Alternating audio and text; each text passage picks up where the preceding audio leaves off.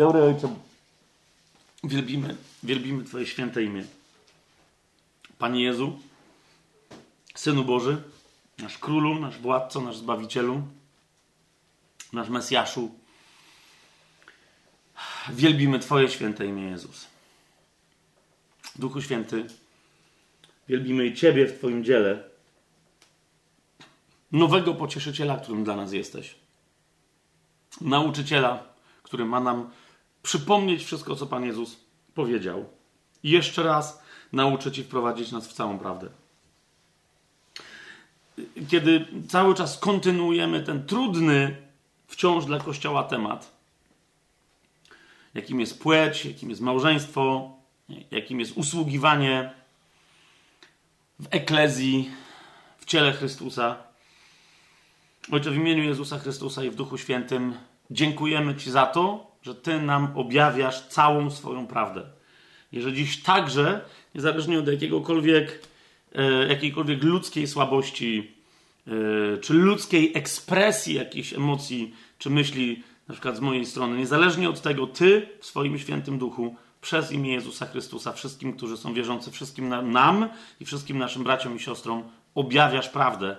Nie tylko po to, abyśmy wiedzieli, jaka ona jest, ale abyśmy tę prawdę dostrzegli wreszcie jako naszą drogę, na której otrzymujemy życie. Nie tylko jako jakąś rzecz, którą mamy praktykować, ale jako samego Jezusa, który wyraża Twoją wolę, Ojcze, w naszym życiu. Jezusa, którego my chcemy naśladować we wszystkim, bo On i tylko On jest żyjącą prawdą, drogą, którą mamy postępować i życiem, które jest znajomością Ciebie, Ojcze, i Twojego Syna w Duchu Świętym. O Panie, daj, żeby to, to nasze rozważanie, to nasze studium e, wszystkim, którzy w uczciwości do Twojego słowa i do pełnienia Twojej woli podchodzą, daj, Panie, żeby nam dało zreformować to, co jeszcze mamy zreformować, kompletnie zrezygnować z tego, z czego powinniśmy kompletnie zrezygnować, przyjąć całkowicie to, co mamy całkowicie od Ciebie, Panie, przyjąć, albo zostać w tym, trzymać się tego, w czym już jesteśmy zgodnie z Twoją wolą i dobrze, że się trzymamy. Który żyjesz, Panie, który królujesz i który będziesz królować teraz i na wieki. Amen. Yy, kontynuujemy nasze yy, rozważanie, które roboczo byśmy sobie nazwali, a nie wiem czy i tylko roboczo, problem pierwszego listu do Koryntian 11, 2 do 16, czyli 11 rozdziału od drugiego do 16 wersetu. Sporo rzeczy już żeśmy sobie powiedzieli. Ja dzisiaj je nieco podsumuję, ale ta zasadnicza rzecz, do której myślę, że żeśmy jasno dotarli, to jest, że to jest absolutnie ważny, znaczący dla nas, aktualny fragment. Tyle tylko, że yy, z, z, z, powodów, które żeśmy sobie ostatnio podali, więc już ich dzisiaj nie będę jakoś specjalnie powtarzać, powinniśmy go odczytywać od początku, w zasadzie od 31 wersetu 10 rozdziału. Powinniśmy go odczytywać mm, mm, stamtąd aż do 16 wersetu 11 rozdziału, zwłaszcza w kluczu jakim, że trzeci werset mówi o nie mężczyznach i kobietach, ale mówi o mężach i żonach i że odnosi się do tego, czym ma być, jak ma być postrzegane przez świat i przez Kościół e, wewnątrz małżeństwo chrześcijańskie. Amen? Nie ma amen. Okej. Okay. Więc jeszcze raz powtarzamy to, co... Okej. Okay. Zaskoczyłem was pytaniem.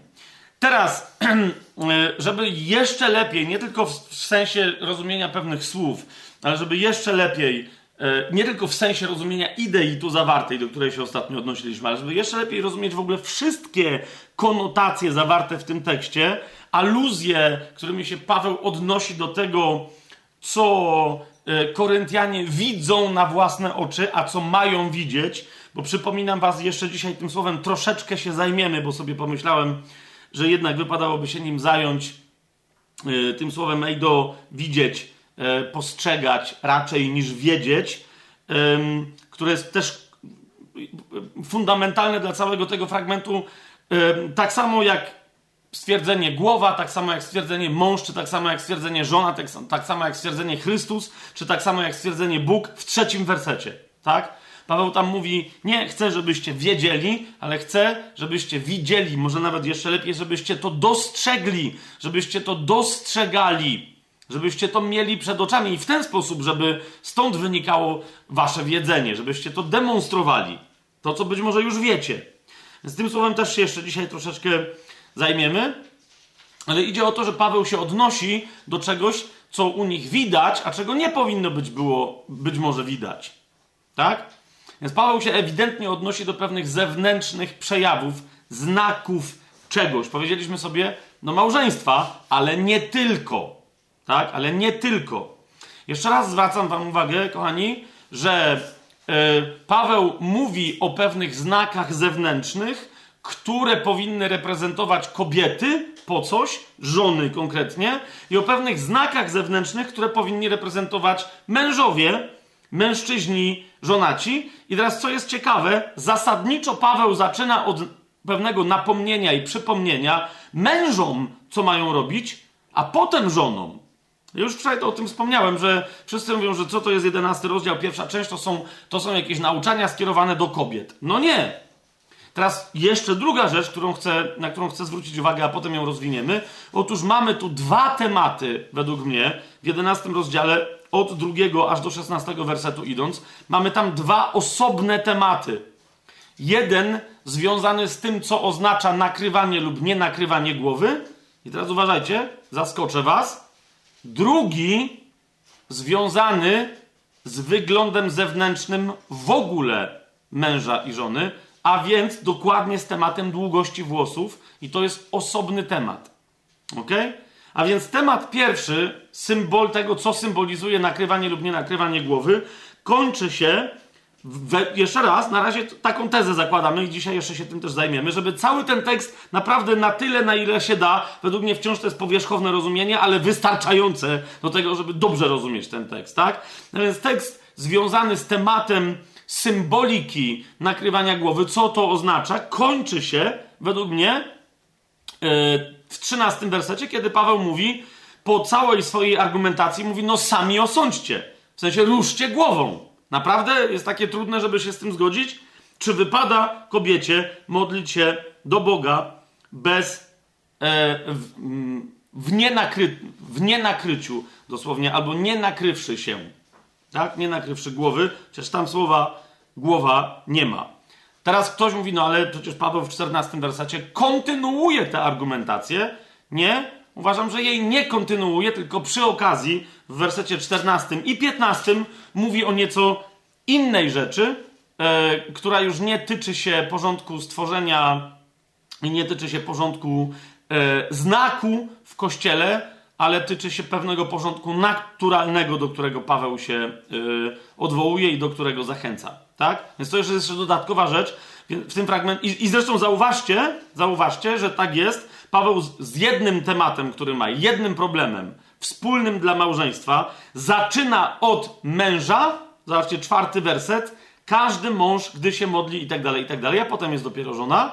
I znowu, kiedy zaczyna drugi temat, zaczyna od kogo? Znowu od męża. Mówi, czyż sama natura nie uczy was, że gdy mąż nosi długie włosy i tak dalej, i tak dalej. Tak? Więc zaczyna po prostu od męża, yy, zaczyna dwa tematy. Nie od kobiety, nie od żony. Jasne to jest?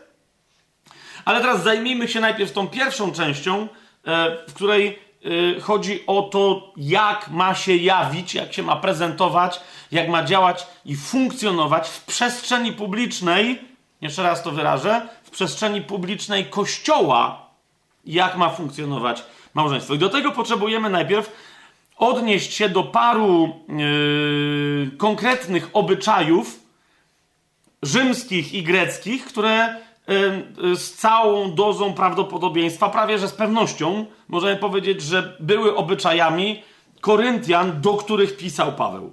Okay?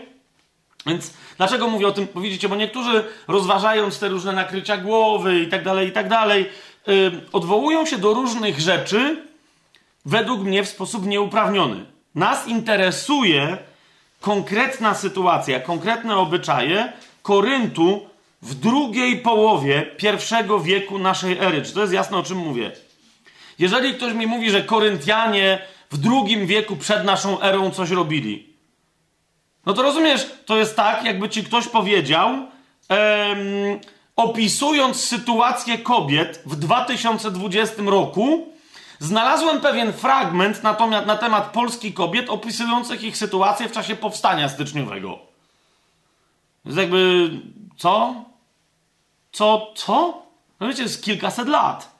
Teraz ktoś powie, no tak, ale wtedy rzeczy się nie zmieniały tak szybko. Zgadzam się, nie zmieniały tak szybko i powoli ewoluowały. Na przykład w Imperium Rzymskim, gdy chodzi o pewne prawa, gdy chodzi o pewne powszechnie obowiązujące obyczaje itd., tak ale nie, gdy chodzi o rzeczy, uwaga, które tak samo jak dzisiaj, tak i wtedy były bardzo mocno uzależnione od czego? Od zjawiska efemerycznego, jakim jest moda.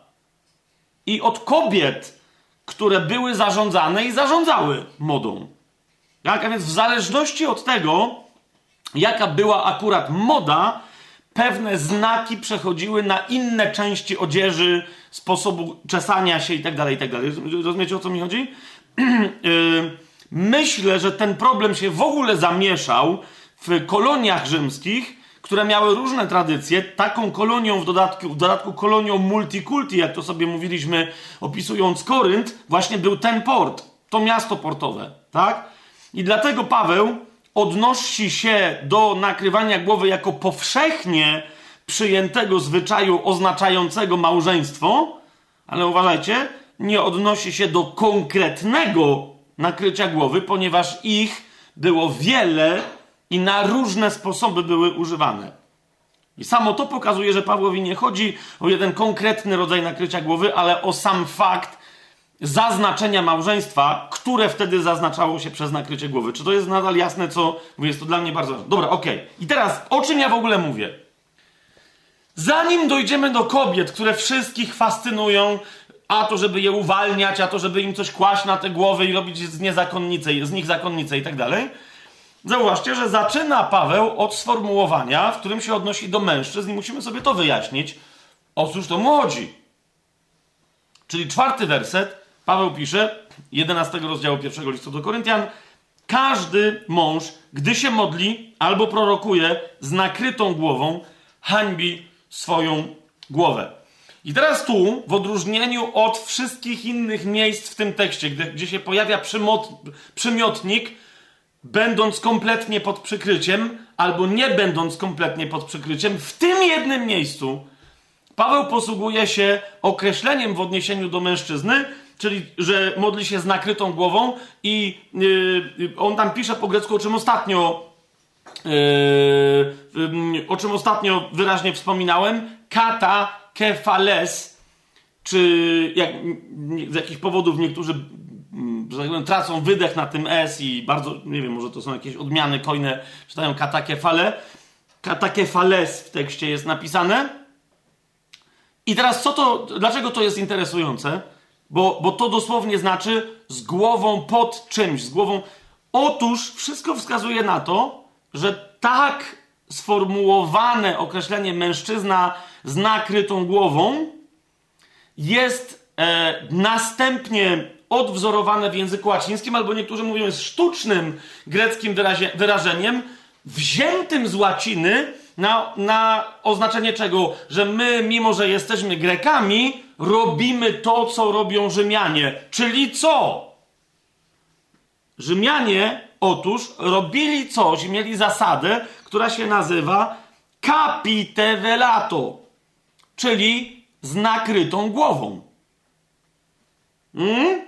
interesujące. Teraz dlaczego niektórzy, niektórzy mówią zaraz, ale jak e, wszystko Rzymianie zapożyczali od Greków, to czemu by nagle Grecy mieli coś zapożyczać od Rzymian i brać do swojego języka z łaciny? Bo otóż, kochani, starym zwyczajem greckim, ale mniej więcej, który się zaczął, y, który zaczął wygasać wraz z podbiciem Achai i podbiciem Macedonii przez Rzymian, więc y, najpóźniej 100 lat, nie, nawet nie z podbiciem, tylko z pewnymi wpływami nawet wcześniej, ale najpóźniej, czy jakby 100 lat przed Chrystusem, stary ten zwyczaj grecki zaczął wygasać bardzo poważnie. Jaki to był zwyczaj? to był zwyczaj, żeby składać bóstwom ofiary z odsłoniętą głową. Ok? I z innymi znakami w zależności od tego, jakiego Boga Grek czcił. Więc robił tam inne rzeczy, przebierał się, jakieś insygnia na siebie wkładał, jakieś mm, symbole w ręce trzymał, ale miał odkrytą głowę. W momencie, kiedy się zaczęły w Grecji, czyli w Achai i w Macedonii, w tych dwóch regionach, które dzisiaj się składają mniej więcej na, na to, co my rozumiemy jako Grecję, chociaż tam jest część dzisiejszej Macedonii, także nomen omen, nawet Bułgarii i tak dalej, mniejsza o to. Otóż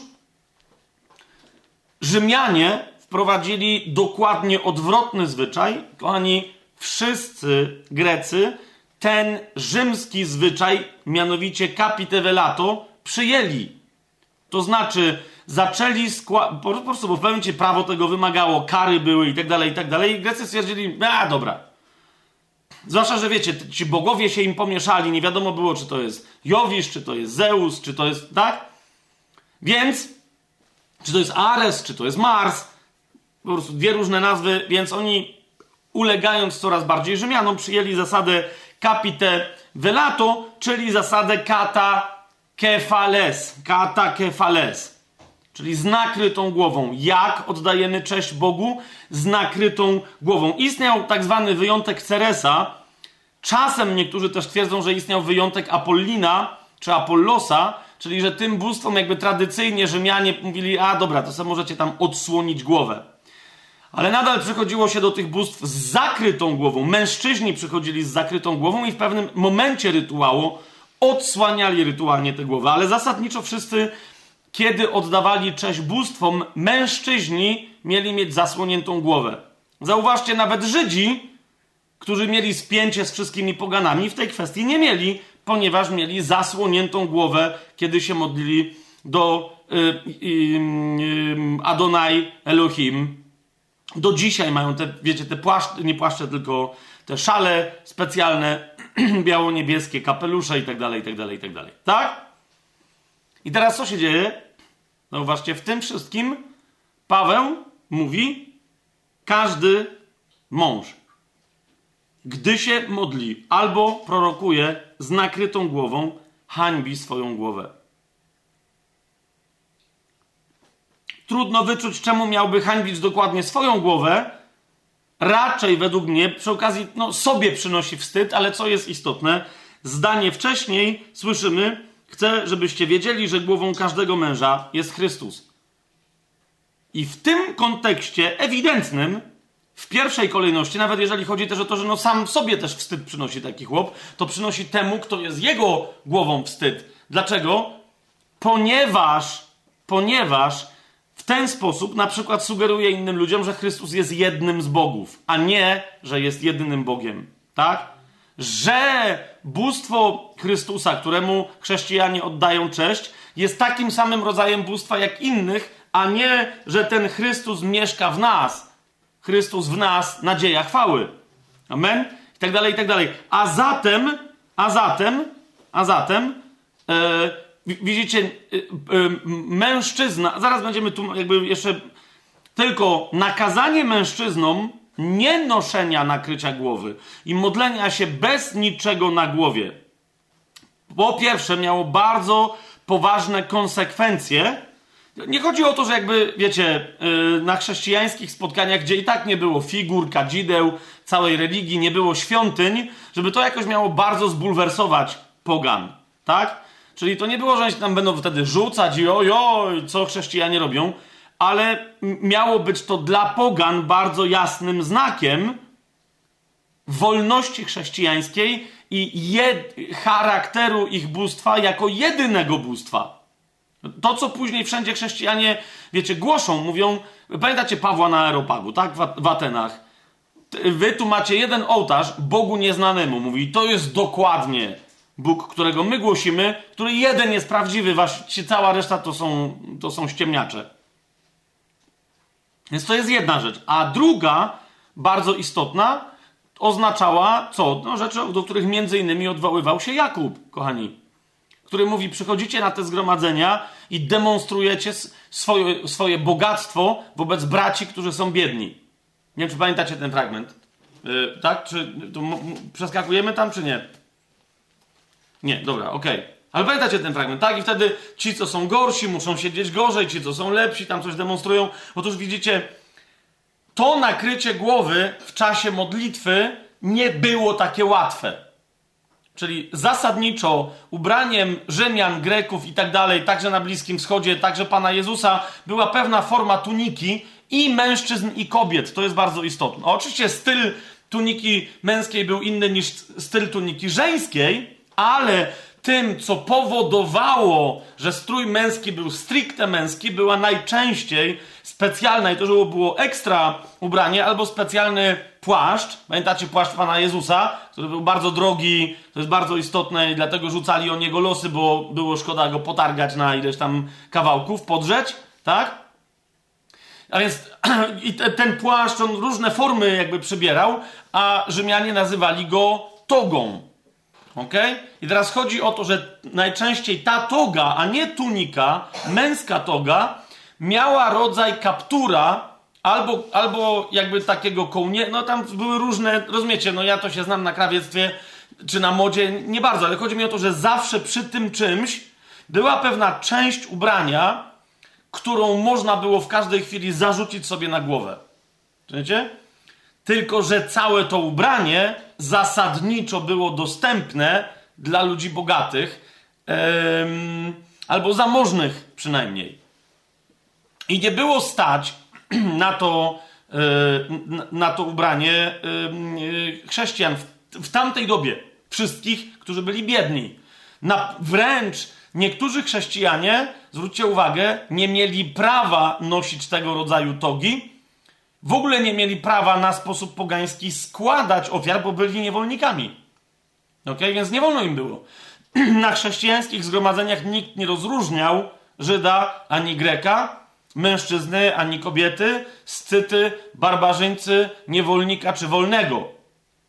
I teraz zauważcie, to była również demonstracja. Zwróćcie uwagę, że później dokładnie Paweł za chwilę, jak mówi o wieczerzy, oskarża ich między innymi znowu o to. Jedni przychodzą, są bogaci, chleją, piją, inni nawet nie, wiecie, macie się dzielić tym, tym pokarmem, który macie, nie tylko symbolicznie, ale zadbać o to, żeby nikt nie był głodny na wieczerzy. Tak? Ktoś nie ma chleba, to niech inny przyniesie, niech się z pozostałymi podzieli. Więc między innymi nie nakrywanie głowy powodowało, że po prostu mężczyźni, jak byli jacyś dzik, dzicy mężczyźni, no to wtedy, no właśnie, to była podstawa do ich napomnienia, ale zasadniczo mężczyźni nie musieli zwyczajowo demonstrować um, charakteru swojej zamożności albo biedy. Tak? Po prostu wszyscy wobec Pana stali tak samo z otwartymi, odsłoniętymi głowami, niczego na nie nie zakładając. Żadnych ornamentów, szali i tak dalej. Rozumiecie, to także, bo, bo wiecie o co chodzi, tak? To jest jeszcze trzecia rzecz. No bo niektórzy uważali, ja mogę być biedny, ale ja jestem lepszy, bo pochodzę z lepszego narodu i z lepszej religii. Więc oczywiście, że to też eliminowało chrześcijan pochodzenia żydowskiego, którzy by chcieli sobie narzucać na głowę te swoje szale modlitewne i robić inne rzeczy. Paweł powiedział, pod żadnym względem nie będziecie się między sobą różnić. No, pod żadnym względem. Wszyscy wobec Chrystusa swojej głowy jesteście równi. Ok? Dalej. Przechodzimy do kobiet, yy, bo potem Paweł mówi: A, każda żona, gdy się modli. Już to dlaczego, bo ktoś może zapytać, a czemu mężowie? No bo zasadniczo mężowie byli poważnymi ludźmi, yy, prowadzącymi modlitwę, którzy mieli. To nie, to, to nie jest tak, że kobiety nie miały prawo się odzywać na modlitwie, nie? To jest tak, że dzieci, młodzieńcy nie mieli prawa za specjalnie się odzywać na modlitwie. Tak? To by było gorszące. Ale to jest temat, który rozważymy przy innych, przy innych listach. I dlatego Paweł od początku mówi mężowie i żony, no tylko tacy ludzie, rozumiecie, yy, zasadniczo dziewczynki, dziewczęta, nie wiem jak to powiedzieć, wychodziły, były wydawane za mąż w Cesarstwie Rzymskim bardzo wcześnie. Zasadniczo pierwszy okres e, oznaczał, ok, teraz od, odliczamy 3-4, maszerują oficery, bach i ty wychodzisz za mąż. Tyle, za tego gościa, nie? Czasem te małżeństwa, tak jak dzisiaj, nie wiem, w Indiach i tak dalej, były grubo wcześniej ustawione. I kiedy tylko te dzieciaki dochodziły do mniej więcej okresu dojrzałości płciowej, to się y, ich żeniło za mąż wydawało. Y, zresztą im wcześniej chłopak y, się ożenił, bo miał prawo, tam były różne prawa, ale zasadniczo jako bardzo wcześnie, 15-16 latek, na zupełnym luzie, w momencie kiedy się żenił, miał prawo do dziedziczenia, miał prawo stania się głową e, pater familia z całego, wiecie, klanu, wiecie o co mi chodzi, tak? Mógł też już iść na wojnę, przewodzić jakimś tam ludziom, razem z nim podlegli mu niewolnicy, tam szli i tak dalej, tak dalej, tak dalej. No i był traktowany jako poważny, jako poważny obywatel. Musiał mieć żonę, tak? Więc tu nie chodzi o to, że, że jakby mężowie i żony, my dzisiaj często myślimy, jak ludzie wychodzą za mąż czy się żenią dopiero po trzydziestce, że o mój Boże, a co tam z tymi wszystkimi dwudziestolatkami?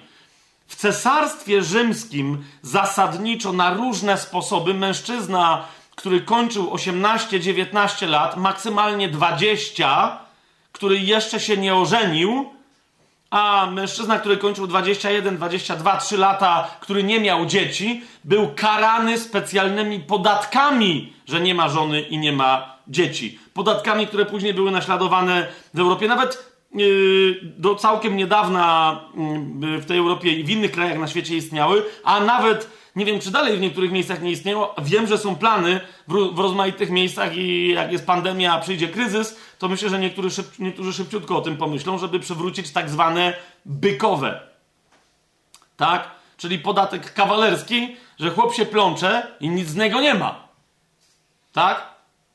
Wiadomo, że kawaler, no może do wojska pójdzie, ale jak nie ma wojny, powinien być produktywny, a mężczyzna jest produktywny, kiedy ma żonę i kiedy ma dzieci. Zaczyna się u niego dopiero jakaś tam odpowiedzialność. I teraz niezależnie od tego, jak to zaś niektórym seksistowsko zabrzmi, to nie chodzi mi o to, że ja mam taki pogląd, chociaż trochę mam, tylko idzie mi o to, że taki pogląd miało Cesarstwo Rzymskie. Ja, jasne to jest? Yy, w pewnym momencie ja o tym kiedyś przy okazji, chyba jak w ogóle rozważaliśmy temat małżeństwa osobno, wspominałem o tym prawie, nie wiem czy pamiętacie, że w ogóle obywatelem w pewnym momencie i obywatelką pełnoprawnym stawali się ludzie, którzy, zwłaszcza kobieta, dopiero kiedy miała trójkę dzieci, z prawowitego małżeństwa i tak dalej, i tak dalej, tak? Wiecie, tam też nikt się za specjalnie nie przejmował i nie znajdziecie za wiele romantycznych małżeńskich opowieści, bo małżeństwo miało być utylitarne, miało być bardzo takie, powiedziałbym, użyteczne, merkantylne nawet czasami, tak? W takim sensie, że jak ktoś wszedł w związek małżeński, o i naprawdę nie zdarzyło się coś strasznego, nawet zdrady małżeńskie i tak dalej, przez większą część, część istnienia cywilizowanego imperium rzymskiego, ale też cywilizowanych polis greckich, czyli miast państw, rozwód był rzeczą trudną do uzyskania i nie bardzo opłacalną. Więc ludzie wchodzili w małżeństwa, które się opłacały na różne sposoby, dobrze rokowały na przyszłość, przynosiły zyski obydwu rodzinom, ale też dobrze rokowały yy, tym ludziom, którzy się pobierali, tak? Że im po prostu w życiu ekonomicznie, politycznie i tak dalej będzie dobrze jako małżeństwu. A żeby tam mieli się jakoś wielce miłować, czy sobie się podobać, od tego były niewolnice, prostytutki i inne tego rodzaju postaci, tak? Żeby tam się ludzie wyżywali seksualnie, chociaż bardziej to było dostępne i dopuszczalne i absolutnie tolerowane, gdy chodzi o mężczyzn, ale było absolutnie nietolerowane, gdy chodzi o kobiety. o, czym, yy, o czym za chwilę. Także między innymi tu po tym yy, widać kompletną nierówność w społeczeństwie. Tak? Tam kobiety mogły robić, co tam może i chciały, ale musiały bardzo, ale to bardzo uważać. Tak? Y, no i zaraz sobie szczegółowo szczegółowo to y, y, opiszemy. Więc Paweł, odwołując się do kobiet, mówi do nich bardziej o znaczeniu, że one mają pilnować znaczenia i znaku małżeńskiego. Mężczyźni mają reprezentować całe ich małżeństwo i demonstrować stosunek kościoła całego mężczyzn i kobiet do Chrystusa. Amen? Wobec pogan, wobec tak dalej. Kobiety mają reprezentować postawę wewnętrzną Kościoła wobec Kościoła, ale wobec pogan mają pokazywać postawę wolnej, ale dobrej żony chrześcijanki. Tak? Niemniej, najpierw musimy zobaczyć, jakie były tamte zwyczaje. Więc widzicie, zwyczaj capitevelato był, był czysto rytualny, odnoszący się do pogańskich rytuałów, do czczenia pogańskich bogów. To była jedna z rzeczy zarzucanych w pewnie chrześcijanom, że nie mają figur, nie mają obrzędów, nie mają świątyń, nie mają kapłanów, nie mają specjalnych y, ubrań, nie mają specjalnych yy, zabobonów i nie oddają czci także przez to, że nie mają capitevelato. Nikt przed nie robi specjalnych znaków świętych. Wiecie, w pewnym w Cesarstwie Rzymskim dokładnie tak, jak jest w każdym kraju, gdzie się trzyma dobry katolicyzm, tak? Jak mijasz każdy kościół, czyli większą świątynię, jak mijasz mniejszą kapliczkę, coś musisz zrobić. Przeżegnać się, yy, ukłonić. Yy, wiecie, w krajach, na przykład we Włoszech, może być mafiozo, y, wiecie, cyngiel mafijny. Znam takie przypadki. Gość, który po prostu dla żartów pewnie cię sobie wyjeżdżał na miasto, ponieważ dostał zlecenie, y, żeby zamordować całą rodzinę.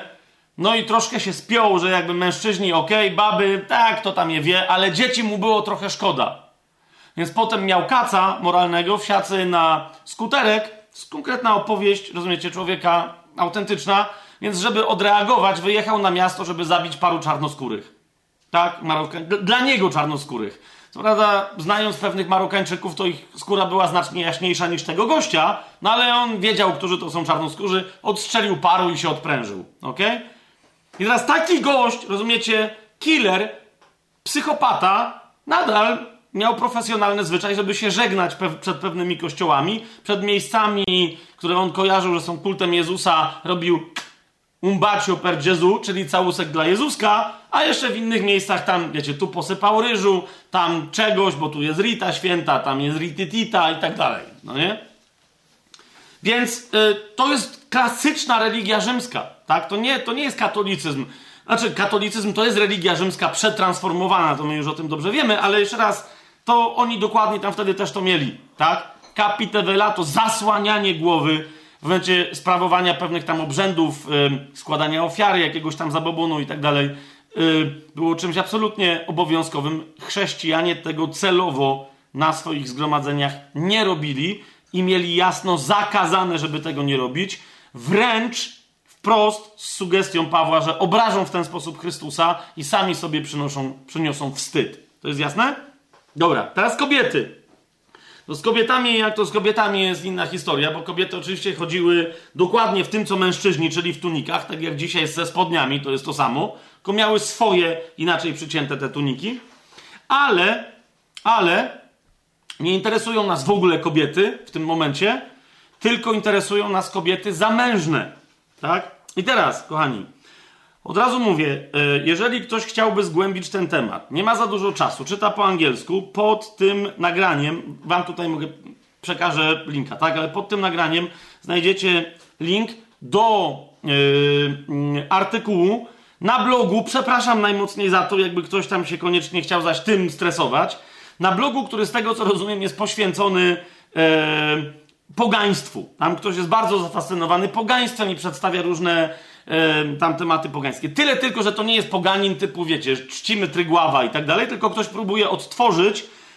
Całkiem możliwe, że dokładnie z takich, wiecie, względów, że chciałby być religijny na sposób pogański, starożytny. Tak, tak, tak mi wygląda ta strona, ten blog na jakiś tam religijny, ale ten ktoś, kto prowadzi, czy ta grupa, która prowadzi tego bloga, yy, nie wymyśla sobie historii, jak tam się coś powinno czcić, tylko przy pomocy wiedzy naukowej, archeologicznej, akademickiej odnoszą się do pewnych religijnych, pogańskich obyczajów, na przykład greckich czy, czy rzymskich. Tak? I teraz na tej stronie znala możecie znaleźć yy, dosyć takie komplementarne i szerokie, a jednocześnie dość proste, odwołujące się do konkretnych parunastu różnych yy, badaczy tematu yy, akademickich, naukowych, uznanych, archeologów i innych socjologów historii i tak dalej, którzy zajmują się konkretnie tematem nakrywania głów w związku z obrzędami i z rytuałami starożytnymi. Tak? Zwłaszcza chodzi nam o ten okres, o którym my teraz mówimy, czyli drugą połowę e, pierwszego wieku naszej ery. Mamy to? Ok. I teraz, y, więc tam to znajdziecie, znajdziecie słowniczek, znajdziecie konkretne odniesienia, różne niuanse co do pewnych aspektów. Teraz to nie jest jakiś, wiecie, bardzo dogłębny artykuł. Y, ja sam się przekopałem przez, jak teraz policzę, y, jedną poważną pracę magisterską stricte na ten temat autora, którego nie pamiętam nazwiska, z Uniwersytetu Północnego Teksasu, dwie inne prace, jakieś tam niekoniecznie magisterskie, nie pamiętam teraz, jeszcze inne opracowania naukowe, artykuły publikowane w naukowych czasopismach, yy, ale w tym artykule, który znajdziecie pod tym nagraniem, yy, znajdziecie właściwe nazwiska i właściwe odpowiedniki, jeżeli ktoś naprawdę bardzo by się chciał dokopywać, żeby samemu zbadać tę historię. Mamy to? I druga bardzo istotna rzecz, to o czym teraz będę opowiadać w odniesieniu do stroju kobiety, jako oznace, y, inaczej, stroju kobiety, czy tych części stroju kobiety, które oznaczają małżeństwo, zobaczycie też naocznie na filmie, do którego y, link będzie y, też pod tym nagraniem, chyba że Tymek łaskawie dla wszystkich oglądających i słuchających tajemny plan w internecie wstawi fragment tego filmu w trakcie, kiedy ja teraz będę mówił. Tak? To jest gdzieś przed siódmą minutą zaczyna się istotny dla nas Yy, dla nas element. Otóż, otóż, ten film, o którym ja mówię, to nie jest film o tym, jak się ubierały kobiety zamężne, tylko jak, z jakich elementów musiał się składać strój kobiety wychodzącej za mąż w trakcie bezpośrednich yy, yy, zaślubin, obrzędu ślubu i przeniesienia się do domu pana młodego, a więc ślubu, nocy poślubnej i rozpoczęcia pierwszego dnia życia z nim, bo de facto ślub się zaczynał od tego, że kobieta się przenosiła do mężczyzny. To było konsumpcją małżeństwa i od tej pory już nie było zmiłuj się, tak? Byli małżeństwem i koniec. Otóż, dlaczego o tym mówię? Bo w tym filmie zobaczymy różne aspekty stroju, z których później kobiety tak czy inaczej korzystały. Pierwsza rzecz. To jest palla. I znowu, ja nie pamiętam, czy akurat palla jakoś jest wyraźnie widoczna, bo ten film, o którym ja mówię, który się znajdzie, albo jest już teraz wlepiony, albo za chwilę będzie wlepiony, albo po prostu adres do niego znajduje się pod tym filmem. To była specjalna y, płaszcz, nie chcę powiedzieć narzuta, jakby raczej płaszcz niż narzuta, na tunikę kobiecą, który to płaszcz, ta palla, miał specjalny kaptur, który kobiety, kiedy potrzeba było, żeby zaznaczyć, że są żonami, zakładały na głowę. Czyli przychodziły na przykład na spotkanie tylko z kobietami, nie musiały zakładać tego kaptura. Mogły nie mieć żadnego innego oznaczenia. Ale w momencie, kiedy wychodziły na ulicę, było bardzo, ale to bardzo y, istotne, kiedy wychodziły na ulicę, musiały założyć ten kaptur, jeżeli nie miały innego Y, jeżeli nie miały innego y, oznaczenia. Teraz tego nie widzę w notatkach, ale zaraz przejdę dalej, to gdzieś to pewnie znajdę, y, bo w historii wręcz była, mamy przykład w historii jednego mężczyzny, który jakiegoś tam znamienitego człowieka, który pochodził z Galii, a więc będąc Galem niekoniecznie musiał stosować rzymskie prawa, ale y, jest, jego przykład jest przywoływany po to, żeby pokazać, y, że wyjście kobiety bez palli, bez tego płaszcza, bez żadnego innego znaku, że jest mężatką, na ulicę i bez nakrycia głowy było już ważnym przyczynkiem do tego, żeby się z nią rozwieść. Ok? Człowiek ten nazywał się, już tutaj znalazłem, Gaius Sulpicius Gallus.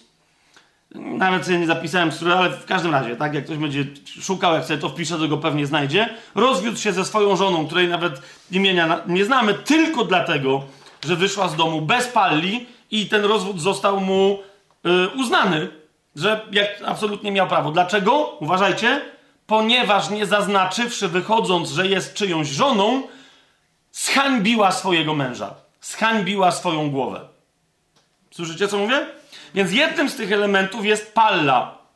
Akurat w tym stroju panny młodej, czy pani młodej, w tym filmiku nie przypominam sobie tam palli, ale może coś pominąłem. Jeszcze raz, ja tam specjalnie w tych strojach y, się nie znam, raczej się gubię. Druga rzecz, i to już chyba jest na tym, na tym filmiku, mianowicie oprócz palli kobieta mogła w ogóle mieć pallę, ale mogła mieć, wiecie, jakiś taki kapturek, który się nie bardzo dał założyć na głowę. Albo był niewygodny, więc czasem kobiety nosiły jakieś fancy palle na sobie, a miały do tego właśnie, żeby zaznaczyć, za chwilę powiem co, miały tak zwane stole. Stąd prawdopodobnie wzięła się katolicka stuła u księdza. ok? Więc jak widzicie, jeżeli kiedyś widzieliście, to po prostu to jest taka, taki jakby szalik, tak? Zarzut. No widzieliście księdza pewnie w konfesjonale, czy jak się ubierał do mszy, czy coś takiego, tak? Więc to czasem ta stola miała kaptur, czasem miała coś, miała czasem jakby pół pół rękawy, jakieś takie, wiecie, takie jakby skrzydła, no ja jeszcze raz, przepraszam, jak to się jakoś nazywa w modzie, ja nie wiem jak. I teraz chodziło o to, że kobieta mogła wyjść bez palli, chociaż to by było podejrzane, ale, albo ta palla nie miała znaku, żeby sobie narzuciła na głowę, że jest mężatką, wtedy powinna mieć stole, która jej do tego służyła, którą sobie zarzucała na głowę. Podobnie yy, ma się historia z tak zwanym flammeum, ok? Teraz flammeum oryginalnie to jest welon ślubny. I w tym filmie, na końcu tego filmu zobaczycie, jak pani młoda zakłada sobie coś, co się nazywa wita na głowę i ma wplecione we włosy, na to kładzie wianek i na to wszystko nakłada flammeum. To był specjalny rodzaj welonu yy, ślubnego, ale był też używany na co dzień. I czym się on charakteryzował? Że miał, był przeźroczysty, miał bardzo mocno ciemnożółty albo bursztynowy kolor. Yy, dobrze to opisałem w miarę? Okej. Okay. I teraz jak kobieta mogła nie mieć pali z jakiegoś dziwnego powodu, mogła nie mieć stoli ze sobą, ale mogła mieć po prostu welon na, na, na przeźroczysty, wiecie, przewiewny, yy, ale jeżeli był w tym kolorze, to znaczyło, że ona jest mężatką. Nie, że jest panią młodą, no bo nie miała wianka i tam tych wszystkich innych rzeczy, ale to wystarczyło. Flammeum wystarczyło, żeby było zaznaczeniem, okej, okay, to jest żona czyjaś, tak? Z różnych powodów to było bardzo istotne. No i wreszcie ta interesująca mnie osobiście najbardziej rzecz to jest witta. Mianowicie specjalna wstążka, którą się nie zakładało na głowę tak o, tylko kobiety, okej, okay, zakładały ją sobie na głowę. Pani młoda zakład, miała prawo do założenia tej wstążki, bo ona była właściwym znakiem małżeństwa w czasach, o których my mówimy, Pawłowych. Zazwyczaj ta wstążka miała czerwony kolor, ale były różne rejony. W każdym razie w danym rejonie każdy wiedział, jaki kolor oznacza małżeństwo. Jest to jasne? I teraz, najczęściej ta wstążka była zakładana w taki sposób, że widać było jej kolor i że kobieta ma tę wstążkę z przodu głowy nad czołem. Tak? Albo na czole, ale, albo nad czołem, ale tu. Cała reszta wstążki była wpleciona we włosy, uwaga, a włosy były zazwyczaj zaplecione w coś, co wprost nazywało się koroną albo wieńcem. Koroną dlatego, że potem na tym czymś się kładło yy, pierwszy raz, kiedy kobieta to robiła, yy, miała założony wianek, czyli korolle na głowę, ale to też mogło przypominać niektórym wieniec yy, laurowy. No wiecie o co mi chodzi, tak? Chodzi o to, że to była oznaka konkretna yy, kobiety, jako kobiety zamężnej, ale jeszcze paru innych rzeczy, tak? Niemniej znowu, kobieta mogła nie mieć palli, jeszcze raz powtarzam, w tamtym czasie to by było dziwne, gdyby wychodziła bez tego w samej tunice, bo to by było troszkę tak, jakby dzisiaj kobieta jednak wyszła. Ja wiem, że niektóre tak robią, ale nadal to jest trochę nawet dzisiaj dziwne, jak kobieta wyjdzie w samej halce, rozumiecie, y, na ulicę, tak? Co prawda, jak moją żonę pytałem raz czy drugi, jakby czemu ta pani idzie w halce, to moja żona mi powiedziała, że to nie jest halka, no ale jakby wszystko mi wskazywało na to, że kiedyś pamiętam, że moja mama albo babcia tak chodziły po domu i to były halki. Ale okej, okay, co, ja tam wiem. W każdym razie, wychodzenie bez palli, ale palla niekoniecznie musiało oznaczyć. Jeżeli kobieta miała to coś wple, wplecione, czy inaczej tam zawiązane, to się nazywało witta albo witte, jeżeli miała więcej niż jedną wstążkę. Liczba mnoga to jest vitae, się pisze po łacinie. Vitae. Witte się czyta. Ok?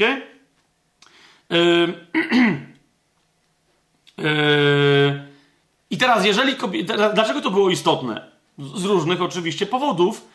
Zasadniczo, i teraz uważajcie na to, teraz uważajcie na to, kobieta to nie jest tak, jak niektórzy twierdzą po prostu w cesarstwie że kobieta, która wychodziła za mąż, każda robiła coś takiego. Nie. Do tego miało, miała prawo tylko i wyłącznie wolna kobieta, okay? która weszła w związek małżeński, który był prawnym związkiem imperialnym, prawnym związkiem obywatelskim albo rokującym nadzieję na obywatelstwo, przynajmniej ich dzieci. Tak? Chodzi o to, że były różne rodzaje małżeństw, różne rodzaje żon, że tak powiem. Tak? A Paweł mówi, żeby wszystkie żony chrześcijanki miały na głowie znak, były przykryte na znak małżeństwa tak samo. Nie wiem, czy zauważacie już, co się tutaj dzieje. Tak? To już samo w sobie było rewolucją, mówi mnie to nie interesuje, czy niewolnica jest żoną niewolnika. Rozumiecie, czy niewolnica jest żoną wolnego i na rzecz, że on by wtedy ją uwolnił, czy, niewol, czy, czy, jakaś kobieta jest z kimś, ale nie ma prawa, ponieważ należy, bo oni są z kolonii, tak? Może ona jest Rzymianką, ale on jest z kolonii, nie ma obywatelstwa jeszcze rzymskiego, ona wtedy nie miała prawa. Rozumiecie, chrześcijanie mówili małżeństwo, to jest małżeństwo, to jest związek mężczyzny z kobietą, który Bóg związał i co Bóg związał, tego człowiek niech nie rozwiązuje. Nawet niech tego nie tyka. Widzicie, co się tu dzieje? Zatem, jak już to mamy, yy, jak już to mamy yy, yy, rozumiecie? I teraz ktoś powie, no ale dlaczego to jest... Widzicie, kobiety wiele sobie w tamtym czasie w związku z tym uzurpowały.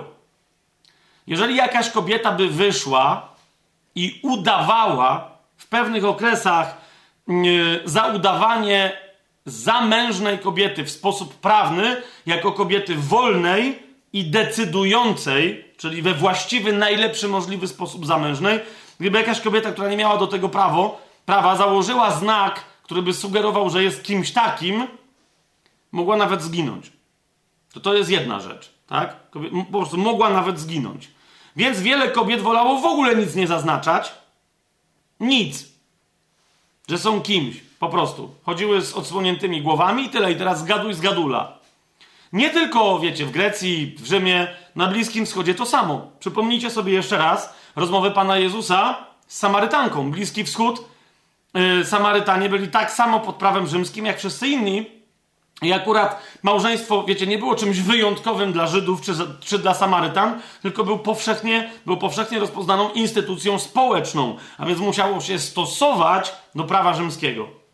A jednak, zauważcie, Pan Jezus zgaduje, znaczy, no nie zgaduje, bo kobieta mówi, o, widzę, że jesteś prorokiem, ale dlaczego ona tak mówi? Bo po niej nie widać, że jest w związku małżeńskim albo że nie jest, że jest w konkubinacie, nic po niej nie widać. A Pan Jezus jej mówi, miałaś pięciu mężów, a ten, z którym teraz jesteś, nie jest twoim mężem. I ona mówi, widzę, że jesteś prorokiem. Dlaczego? Bo nic na mnie nie wskazuje, co mia to za jedna. Rozumiecie, o co chodzi? I teraz to samo się działo w Koryncie, to się to samo się działo wszędzie. Tak? I jeszcze jedną rzecz tutaj dodam, jak już mówimy o tych wszystkich zwyczajach, bo teraz widzicie, Paweł mówi, zaznaczajcie, co się dzieje i nie postępujcie jak wiele osób, bo powiedziałem o tym, że prostytutki bywało często, że były ogolone. Ok? E, zakładały peruki i tak dalej, i tak dalej. Niemniej, bo tu jest jeszcze trzeci aspekt, ale to gole, ale też prawdą jest, że przez długi czas, tylko przed tym okresem, o którym my rozmawiamy, yy, zasadniczo prostytutkę rozpoznawało się po blond włosach. Prostytutki sobie utleniały włosy na różne sposoby, albo farbowały je na blond. Okay? A kobiety, które yy, nawet niektóre, które zaczynały siwieć, żeby czasem nie być pomylonym, zasadniczo przez długie, jakieś 200 lat po tym się rozpoznawało prostytutki. Później to było nieco bardziej skomplikowane, ponieważ jedna cesarzowa, już nie będę się w to teraz wdawać, była jakaś straszliwie opętana yy, i bardzo ją fascynowały przygodne, yy, brutalne, z tego co historycy opisują, sami rzymscy, stosunki seksualne, była, mimo że była żoną cesarza, no właśnie jak później była przełapana, tam się pewne rzeczy z nią podziały, mniejsza już tam o nią, w każdym razie ona zakładała perukę, blond i wykradała się co dzień w nocy i tam jakieś przygodne właśnie zupełnie stosunki seksualne z jakimiś tam szaleńcami, sama będąc oszalałą, odbywała, aż się nie okazało w którymś momencie, że no, ta peruka jej raz jej spadła, raz gdzieś zgubiła, coś tam się stało i wtedy ta moda na, na, jakby się skończyła, bo jakby, wiecie, szybko się rozeszło, że no aha, czyli nie taka z ciebie zaś blondynka była i nie taka wcale prostytutka, tylko sięga to najwyższych sfer arystokratycznych i wtedy to się zmieniło. Yy, natomiast, natomiast, bo, bo yy, niektórzy z Was mogą zauważyć na rozmaitych, wiecie, bo Grecy bardzo graficznie pewne rzeczy, także związane z, z kulturą, w cudzysłowie, seksualną, przedstawiali. No i że na nich widać prostytutki na różnych wazach i tak dalej, i tak dalej. Każdy, kto się zna na tamtym okresie, powie, że to wszędzie tamte prostytutki mają tam jakieś, jakieś tam włosy, tak? Znaczy, niektórzy zwracają uwagę, że jest na przykład cykl tam dwie czy trzy jakieś tam wizerunki różnych mężczyzn z tą samą prostytutką, która ma różne włosy. I to stąd jest sugestia, że możliwe, że ona była, yy, że miała peruki różne. Niemniej faktem jest, że prostytutkom, prostytutki nie musiały się golić. Skąd się brały łyse prostytutki? Otóż bo, jak powiedziałem, również prostytutki poznawało się właśnie po tym, że nie miały żadnego przykrycia głowy, tylko miały rozpuszczone włosy i po prostu, wiecie, i ozdoby i tak dalej. I bardzo interesująca rzecz, właśnie korony na głowie. Dlatego na pewno Pawłowi o to nie chodziło. Tak? Zresztą później, jak zobaczycie, Paweł i Piotr y, napominają, żeby nie mieć, nie cudować z włosami i nie mieć złota na głowie. Tertulian y, dwa wieki później, pisze dokładnie o tym, on ma cały, rozumiecie, cały traktat o koronie żołnierskiej i przy okazji jemu chodzi, nawiasem mówiąc, to jest interesujące, jemu chodzi o żołnierzy zakładających czapki, które się nazywały mitrami. I on mówi, niechże chrześcijanie nie zakładają tego dziadostwa, bo po prostu sama ta czapka oddaje kult mitrze. I mówi, chociażby z tego powodu, jak żołnierze muszą takie rzeczy wkładać na głowę, to chrześcijanie nie mogą być żołnierzami. Po prostu. Z tego powodu. On tylko temu poświęca cały traktat. Ok?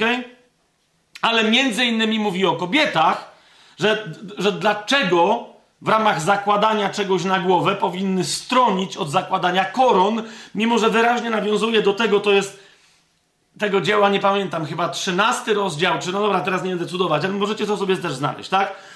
I on tam mówi, Tertulian mówi, no bo to jest złoto i w ten sposób koronami na głowie uwodzą prostytutki. To nie jest żadna o, o, oznaka władzy. To jest oznaka ich pseudo-władzy, że one władają swoim życiem, a muszą się oddawać mężczyznom. Więc mówi, chrześcijanki tak nie powinny robić.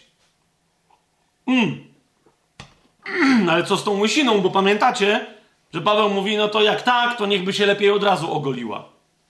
Otóż Kochani, jeszcze raz to powtórzę, bo mówiłem to w kontekście II wojny światowej, ale tu bardzo konkretnie ogolenie kobiety było związane z, z jej zdradą małżeńską. Teraz mam zapis z jednego z komentarzy tam yy, greckich jeszcze, które potem Rzymianie przyjęli i zaadoptowali, mianowicie, że kobieta taka powinna być ciężko ukarana fizycznie, na przykład dla innych kobiet, żeby nie zdradzały mężów, oraz powinna być w sposób trwały upokorzona.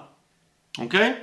I teraz Rzymianie rozważali, co by to miało niby oznaczać, i jakby pewne interpretacje ich w pewnych regionach, potem to zostało przyjęte bardziej powszechnie, były następujące: pobić, ale nie do trwałego kalectwa, czyli że nie może ona potem w wyniku tego kuleć, mieć, yy, wiecie, yy, rękę yy, sparaliżowaną, czy nie wiem, wybite oko i tak dalej. Pobić, ale nie do trwałego kalectwa i zawstydzić, zawstydzić w sposób trwały, tak żeby wstyd był trwały, a nie oznaka tego, co ją zawstydza. Jest na przykład opowieści o tym, że wypalano yy, yy, cudzołożnicom jakieś tam, wiecie, rzeczy. Nie, nie, nie. To na to prawo się powoływa, powoływali inni w średniowieczu i dalej. Wiecie, o co mi chodzi, tak? Był kiedyś chyba jakiś taki film nawet na ten temat, tylko że przyznam, że próbowałem go w dawnych latach ze dwa, trzy razy oglądać i za każdym razem na nim usypiałem, więc nie, nie wiem, ale to się nazywało chyba szkarłatna litera, tak? I tam chodziło o to, żeby jej wypalić ym, A, dobrze o tym, dobrze, dobrze myślę, czyli adulteress, jak, czyli cudzołożnica, tak? Okej, okay, dobra, to chociaż tyle zajarzyłem z tego filmu. Dobra, nie, Rzymianie tak nie robi, Grecy też, nie. Natomiast kobietę golono, jako po prostu, bo, bo to było rozpoznane jako wyraz kompletnego wstydu, a nawet jakby jakaś kobieta powiedziała, ta, co mi tam. Ja wczoraj podałem ostatnim razem, bo tu się zdradziło, że się nie spotkaliśmy za tydzień, ale następnego wieczora, tak, tutaj ekipa nie mogła wytrzymać, co zrobić. Więc powiedziałem o y, Sinead O'Connor, no a potem ktoś mi zwrócił uwagę, że okej, okay, ale może dla niektórych lepszy będzie przykład Britney Spears, która też w pewnym się ogoliła. To ja nawet nie wiedziałem, że ona się ogoliła. No ale jak się ogoliła, no to też była jakaś tam demonstracja czegoś, tak? Natomiast w starożytności, yy, nawet jeżeli jakaś kobieta by nie uważała, że jak sobie ogoli włosy, to ta, to co z tego? To społeczeństwo miało znak, żeby zacząć ją wyśmiewać, żeby się poczuła zawstydzona. Czy to jest jasne? Zaczynał się ostracyzm i tak I taki mąż, nawet jeżeli się z nią nie rozwodził, to często te kary, o których ja wam mówimy, że kobiety, wiesz, przyłap, wiecie, przyłapane na cudzołóstwie, on sam ją bił. I jeżeli mąż sam wykonywał tą karę i w, okazało się, że kobieta przez niego została w sposób trwały okaleczona, okulała, czy coś innego się jej stało, to jakby wtedy nikt go nie karał, że no na zasadzie, no co zrobić, tak? No, rozpędził się chłop, miał prawo, miał, co zrobić? Niech będzie, to jego nie karali. Gdyby kat wykonywał taką karę, Y, z urzędu i tak zrobił, no to wtedy musiał tam, wiecie, zapłacić jakieś odszkodowanie mężowi oczywiście, bo nie tej kobiecie i tak dalej. Natomiast kobiety były łyse i teraz uważajcie, to jest bardzo istotne, tej łysości kobiet należało pilnować. Czyli musiały chodzić publicznie i tak dalej z odsłoniętą łysą głową. Do jakiego momentu? Do momentu, kiedy wreszcie się nad nimi ktoś, kto o tym decydował, mąż czy ktoś tam nie zlitował. Nie? Bywało tak, że y, y, takie kobiety y, w ogóle były odrzucane, czyli mąż mówił nie, będziesz dalej łysa, dopóki ja nie powiem. No chyba, że chyba, że wiesz co. No i wtedy, bo, bo na przykład y, no, no, właśnie, albo cię nie będę utrzymywać. Nie? I wtedy sobie rób co chcesz. No ale ty też wiesz, że... No i wtedy te kobiety, to są te łyse prostytutki, rozumiecie o co mi chodzi?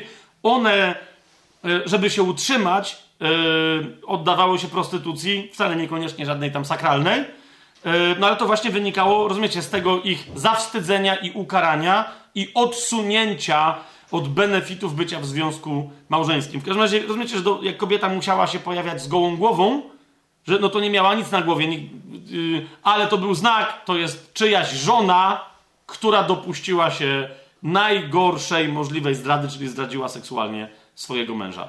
Mamy jasność w tej kwestii? No bo, bo jakby, jak to wszystko wiemy, jak o tym pamiętamy, to, to, nie wiem, czy już czujecie, jak ład, znacznie łatwiej będzie przeczytać cały ten tekst, który mamy do przeczytania. Tak? I teraz, więc, jakie są cele Pawła? Wszystkie.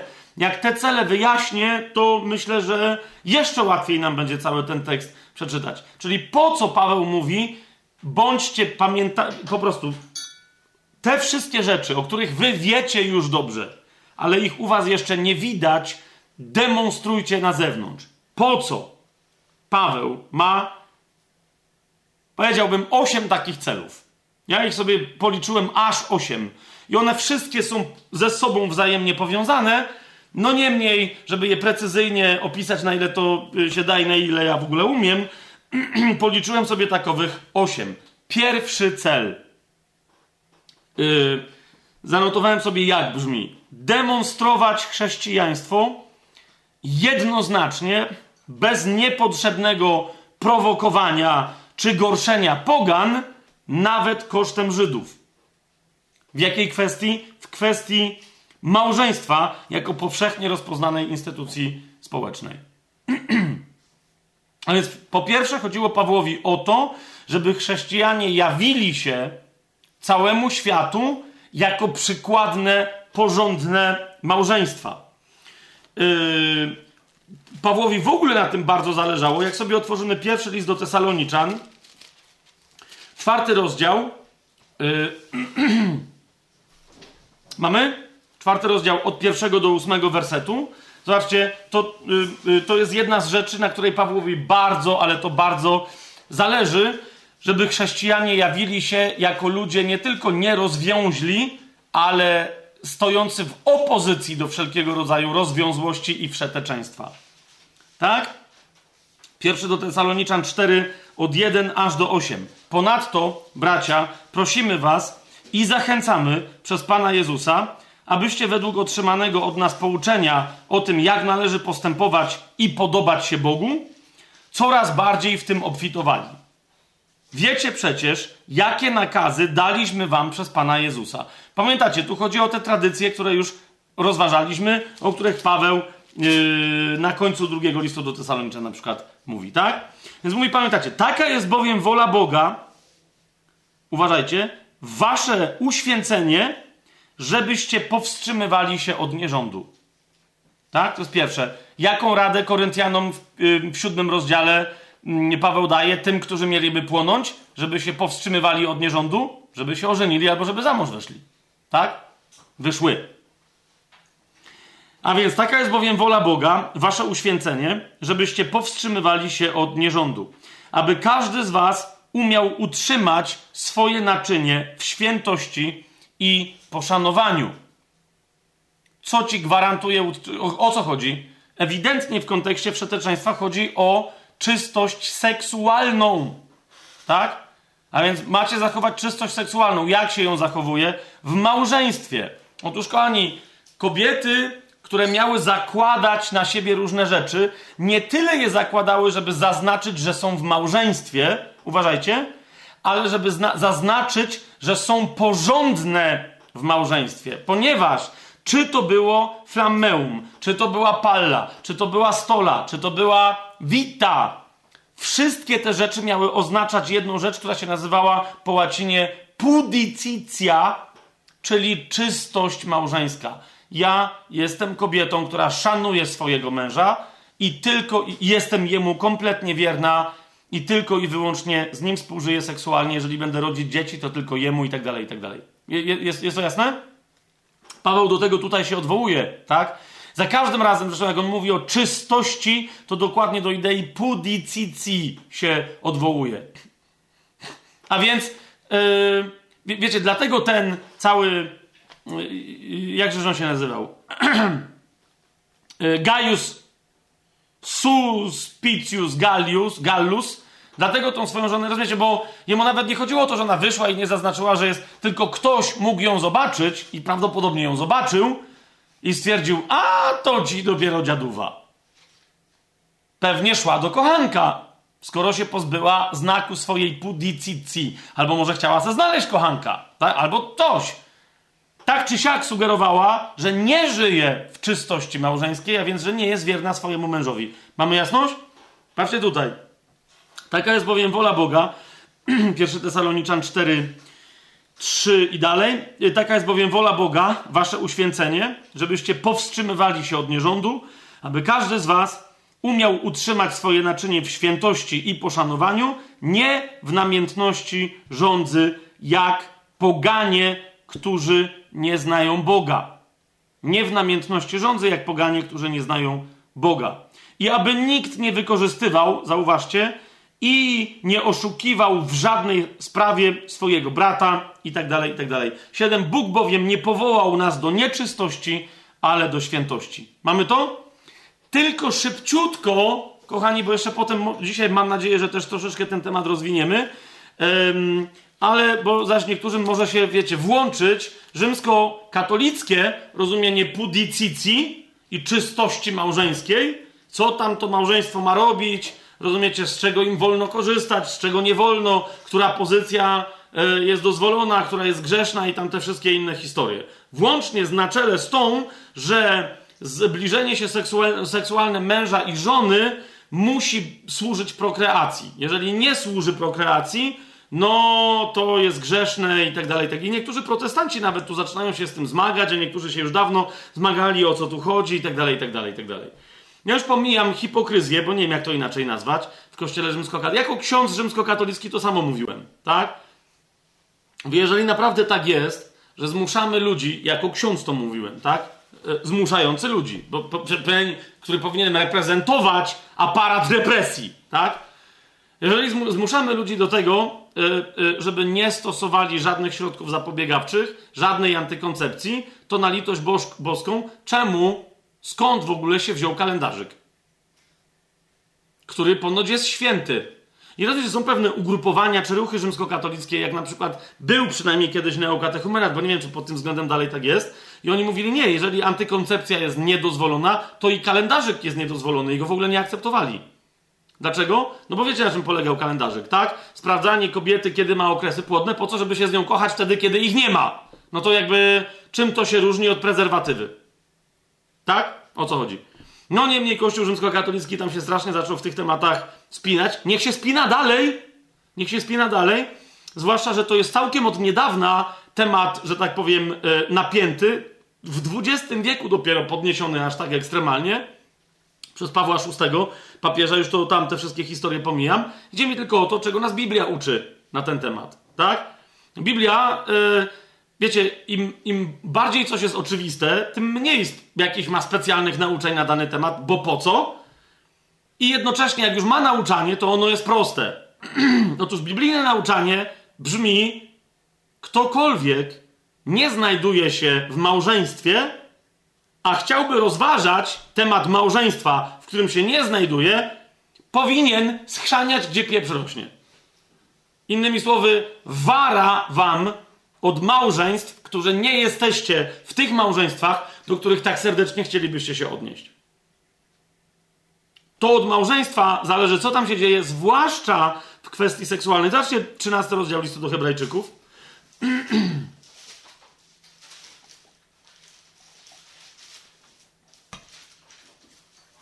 13 rozdział listu do Hebrajczyków. My jeszcze o tym kiedy indziej będziemy mówić więcej, teraz tylko zaznaczam ten wątek. 13 rozdział listu do Hebrajczyków, czwarty werset. Małżeństwo jest godne czci u wszystkich. Zgadza się? I łoże, czyje małżeńskie, jest niepokalane. Bardzo lubię to tłumaczenie zamiast nieskalane, no bo jak ktoś ma niewłaściwe konotacje ze słowem niepokalaność, to tutaj znajdzie swój niepokalanów. Ok? Co jest niepokalane? Łoże małżeńskie. Tak? Jeżeli małżonkowie yy, korzystają z antykoncepcji? Oczywiście, że tak. Dlatego, że nie musi skutkiem każdego zbliżenia seksualnego być dziecko. Biblia o tym nie mówi. Małżonkowie mają się zbliżać, żeby sobie wyrażać miłość. Oczywiście, jakby mieli unikać yy, płodności, to jest inna historia, tak? Tak? Nawet jeżeli wyczyniają cuda, wianki, niewidy, figle, migle i nawet. Jak się nazywa ta, yy, ta hinduska Kamasutra? I nawet Kamasutra by się zdziwiła, co oni wyprawiają? Oczywiście, że tak. W ogóle uważam, że dobre małżeńskie chrześcijaństwo powinno się nabijać raczej i tak sobie pokpiwać troszeczkę z Kamasutry, ponieważ Duch Boży daje nam większą kreatywność, także w wyrażaniu miłości wobec żony czy, czy męża. Okay? Tak, nawet jeżeli małżonkowie korzystają z różnych zabawek seksualnych. Tak, i wyobraź sobie, że jeżeli mąż coś robi żonie, albo żona mężowi, on ją zakuł w kajdanki, a on mu dała w łeb, tam nie wiem czym tam się daje w łeb, jakimś piórem, czy no nie, nie wiem, to akurat przyznam, że tu troszeczkę się zapędziłem, bo się na tym nie znam. Akurat a propos mojej kreatywności, ale chodzi mi tylko o to, że tak, dlaczego? Ponieważ to jest ich łoże i ono niezależnie co oni tam robią, mąż żonie, a żona mężowi, to łoże jest jakie? Jeszcze raz powtórzymy, niepokalane. Ok? I wara wszystkim innym do tego, co oni tam wytwarzają. Jasne, jeżeli nie mówimy teraz o sytuacjach yy, o sytuacjach na przykład sodomicznych, tak? Czyli o współżyciu analnym i tak dalej, ale jeszcze raz, to jest nie dzisiaj ten temat, tak? Będzie kiedy indziej temat, sobie bardzo dokładnie rozważymy, które gdzie się raczej nie, nie, nie zapędzać. Nie, mamy jasność w tej kwestii? Mamy jasność w tej kwestii? Ja, ja ją zaznaczam, dlaczego? Yy, po, ponieważ zauważcie, jak wielu pod właśnie hasłem, że mężczyźni władają kobietami, nauczycieli, pastorów i tak dalej, zapędza się w rejony, które do nich nie należą. Tłumaczą ludziom, co mają w łóżku robić. Rozumiecie, kto jest ubrany schludnie, a kto już jest wyzywający, kto ma za duży dekolt, a kto ma za krótką kieckę i tak dalej, i tak dalej. Masz wąty? Idź do męża, kobiety, co do której masz te swoje dziwne, kosmate myśli. Przywódco kościelny. I tyle. I mąż ci wtedy wszystko wyjaśni.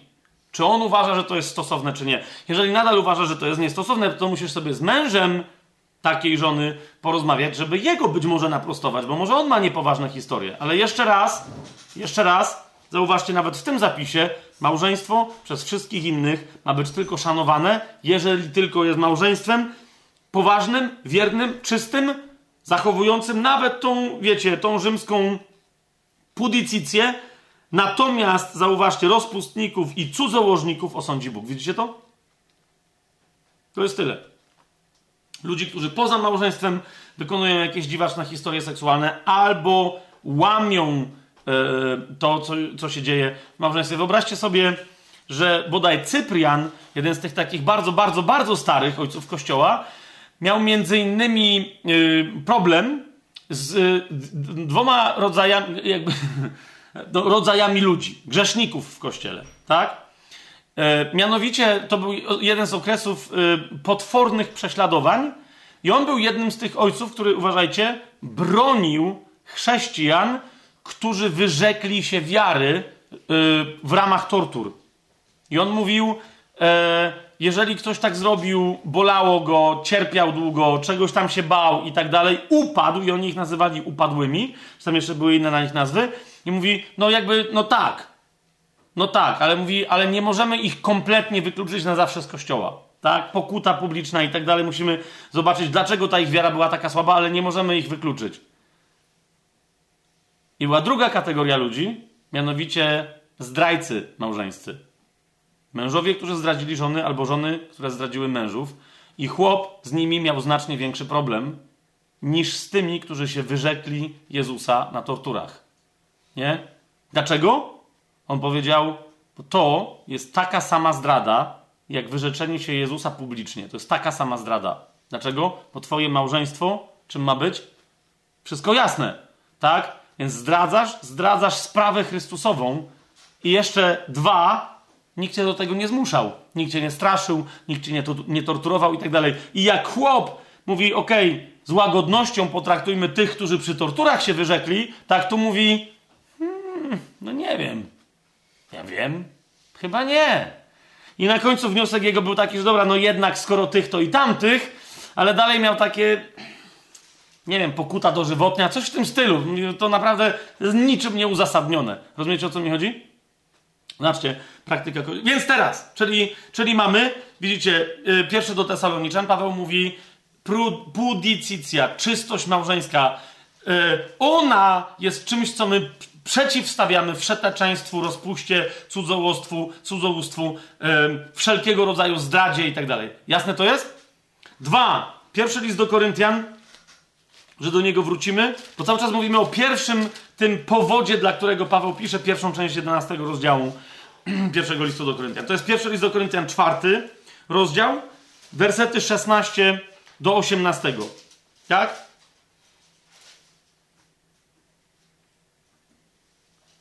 Paweł, Paweł, zauważcie, Paweł mówi: Naśladujcie mnie, znamy do, dokładnie ten fragment. Wysyłam wam Tymoteusza, 18 werset, a niektórzy wbili się w pychę, jakbym nie miał do was przyjść. Ok? I teraz o co, o co idzie? Jednym z aspektów naśladowania Pawła jest co? Jest jego czystość seksualna. Tak? I Paweł na to zwraca uwagę. Zobaczcie siódmy rozdział. Ok? Siódmy rozdział pierwszego listu do Koryntian. Co do spraw, o których mi pisaliście. Dobrze jest mężczyźnie nie dotykać kobiety. I siódmy werset. Chciałbym bowiem, aby wszyscy ludzie byli tacy jak ja, ale każdy ma swój własny dar od Boga, jeden taki, a drugi inny. I mówi, dlatego was nauczam na temat małżeństwa, ale wolałbym, żebyście nie wchodzili w... Pamiętacie, wczoraj to rozważaliśmy więcej, tak? No bo jak ktoś wchodzi w małżeństwo, no to zaczyna walczyć z tym, czy służy Panu, czy żonie, czy mężowi, czy co tam się dzieje. Więc Paweł, jak mówi, naśladujcie mnie, to, to, to dochodzi w pewnym momencie w 11 rozdziale, mówi, ej, jeżeli małżeństwo, to ono musi reprezentować yy, czystość, niezgorszenie. No i jeszcze raz, końcówka 10 rozdziału pierwszego listu do Koryntian, nie bądźcie zgorszeniem ani dla Żydów, ani dla Greków, ani dla Kościoła Bożego. Tak? Dla Greków jakieś tam chrześcijańskie rzeczy nie byłyby zgorszeniem, ale bycie nieporządnym małżeństwem było zgorszeniem. To jest oczywiste, tak? Więc uważajcie, pierwszy cel Pawła, żeby napisać pierwszą część 11 rozdziału pierwszego listu do Koryntian, yy, pokazuje wam całą jakby w cudzysłowie jego politykę, praktykę w różnych kościołach, którą głosił. Pierwszy cel jest jaki? Demonstrować chrześcijaństwo jednoznacznie, i, ale bez niepotrzebnego prowokowania czy gorszenia pogan, nawet jeżeli czasem to jest kosztem Żydów. Tak? Bo rozumiecie, mężczyzna modlący się z nienakrytą głową nie musiał być koniecznie zgorszeniem, zwłaszcza dla Greków, bo oni znali wyjątek Ceresa czy wyjątek Apollosa. Tak? I oni mówią, a okej, okay, dobra. Natomiast na pewno był zgorszeniem dla Żydów. Paweł jednak mówi, no ale mam to gdzieś. Po, po prostu, bo wy Żydzi w ogóle musicie się tam poustawiać. Tak? Ja się ustawiłem, to i wy możecie. Tak? W jakiej kwestii? W kwestii małżeństwa. Dlaczego? Bo małżeństwo było powszechnie rozpoznaną instytucją społeczną, a nie pomysłem chrześcijan. Tak? To jest pierwsza rzecz. Zachować normy i okazać się, że jesteśmy porządni w ramach naszych małżeństw, włącznie z tym, że te, w ramach tych naszych, bo na przykład wiecie, to były społeczne umowy, no mówię, kobiety nie mogły za bardzo tam wyskakiwać w bok, w lewo czy w prawo, ale mężczyźni mogli. To nie było tak, czasem nawet kobiety, żony w sensie dostarczały swoim mężom jakieś tam prostytutki i tak dalej. To było. No, to Paweł mówi, nie, nie, nie ma czegoś takiego. Dlatego Koryntian, pamiętacie, w ogóle naucza na temat nie kobiet, do, nie do kobiet się odnosi, tylko do mężczyzn w ogóle, nie tylko zamężnych, żonatych. Pamiętacie, jak mówi o tym, żeby nie korzystać z usług prostytutek. Pamiętacie, czy... No to jak pamiętacie, to powiedzcie mi, gdzie to jest w takim razie. Dan, dan, dan, dan, dan, dan. Pierwszy list do Koryntian, to już mamy, szósty rozdział. Piętnasty werset. Czyż nie wiecie, że wasze ciała są członkami Chrystusa? Czy więc wezmę członki Chrystusa i uczynię je członkami nierządnicy? Nie daj Boże. Czyż nie wiecie, że ten, kto się łączy z nierządnicą, jest z nią jednym ciałem? I tak dalej, i tak dalej, i tak dalej. Nie? Paweł mówi, pamiętaj, jedyne miejsce, przestrzeń duchowa, fizyczna, emocjonalna i tak dalej, w której możesz być jednym ciałem z kobietą, to jest ożenić się i mieć żonę. Wtedy jesteście jednym ciałem i wtedy wszelkie y, rzeczy seksualne i, tak, i wszystkie inne wynikają z tego, że jesteście jednym ciałem, dlatego tam wszystko gra. Ale nie może mężczyzna również być usprawiedliwiony, że korzysta z usług prostytutek. Jest jasność w tej kwestii? Jest punkt pierwszy, jeszcze raz powtórzę. Chrześcijaństwo miało demonstrować właściwy obraz małżeństwa nawet poganom, Żydom i poganom, nie tylko innym chrześcijanom. Mamy to? Dwa. Drugi powód, dla którego Paweł napisał ten fragment. Yy, mężowie mają reprezentować wobec świata wolność całego małżeństwa. Gdyby kobieta za bardzo coś reprezentowała, to byłoby niezrozumiałe dla pogan, co się tu w ogóle dzieje i byłoby wręcz opacznie zrozumiane. Dlatego mężczyzna reprezentował tę wolność, dlatego ta wolność chrześcijańska była przez niego demonstrowana przez to, że on przed nikim nie zakrywa głowy, co inaczej mówiąc językiem dzisiejszym było, że on się nikomu, żadnej e, istocie duchowej nie kłania, z wyjątkiem Chrystusa, ale któremu się nie kłaniamy jak bożkom, bo to nie jest Bożek. Jasne? Mężowie mają reprezentować wobec świata wolność całego małżeństwa, ponieważ w ten sposób reprezentują wolność całego kościoła, od czego odbał wochwalstwa. Dlatego Paweł mówi, e, zauważcie, bo niektórzy się na tym skupiają, że jak to mężczyzna jest obrazem i chwałą Boga. Przecież mężczyzna i kobieta są stworzeni na obraz i na podobieństwo, bo tu o coś innego chodzi. Tu chodzi o eikon. Ok? Tak, był tak były nazywane rzeźby bożków, bałwanów idoli, dokładnie jak sobie zobaczycie ten tak zwany obraz, który bestia robi swój obraz i temu obrazowi ma być oddany cześć. Jak ten obraz się nazywa? Eikon, dokładnie w ten sposób. To jest trójwymiarowy obraz. Tak? To jest figura, a nie ikona yy, bestii. Tak? I ona zostanie ożywiona i bestia będzie kazała się też tej, temu obrazowi, tej, tej, temu, tej, temu eikonowi, tej, tej ikonie swojej kłaniać. Otóż Paweł mówi, że jedynym eikonem Boga na ziemi jest kto? Chrześcijanin. Chrześcijanka. Kościół. Żywi ludzie reprezentują y, żywi ludzie reprezentują e, Boga, tak? I to, jak oni się zachowują, oddaje chwałę Bogu. To jest jasne? I dlatego on, mężczyzna jest obrazem i chwałą Boga, ponieważ na spotkaniu publicznym z odsłoniętą głową patrzysz na niego i masz co widzieć? Chrystusa. Tak? Od początku ta myśl jest jasna. Niekoniecznie na kobietę, bo jeszcze raz mówię, poganie by nie i tak nie zrozumieli, co w ogóle się dzieje. Tak? Niemniej kobieta dokłada się do tego w jaki sposób? W taki, że ona demonstruje swoją wolnością i jednocześnie w ramach tej wolności, jaką ma, która musiała być szokująca dla pogan, jednocześnie oddaniem i uległością wobec męża porusza pogan, o czym Piotr pisze. Mówi, że bez słowa takiego męża nawrócisz żono. Tak? I dla innych, wiecie, mężczyzn z patrzenia to jest takie wow, co się tu w ogóle dzieje? To da się tak? Wiecie, co, yy, o, o czym mówimy? Między innymi z tego powodu, ze względu na Pawła, autor, którego akurat teraz zacytuję z pamięci, ale którego dzisiaj w innym kontekście będę cytować, Ireneusz z Lyonu, powiada, to jest jego sławne yy, powiedzenie, które się dokładnie do pierwszego listu do Koryntian Pawła do 11 rozdziału odnosi. Mianowicie on mówi, co jest chwałą Boga?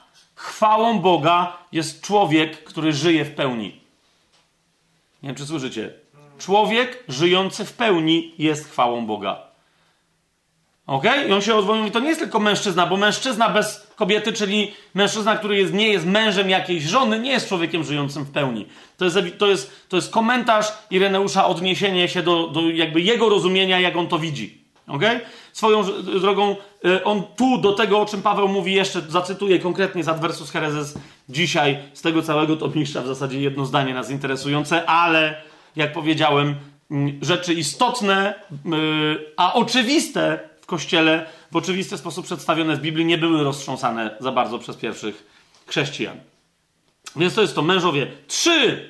Co mają reprezentować kobiety wobec świata? To jest trzeci, bo, bo Paweł osobno mówi do mężczyzn jako mężów, że jako mężowie coś reprezentować, a jako kobiety, kobiety mają być żonami i jako żony mają wobec świata reprezentować chrześcijańską wolność w uległości. Ok? Coś, co, wiecie, dzisiaj jest niezrozumiałe. Albo człowiek jest zależny, albo jest niezależny. Zgadza się? I dlatego ludzie się denerwują, mówią, hej, jak to w, w kościele ludzie wykorzystują yy, jakieś teksty biblijne i powodują, że ludzie stają się niezależni. Co w związku z tym mamy zrobić? Mamy ich uwolnić, żeby byli niezależni. Bez sens. Co prawda, co prawda, teraz kapujecie, to nawet zupełnie niewierzący ludzie, teraz się odwołam do jednego, on chyba był mormonem, niespecjalnie wierzącym w mormonizm, po prostu psychologa, specjalisty, e, ale takiego raczej akademickiego niż nie, opierającego się na badaniach klinicznych i tak dalej, e, specjalisty od motywacji Stevena Coveya, nie wiem czy kojarzycie, Seven Habits of Highly Effective People, e, jak zwykle nie pamiętam jak się ta książka po polsku nazywała, no ale tak wiecie, tak, siedem nawyków kogoś tam, o właśnie. I on wielokrotnie powtarzał, że ludzie wpadają w pułapkę niezależności, myśląc, że to jest wolność.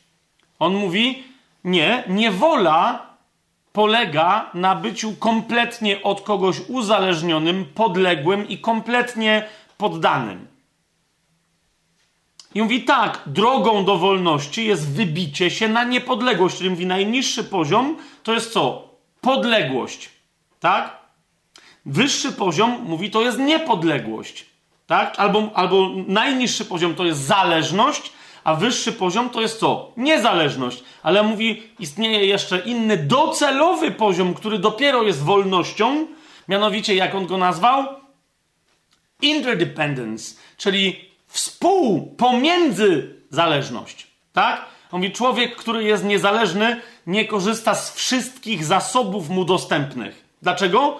No mówi, no bo on nie ma w sobie wszystkich zasobów. Tylko w momencie, kiedy on daje innym, a inni dają jemu, dopiero wtedy korzysta z, z pełni zasobów na różne sposoby mu dostępnych. Tak? A więc Sywiankowi mówi, co to jest współ albo interzależność, pomiędzy zależność. Uwaga, mówi, to jest wspólnota. Ludzie, którzy są we wspólnocie. I teraz, nie wiem jak wy, ale ja znam idealny model wspólnoty. On się nazywa ciało Chrystusa. Ok? Ludzie w ciele Chrystusa nie mają być podlegli, nie mają być zależni, z wyjątkiem jednej osoby, i tą osobą jest Bóg. Bogu należy się stuprocentowe posłuszeństwo. Jezus jest Panem, którego my jesteśmy niewolnikami w stu procentach. Dulos, niewolnik, sługa, wszystko jasne, tak? Ludziom nawet w kościele nie należy się taka uległość jak Chrystusowi. Jemu, no ja sobie definiuję uległość wobec Niego jako posłuszeństwo, bo to dla mnie oznacza stuprocentową uległość. Ludziom należy się tylko i wyłącznie ograniczona uległość, mniej lub bardziej, ale nie taka, jakby byli Bogiem, bo nikt z nich nie jest Bogiem. Jest to jasne? Niemniej ta, i, ta, i ta zależność nie może być tylko w jednej relacji z jedną osobą, ale ta osoba musi też być w relacji z innymi osobami. Czyli jeżeli ja jestem, mam być wobec kogoś uległy, to potrzebuję też widzieć, wobec kogo ta osoba jest uległa. Tak? Ponieważ w ciele istnieje taki mechanizm korekty i kontroli, tak żeby żaden z członków nie stał się ym, samobieżny, bo wtedy bo wtedy on działa tylko dla siebie, a nie dla całego ciała, a wtedy, jak to się nazywa, rak. Rak. Część ciała, która atakuje wszystkie inne, zamienia się we wroga samego siebie. Tak? Mamy jasność? Dobrze. Um, kobiety wobec świata mają więc reprezentować, i to jest wolność w uległości. Tak? Kobiety właśnie mają najlepiej, najpełniej demonstrować to, że są wolne jak żadne inne kobiety na świecie i dzięki temu nie mają problemu z uległością, ponieważ wolność równa się odpowiedzialność. Jak człowiek jest odpowiedzialny, to znaczy, że decyduje o pewnych rzeczach, ale jednocześnie, jak sama nazwa polska wskazuje, musi przed kimś odpowiedzieć za rzeczy, o których decydował. Jest to jasne? Odpowiedzialność. To jest bycie człowiekiem, który ma udzielić odpowiedzi komu, komuś innemu. Tak? W języku angielskim dokładnie ta, takie samo słowo responsibility. Tak? Tam jest też response, czyli odpowiedź. Hmm? Dokładnie ten sam.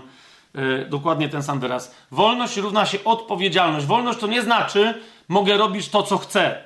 Wolność to znaczy decydowanie odpowiedzialne na ścieżce odpowiedzialności, na którą ktoś wszedł, a więc zaangażowanie się. Tak? Jeżeli ktoś mówi, a ja będę z tobą żył tak jak z żoną, albo jakaś kobieta powie, ja będę z tobą żyła tak jak z mężem, ale jakby wiesz, no nie, bądźmy wolni, no to to nie jest wolność. To jest poddanie się zachciankom. Wolność jest bezpośrednio związana z miłością, a miłość polega na zaangażowaniu, zdecydowaniu się na zaangażowanie, niezależnie od tego, jak się zmienią okoliczności albo moje odczucia. To tak? Jasne? I to obrazem tego mają być kobiety, chrześcijanki, e, żony, ponieważ w małżeństwie lepiej, najlepiej to widać i w ten sposób najlepiej widać tę wolność, która polega na współodpowiedzialności i na współzależności którą reprezentuje cały Kościół. Kobiety zawsze mają wyglądać tak, jak powinien wyglądać Kościół. Czy dla świata, czy dla innych pojedynczych wierzących. Jest to jasne? Czwarte. No właśnie, kobiety yy, yy, i mężczyźni jako małżeństwa mają wobec wierzących, którzy na przykład są niezamężni, nieżonaci, albo są, ale ich małżeństwa nie są najlepsze, mają stanowić, dobre małżeństwo ma w pierwszej kolejności stanowić obraz tajemnicy Chrystusa i Kościoła, czyli małżeństwa baranka. Tego, że Chrystus jest małżonkiem, a Kościół jest małżonką tegoż mistycznego małżonka. Czy to jest jasne? Nie będę się na ten temat rozwijał, bo jużśmy się wczoraj troszeczkę rozwinęli. I teraz docieramy, bo ktoś powie, a gdzie to jest niby napisane? W dziesiątym wersecie, gdzie najpierw Paweł wyraźnie odnosi się do pewnych znaków zewnętrznych, które mogą widzieć chrześcijanie, ale i nie chrześcijanie, ale potem mówi, ale, ale mówi żony, ale wy też zaznaczajcie swoją żonowość ze względu na aniołów. Dlaczego? I teraz sobie przyjrzy... Yy, yy, chyba, że nie, nie chcecie, pominiemy to, nie? A, dobra, idziemy dalej. Czyli piąty... To jest piąty cel. Ok? To jest piąty cel tego, co Paweł tutaj pisze. Ok? Co w praktyce ma być wyrażone? Mianowicie, że żona, kiedy powstaje i przemawia, ok? Przemawiająca w społeczności świętych, czyjaś żona sama w sobie jest nauką dla aniołów. Na temat czego? Na temat Kościoła. What? Przyjrzyjmy się temu, dobra? List do Hebrajczyków najpierw sobie otwórzmy. List do Hebrajczyków sobie otwórzmy. Pierwszy rozdział. W ogóle pierwszy i drugi rozdział. Wiele mówią listu do Hebrajczyków o aniołach, o rozmaitych ich współzależnościach i z Chrystusem, i z Kościołem, z ludźmi, ze stworzeniem, z Bogiem. Yy, więc jakby ktoś bardzo chciał zgłębić temat aniołów, no to to nie jest, nie jest jedyne miejsce, ich jest mnóstwo. W Biblii mnóstwo. Nie wiem skąd ludziom przychodzi do głowy, że, że w Biblii prawie nie ma aniołów. To jest dla mnie, czyli istot duchowych. Ich jest mnóstwo. Wszędzie. Tak? Te dwa rozdziały, tylko trzeba, kiedy czytasz tekst, musisz się skupić. Po co czytasz ten tekst? Czy się, żeby tam dowiedzieć czegoś o Chrystusie, o Kościele, o aniołach, o stworzeniu, o wieku przyszłym, o wieku przeszłym? Wiecie o co mi chodzi? Bo bywa, że jakby te różne tematy są właśnie współzależne tak? Połączone ze sobą. I raz czytając coś, akcentujesz informację zawartą w, dan w danym zdaniu o czymś, a potem o czymś innym. W każdym razie, w pierwszym rozdziale listu do Hebrajczyków, w piątym i szóstym wersecie, mówiąc na razie o Chrystusie, e, który się pojawił jako człowiek, ok? O Chrystusie, który się wcielił, co już samo z siebie dla aniołów, rozumiecie, jest oszalałe, przypomina nam najpierw ten fakt, Paweł, jak i Hebrajczykom, mówi, do którego bowiem z aniołów powiedział kiedykolwiek, ty jesteś moim synem, ja ciebie dziś zrodziłem. Oraz, lub też i znowu, ja będę mu ojcem, a on będzie mi synem. I znowu, gdy wprowadza pierworodnego na świat, mówi, niech mu oddają pokłon wszyscy aniołowie Boga. Kiedy? Gdy wprowadza pierworodnego na świat. A więc jak? W ciele Świadkowie Jehowy, którzy skrzętnie ukrywają tę naukę, chociaż w dobie internetu to jest dosyć trudne, w pewnym momencie dopiero informują yy, ludzi, którzy się do nich przyłączają yy, w niewiedzy, to wtedy się dopiero ich informują, a ci się dowiadują, że ich wyznanie, że wierzą, że Jezus jest Synem Bożym, tak naprawdę co oznacza? Że nie wierzą w ogóle w istnienie Jezusa jako takiego. Ale wierzą w istnienie jakiegoś archanioła, który udając człowieka przyszedł na ziemię i tak dalej, i tak dalej, i tak dalej. Tak? Ten fragment między innymi całej tej koncepcji przeczy. Rozumiecie o co mi chodzi?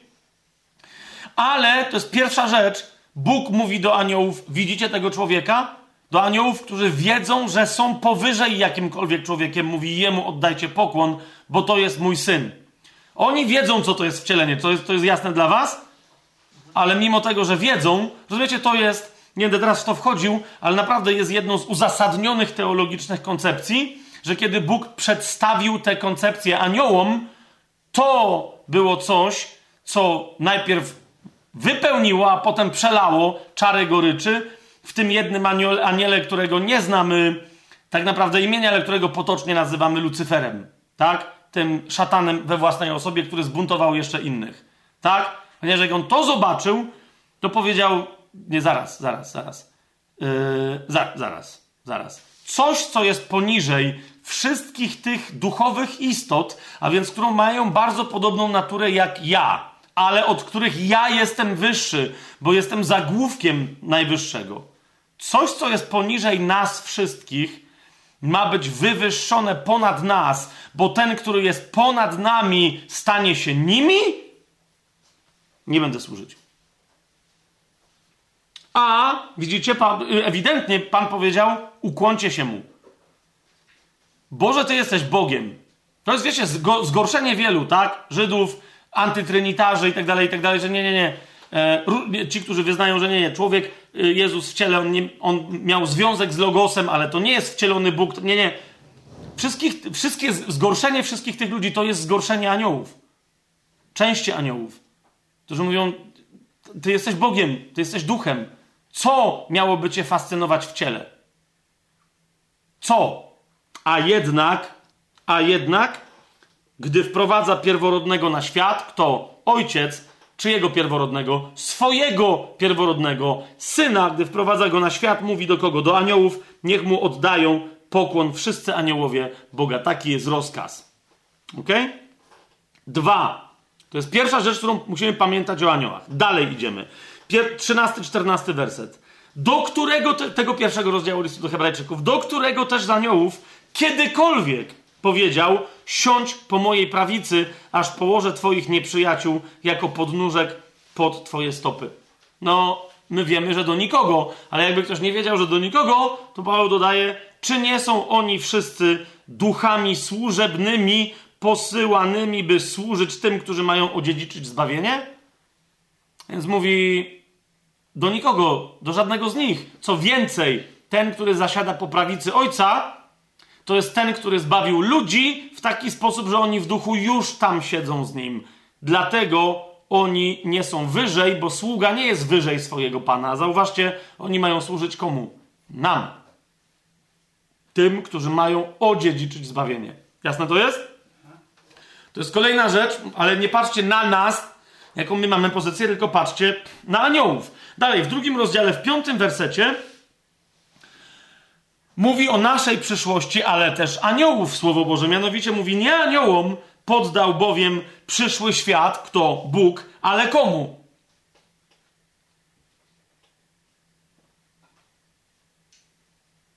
Nie aniołom bowiem poddał przyszły świat, o którym mówimy. Ale komu? Pytam się was, bo teraz ja wiem, że wy... To było takie, ale czekaj, tu nie ma napisane. No ale komu?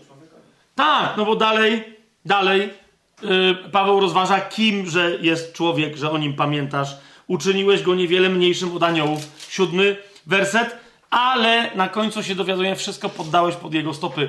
Fragment, który Paweł odniósł w tym liście do Jezusa, potem przypominał się oryginalnie odnosi do ludzi. Pierwotnie i na końcu też się odniesie do ludzi. Jako do tych, którzy odziedziczą przyszły świat, żeby nim rządzić, a nie aniołowie. Rozumiecie? Więc jest pewna przyszłość. Dalej, w drugim rozdziale, w szesnastym wersecie, czytamy, że naprawdę to nie była udawanka, ale naprawdę Chrystus nie przyjął natury aniołów, ale potomstwo Abrahama, a więc naturę ludzką. Widzicie to?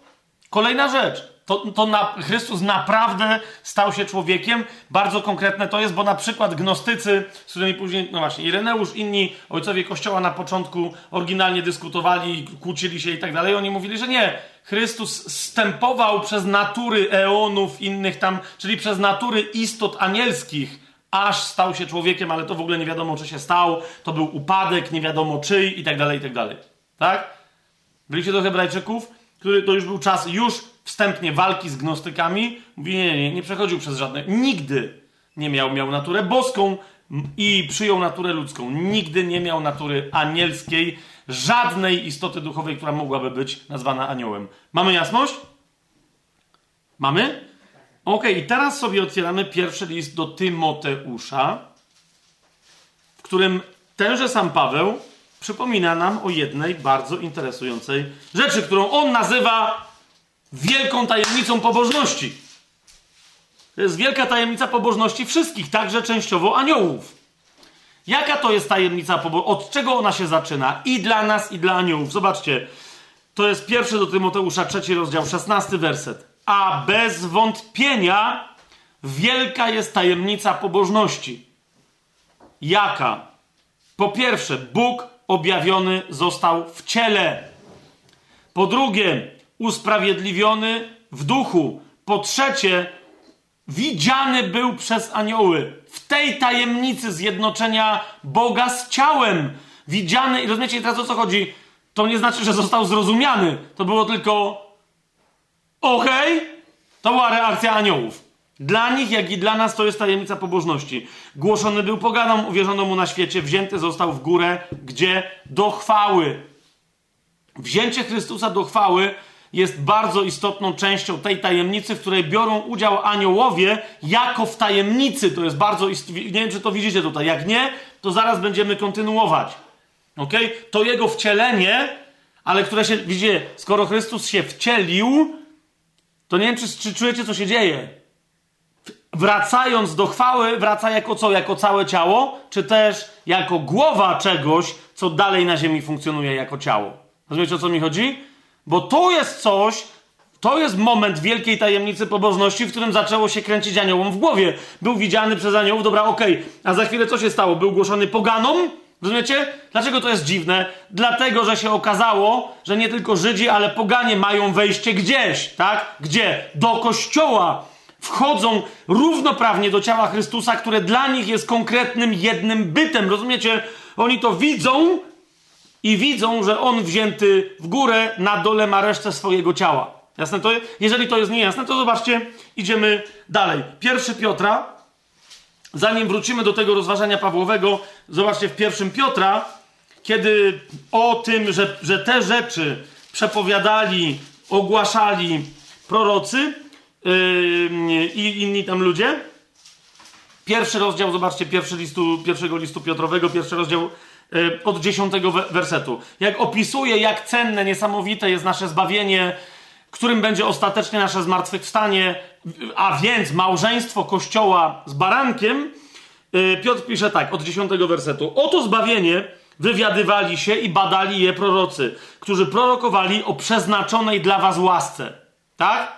W, y, w, liście do Tytusa Paweł mówi, że łaska się objawiła, żeby ostatecznie co? Stworzyć Kościół. Tam jest taka cztero wersowa, potężna definicja Kościoła. Ale dobra, o przeznaczonej dla was łasce. 11. Badani oli, badali oni, na jaką i jakiego rodzaju porę wskazywał Duch Chrystusa, który był w nich, przepowiadając cierpienia, które miały przyjść na Chrystusa i co? Mającą potem nastąpić chwałę. Co jest częścią tajemnicy pobożności? To, że Chrystus, głoszony poganom, został wzięty w górę gdzie? Do chwały. To jest część tajemnicy pobożności. Pamiętacie, czy za szybko gadam, czy to jest za skomplikowane? Tak? Chwały. I teraz popatrzcie. Zostało im objawione, że nie im samym, ale komu? Nam służą, służyły sprawy wam teraz zwiastowane przez tych, którzy wam głosili Ewangelię przez Ducha Świętego zesłanego w nieba, z nieba. Uwaga, w te sprawy nadal, dodałbym, pragną wejrzeć aniołowie. Wam to już jest ogłoszone, wy jesteście częścią tej tajemnicy, a oni nie wiedzą, co się dzieje. Oni tego nie rozumieją. Oni to obserwują, ale nie rozumieją, co się dzieje. Czy Ziemia krąży dookoła Słońca, czy Słońce krąży dookoła Ziemi? Czy co jest grane? Oni widzą zjawisko, rozumiecie o co mi chodzi, ale nie rozumieją do końca tej tajemnicy. Widzicie to tutaj? Aniołowie nadal pragną wejrzeć w tę tajemnicę. Teraz Znowu kluczem do zrozumienia, o cóż to tutaj chodzi, jest co? List do Efezjan, trzeci rozdział. Od którego bierze nazwa tajemny plan. Tuż ci ona bierze swój ród i swoją nazwę. Tajemny plan. W, w tłumaczeniu Biblii Warszawskiej. Ale my mamy UBG i czytamy co? Mianowicie Paweł od trzeciego wersetu mówi tak mówi, że przez objawienie została mi oznajmiona tajemnica. Widzicie to? Jak to wam przedtem krótko napisałem. Dlatego czytając to możecie zrozumieć to, co teraz piszę, moje poznanie czego? Tajemnicy Chrystusa. O, o jakiej tajemnicy pisze do Tymoteusza? To jest tajemnica pobożności, to jest tajemnica Chrystusa. Bóg objawiony został w ciele. O jakiej tajemnicy, w którą pragną wejrzeć aniołowie, pisze Piotr? Dokładnie to. Tajemnica, którą, którą dopiero dla proroków głosili ją, nie wiedzieli, co jest grane. Dla nas ona jest udziałem. To jest tajemnica łaski, która była nam ogłoszona. Tak? Tajemnicy Chrystusa, która w innych wiekach nie była znana synom ludzkim, tak jak teraz została objawiona Jego świętym apostołom i prorokom przez ducha. Mianowicie, bo co to jest za tajemnica? Że poganie są współdziedzicami i członkami tego samego ciała i współuczestnikami Jego obietnicy w Chrystusie przez Ewangelię. Widzicie to? To jest Kościół, mówiąc jednym słowem, ciało Chrystusa, mówiąc dwoma. To jest ta tajemnica. I teraz patrzcie dalej. Stałem się jej sługą, to jest dobre pytanie, czy Ewangelii, czy też tej tajemnicy, chociaż w sumie na to samo wychodzi, ale to będziemy rozważać w liście do Efezjan, jak się znajdziemy w końcu. Stałem się jej sługą według daru łaski Boga, danej mi przez działanie Jego mocy. Mnie, najmniejszemu ze wszystkich świętych, została dana ta łaska, abym wśród pogan głosił to, głosił te niezgłębione bogactwa Chrystusa. Rozumiecie? I on mówi, my je teraz zgłębiamy.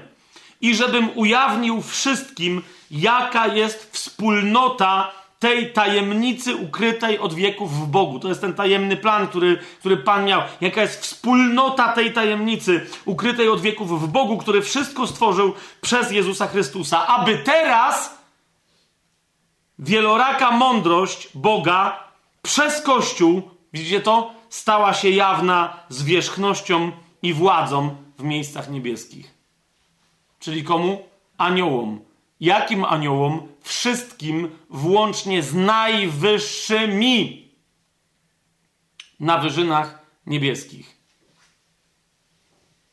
Zgodnie z wiecznym postanowieniem, które powziął w Chrystusie Jezusie, naszym Panu. Rozumiecie? Paweł tu mówi wyraźnie: My nauczamy aniołów na temat tej tajemnicy. Wszystkich i wszystkie istoty duchowe, włącznie z najwyższymi zwierzchnościami i władzami. Jest to jasne tutaj tym tekście? Okej, okay. żeby się yy, stało jasne, widzicie, dlatego, ja już o tym wczoraj wspominałem, tak istotne jest zwrócenie uwagi na te zwierzchności i władze, yy, yy, tu, bo wcześniej Paweł pisze pierwszy rozdział, 22 werset tego listu do Efezjan i wszystko poddał pod jego stopy a jego samego dał jako głowę ponad wszystkim Kościołowi, który jest jego ciałem i pełnią tego, który wszystko we wszystkich napełnia. Tak?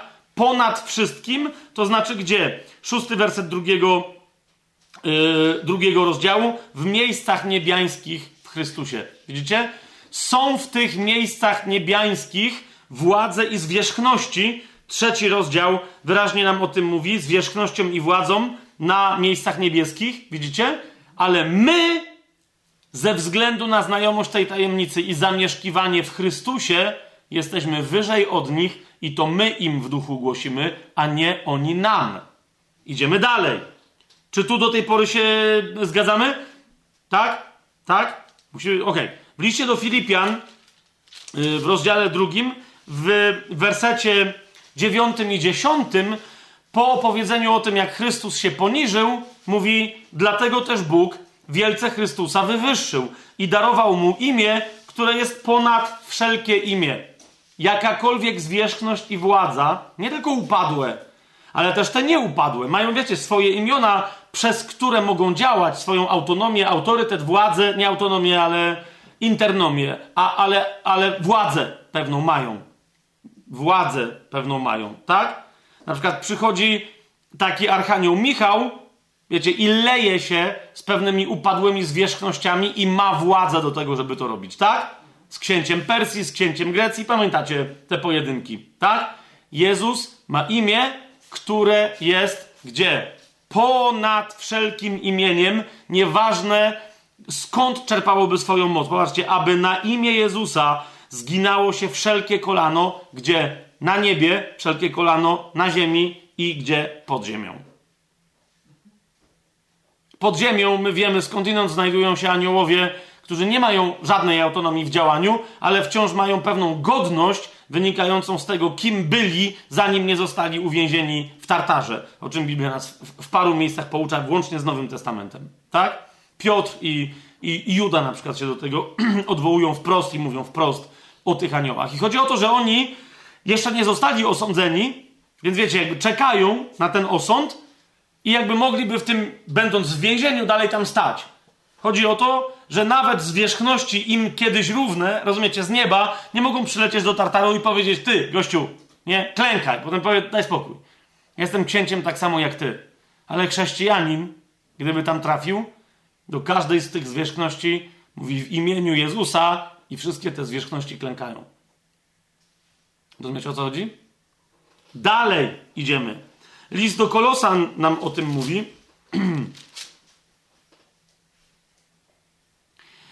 W drugim rozdziale, w piętnastym wersecie, słyszymy, że Jezus, rozbroiwszy zwierzchności i władze, widzicie to? A więc wszystkie, nawet najwyższe potęgi upadłych istot duchowych, czy też upadłych aniołów. Tak? Jak widzicie, z najwyższych okręgów niebieskich upadli aniołowie, no włącznie z, z szatanem samym w sobie, tak? Jezus, rozbroiwszy zwierzchności i władzę, jawnie wystawił je na pośmiewisko, kiedy, czy też pokaz, gdy przez niego odniósł triumf nad nimi. Zgadza się? Ale zauważcie, w dziesiątym wersecie, zanim mówi o upadłych zwierzchnościach i władzach, Paweł mówi: Jesteście dopełnieni w nim, w Chrystusie, yy, jako w swojej głowie, w którym mieszka cała pełnia bóstwa. Tak, dziesiątym mówi: Jesteście dopełnieni w nim, który jest głową wszelkiej zwierzchności i władzy. A więc on jest, ale on jest inaczej głową, czyli zwierzchności i władzy, które gdzie są? W niebie. Tak? On jest ich głową, w sensie on jest dla nich autorytetem. I tyle. List do Kolosan mówi, że oni, on ich stworzył i on nimi rządzi. A my, my jesteśmy bezpośrednio jego ciałem, którym oni nie są. Znaczy, on jest ich głową, czyli kimś nadrzędnym. Jasne to jest? Wobec nich, a my jesteśmy ciałem tej głowy, które w związku z tym znajduje się w tym samym miejscu co głowa. Jesteśmy nad nimi. Ok? Oto jak zostaliśmy podniesieni.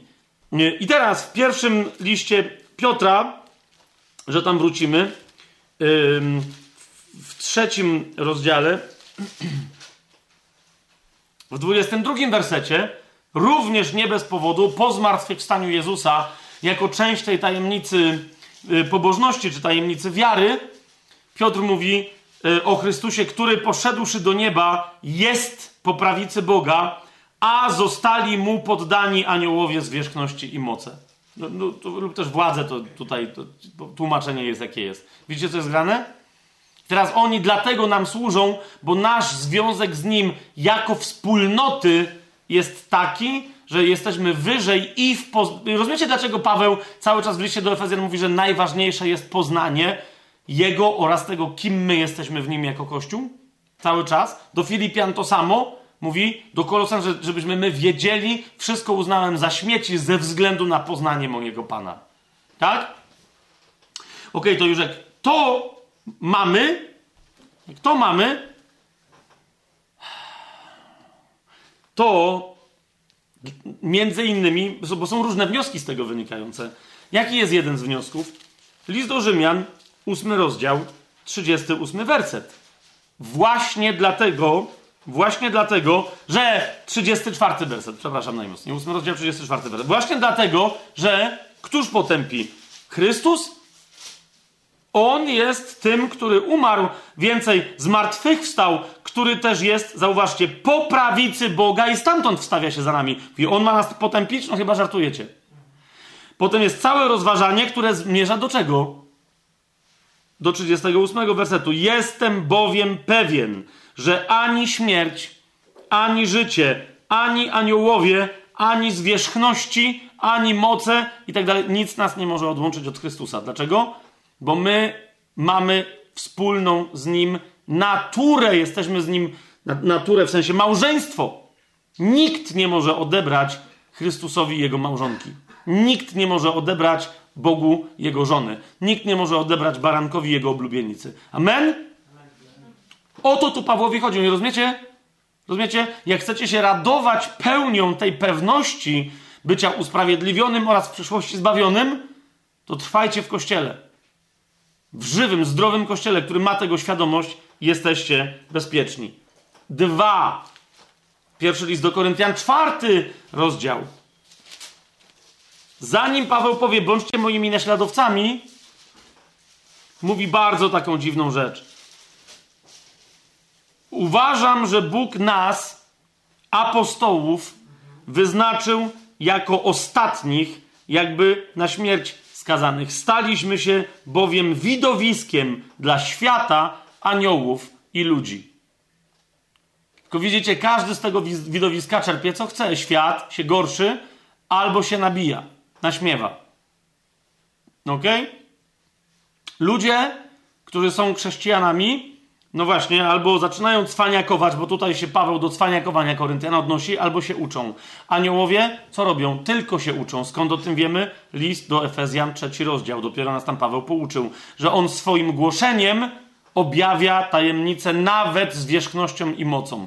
Jest to jasne? Jest? Yy, dobra.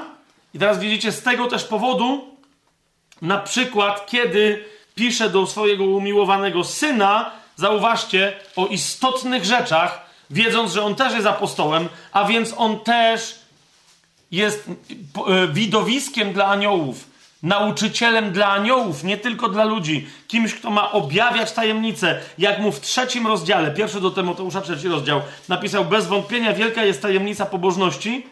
Pan był widziany przez anioły, szesnasty werset. Tak zauważcie, na końcu zdumiewającą rzecz, dla niektórych bardzo tajemniczą. Nawet nie mówię, że jest w pełni wyjaśniona teraz przeze mnie, ale na pewno jest w związku z tym wszystkim, co pokrótce sobie teraz powiedzieliśmy.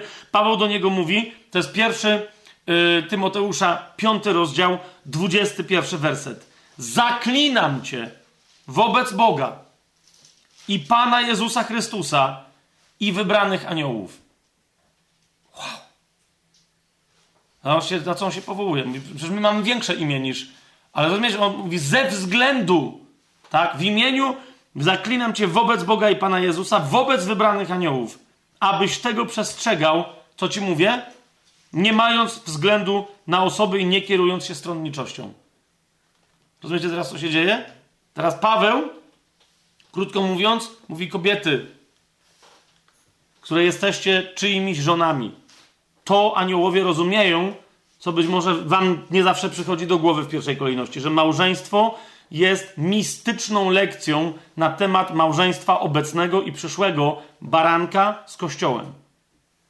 Rozumiesz? I anioł, kiedy patrzy na ciebie, ma widzieć kościół. Dlatego, rozumiesz, wystąp całkowicie, czy to w sposób widzialny dla ludzi, czy w sposób niewidzialny dla ludzi, ale widzialny dla aniołów, z władzą na głowie, taką, jaką Kościół otrzymał od Chrystusa, która na ziemi dla ludzi jest zaplecioną koroną z włosów, jest wstążką wita, którą poganie rozpoznają, a to jest żona jakiegoś faceta tutaj, aniołowie zobaczą w tobie Kościół przemawiający i nauczający. Czy jest to jasne, co, co ja teraz mówię? On mówi, pamięta, nigdy nie możesz wyjść ze swojej roli, zwłaszcza w kościele, kiedy ty tam prorokujesz, kiedy jakieś tam rzeczy robisz. Mówi, kobieto, jeżeli wyjdziesz ze swojej roli zaczniesz bredzić, zresztą mężczyzna też, ale kobieta zwłaszcza jest, rozumiesz, to jest to, czego nie rozumieją aniołowie. Kim i czym tak naprawdę jest ciało Chrystusa? Kim i czym jest Kościół? Kim i czym jest żona baranka? I dlatego oni, przyglądając się kobietom modlącym się czy prorokującym w kościele, rozumiesz, uczą się i są nauczani przez kobiety w pełnej władzy tego nauczania, czym jest Kościół, przez to, jak kobiety się zachowują. Ma to sens, co mówię? Plus, oczywiście, bo, yy, rozumiecie, bo taką yy, Paweł się także dla, dla rozumiejących rzeczy, choćby i Żydów, odwołuje do czego? Do pewnej prawdy, którą już e, Salomon, król mądry, napisał w swojej księdze Kaznodziei, lub też Koheleta, jakie tam, jakie tam macie tłumaczenia, jeżeli zechcecie ją sobie otworzyć razem ze mną. Jest takie napomnienie w ogóle do każdego, kto idzie do świątyni albo na publiczne nabożeństwo świątynne w, e, w świątyni jerozolimskiej.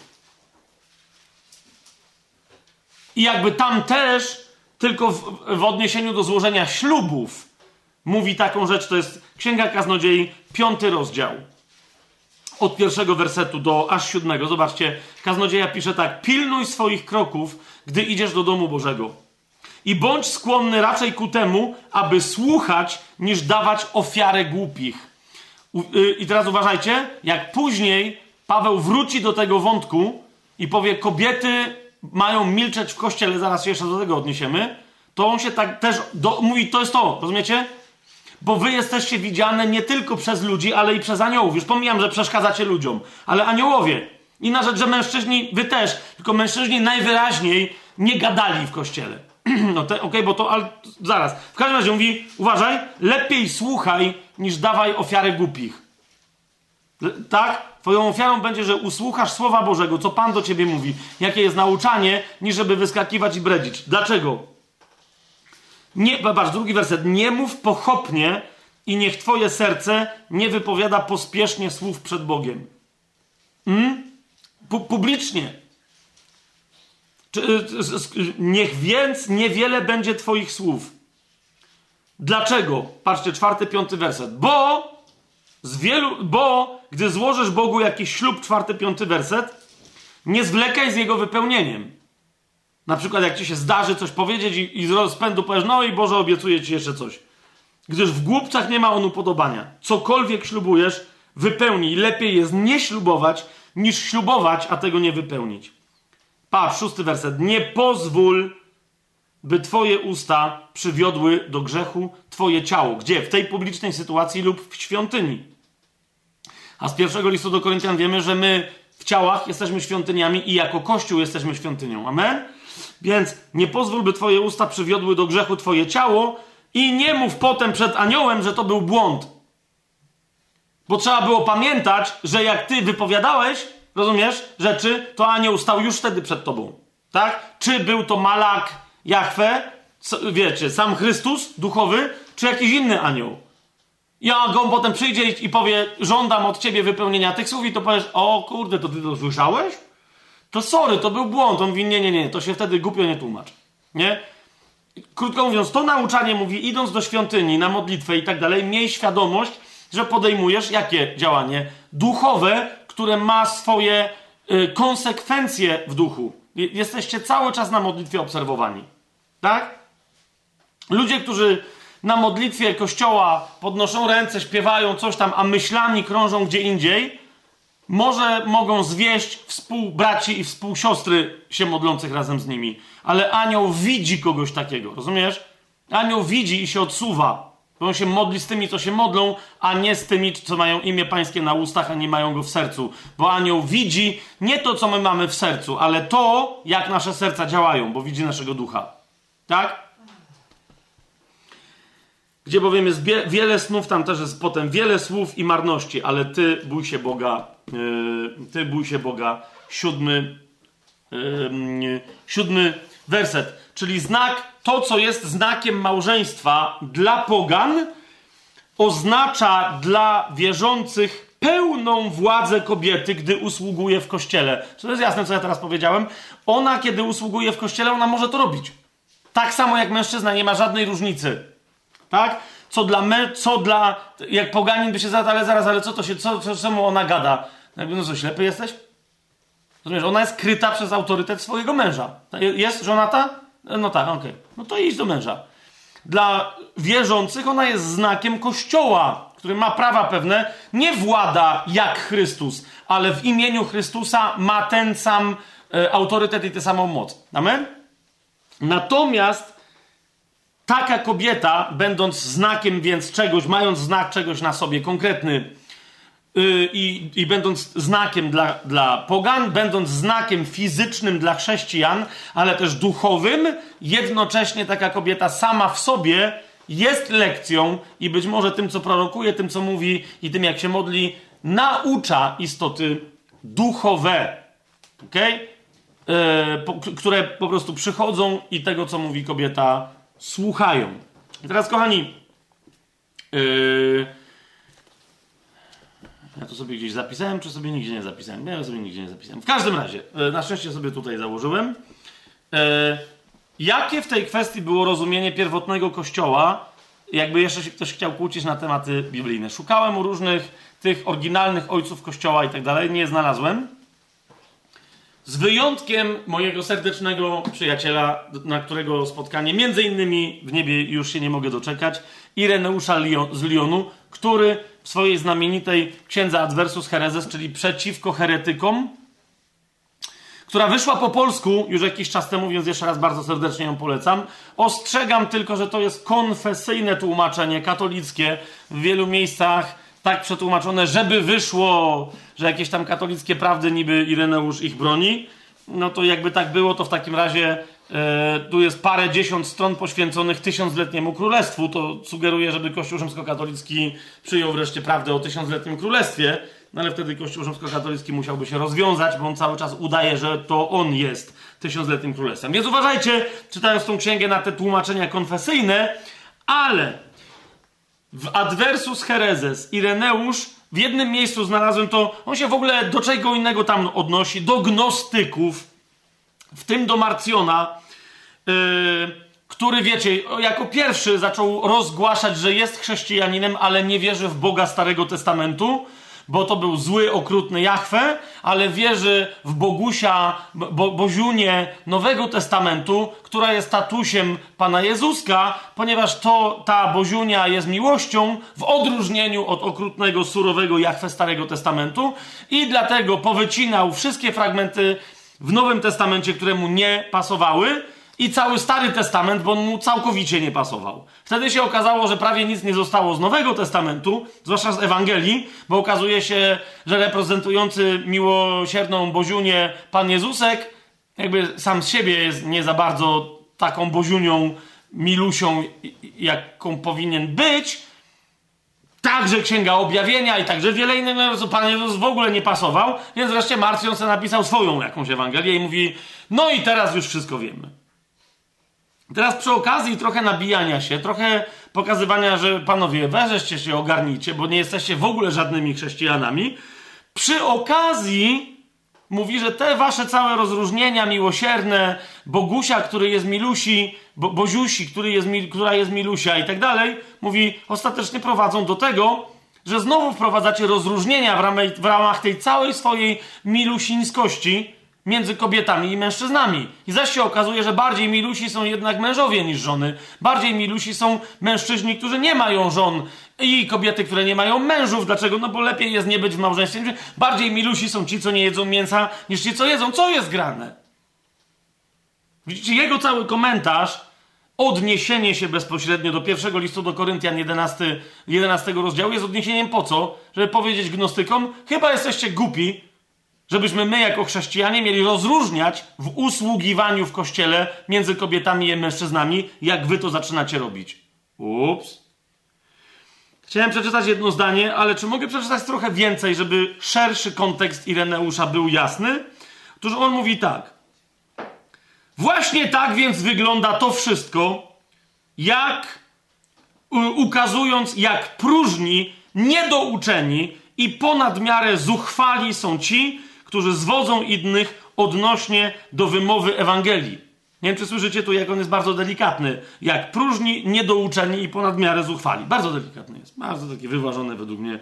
Ci, którzy odwą... albo też twierdzą, że ich liczba jest inna od rzeczywistej i tak dalej, bo on tam mówi, że nie ma, nie, niektórzy nie ma czterech Ewangelii, jest pięć, siedemnaście, Ewangelia Judasza, Tomasza, Smutasza, albo jest mniej, albo w ogóle nie wiecie, która. nie? Dalej, Marcjon na przykład, pisze Ireneusz, odrzucając Ewangelię w całości, czy raczej odcinając się od niej, chwali się jednocześnie, że sam posiada własną Ewangelię. No, tu jakby jest taki, to jest moment, wiecie, tu się śmiejemy. Inni zaś jeszcze, aby zaprzeczyć darowi Ducha Świętego, uważajcie teraz na to. Inni zaś jeszcze, aby zaprzeczyć darowi Ducha Świętego, który w tych ostatnich czasach, zgodnie z upodobaniem Ojca, wylany został na rodzaj ludzki. O kogo chodzi? Uważajcie, to jest drugi wiek naszej ery. Chodzi o już wtedy uznanych za heretyków cesacjonistów. Ok? ktoś czytał Ireneusza, to wie o czym mówi, on się do tego odwołuje. Mówi, są ludzie, którzy twierdzą, że może gdzieś na początku coś tam Duch Święty robił, ale go nie ma. Ireneusz, uczeń Polikarpa, który był uczniem Jana Ewangelisty, mówi: Co? Jak to go nie ma? Ja co prawda nie jestem apostołem, Polikarp też nie był z tych oryginalnych, ale zauważcie, co on mówi. A więc troszkę uderzając w cesacjonistów, którymi zajmiemy, się nie tylko nimi, ale i innymi, w drugiej części tego sezonu, bo nam jeszcze został Duch Święty. Chociaż jak już tyle było o kobietach, to nie wiem, czy nie będzie to Ducha Święta. No ale okej, okay, żarty żartami. Więc on mówi, jeszcze raz, mówi inni zaś jeszcze, aby zaprzeczyć darowi Ducha, czyli że w ogóle jakiś, wiesz, dar jest dany, tak? Który w ostatnich e, czasach zgodnie z upodobaniem Ojca wylony został na rodzaj ludzki, nie uznają Ewangelii w tej formie, którą pozostawił Jan, a w której to Pan przyrzekł, że ześle pocieszyciela. I tak za jednym pociągnięciem, uważajcie teraz, odrzucają zarówno Ewangelię, jak i ducha prorockiego, czy też ducha proroczego, czyli dar prorokowania w kościele. A to pisze kto? No gość, u którego już dawno powinno wygasnąć przekonanie, że ktoś prorokuje w kościele. A on mówi, co to oni odrzucają? I posłuchajcie teraz. Są oni rzeczywiście nieszczęśnikami, gdyż przyjmując na siebie rolę fałszywych proroków, wyrzekają się daru prorokowania w kościele. I podobni są do tych, którzy chcąc uniknąć połączenia się z obłudnikami pojawiającymi się w kościele, odcinają się tak naprawdę od wspólnoty z braćmi. Można mniemać, i tu już jest pojazd do końca, można mniemać, mówi Ireneusz, że tacy nie uznają również apostoła Pawła. Już wiecie, gdzie on zmierza? Bowiem w liście skierowanym przez niego do Koryntian daje on szczegółowy wykład na temat tego, co wiąże się z charyzmatami prorockimi. Szczegółowy wykład na, ten, na temat czego? Jak prorokować na, na wspólnych zgromadzeniach? Tak, ale nie tylko. Posłuchajcie, mówi, daje szczegółowy wykład na temat tego, co wiąże się z charyzmatami prorockimi, dając wyraźnie do zrozumienia, że wiadomo mu o tym, iż mężczyźni i kobiety w kościele prorokują. Więc on czasem jednym zdaniem wywala różnych gnostyków, różne koncepcje. I on mówi, ducha proroczego odrzucacie, to Pawła odrzucacie, to no, dlatego nie dziw, że odrzucacie usługę kobiet w kościele i tak dalej, i tak dalej. Wszystko odrzucacie. Mm-hmm. Mhm. Komentarz ostateczny Ireneusza. Dlatego też grzesząc tym wszystkim przeciwko Duchowi Bożemu, popadają w grzech nie do odpuszczenia. Ireneusz wręcz się zapędza i mówi: Według mnie to jest właśnie grzech przeciwko Duchowi Świętemu, co robicie. Grzech, którego nie można odpuścić, który świadczy o tym, że jesteście niezbawieni.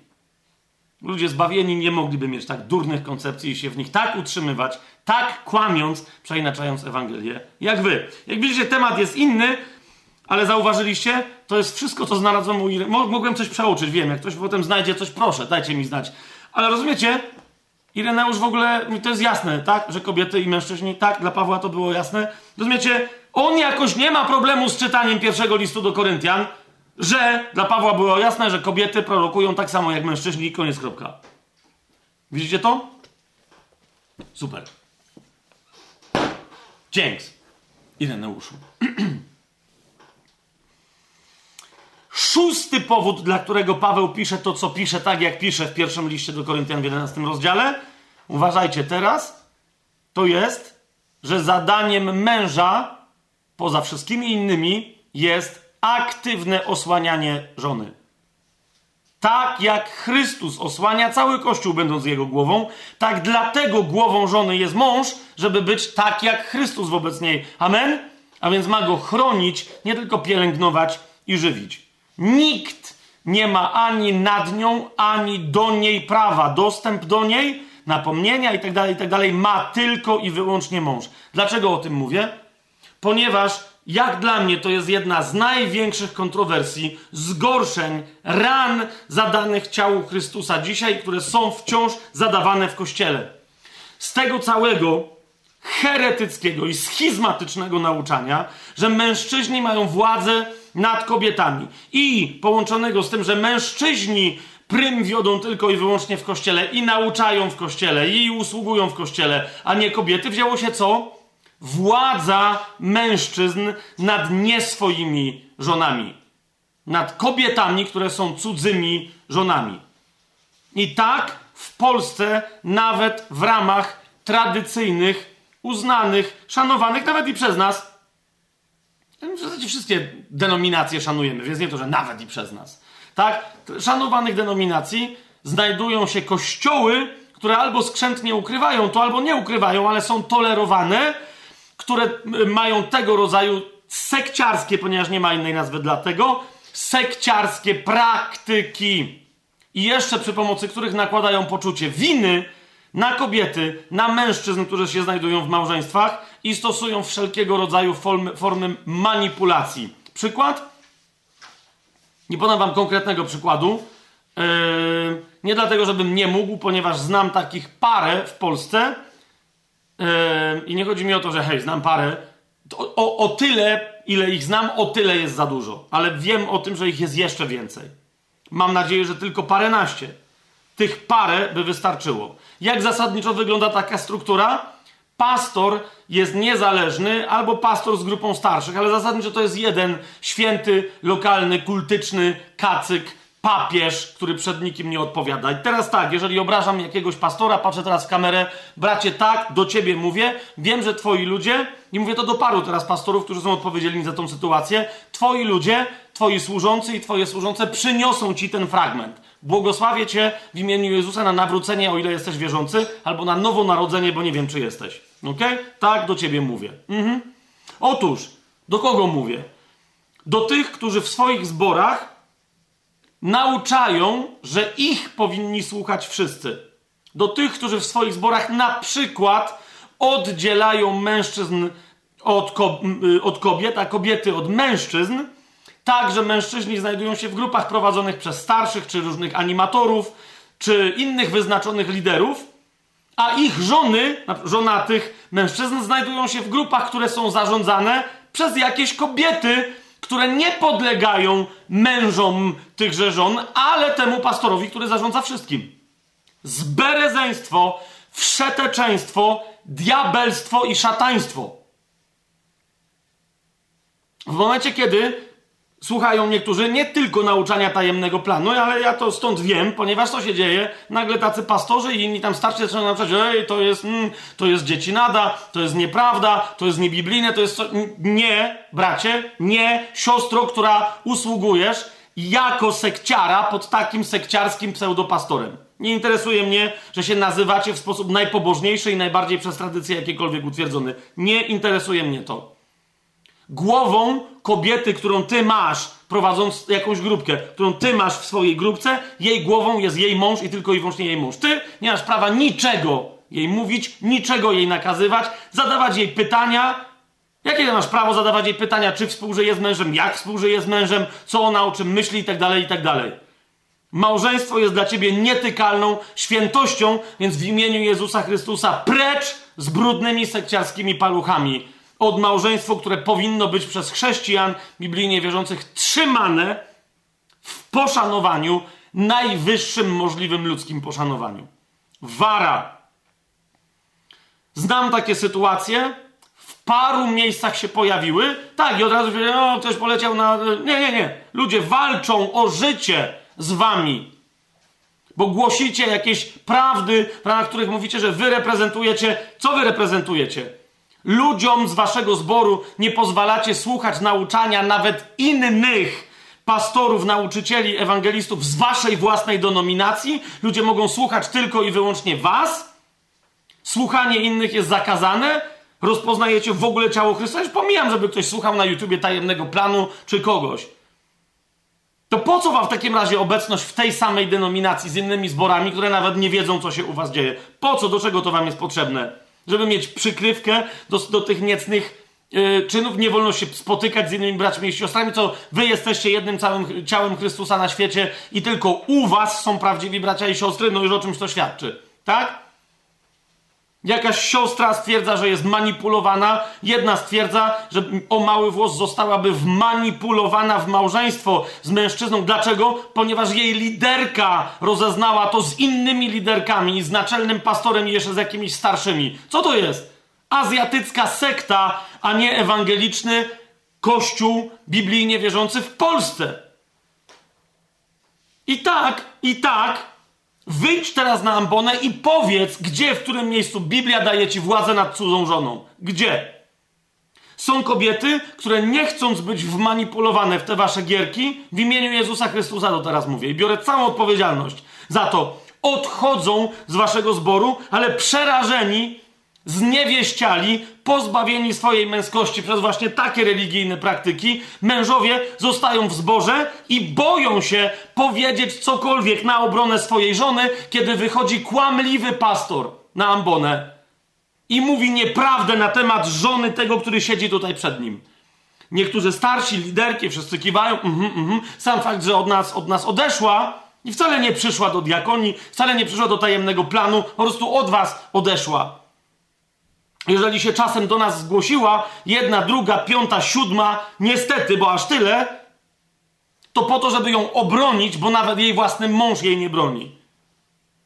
Bo się boi, bo jest tchórzem, to jest owoc głoszonej przez was Ewangelii, że z mężów robicie tchórzów, którzy niczym nie przypominają Chrystusa, który ma pielęgnować, żywić, karmić i chronić Kościół, czyli swoją żonę?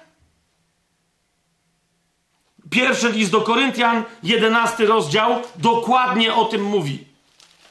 Rozumiecie?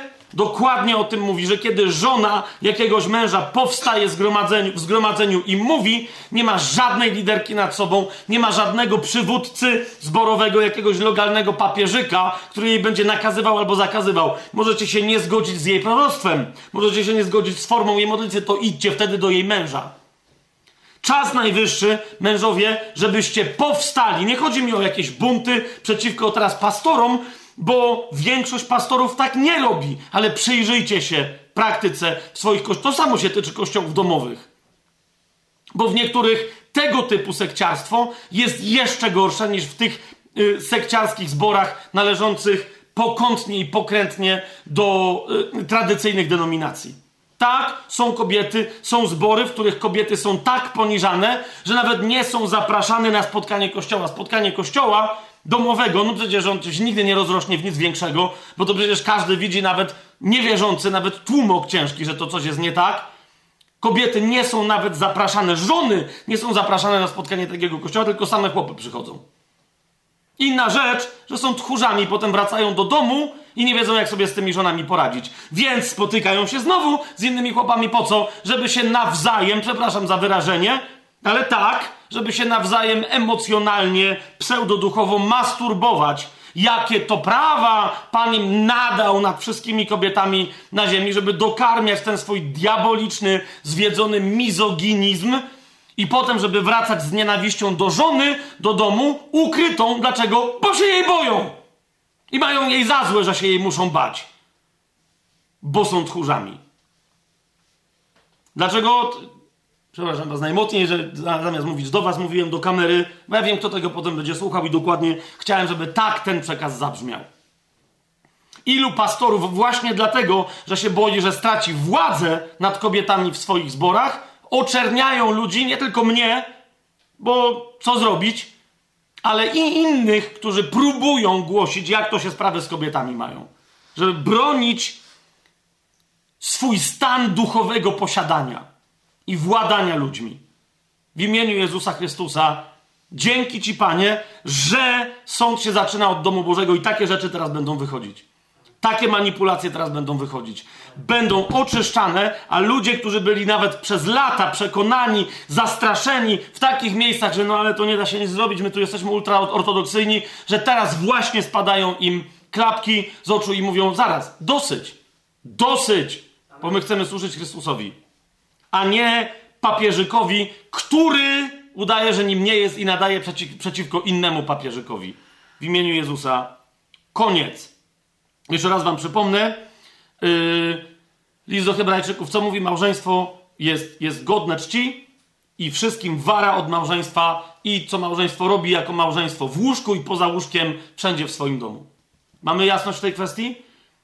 Seksualne sprawy to, to jest to jest kiedy indziej, więc, więc to, ale to musiało być powiedziane, to wszystko wynik tych fałszywych teologii, przeczących koncepcji i prawdzie i rzeczywistości nowego stworzenia. W ramach którego wszyscy jesteśmy tak samo nowymi ludźmi, którzy kiedyś się spotkamy w nowych, duchowych, zmartwychwstałych ciałach, jako jakby, nie jako aniołowie, ale jakby aniołowie, którzy się ani żenić, ani za mąż nie będą wychodzić. Tak? Dwa następne cele, które ma Paweł, które ma Paweł kiedy pisze 11 rozdział list, pierwszego listu do Koryntian.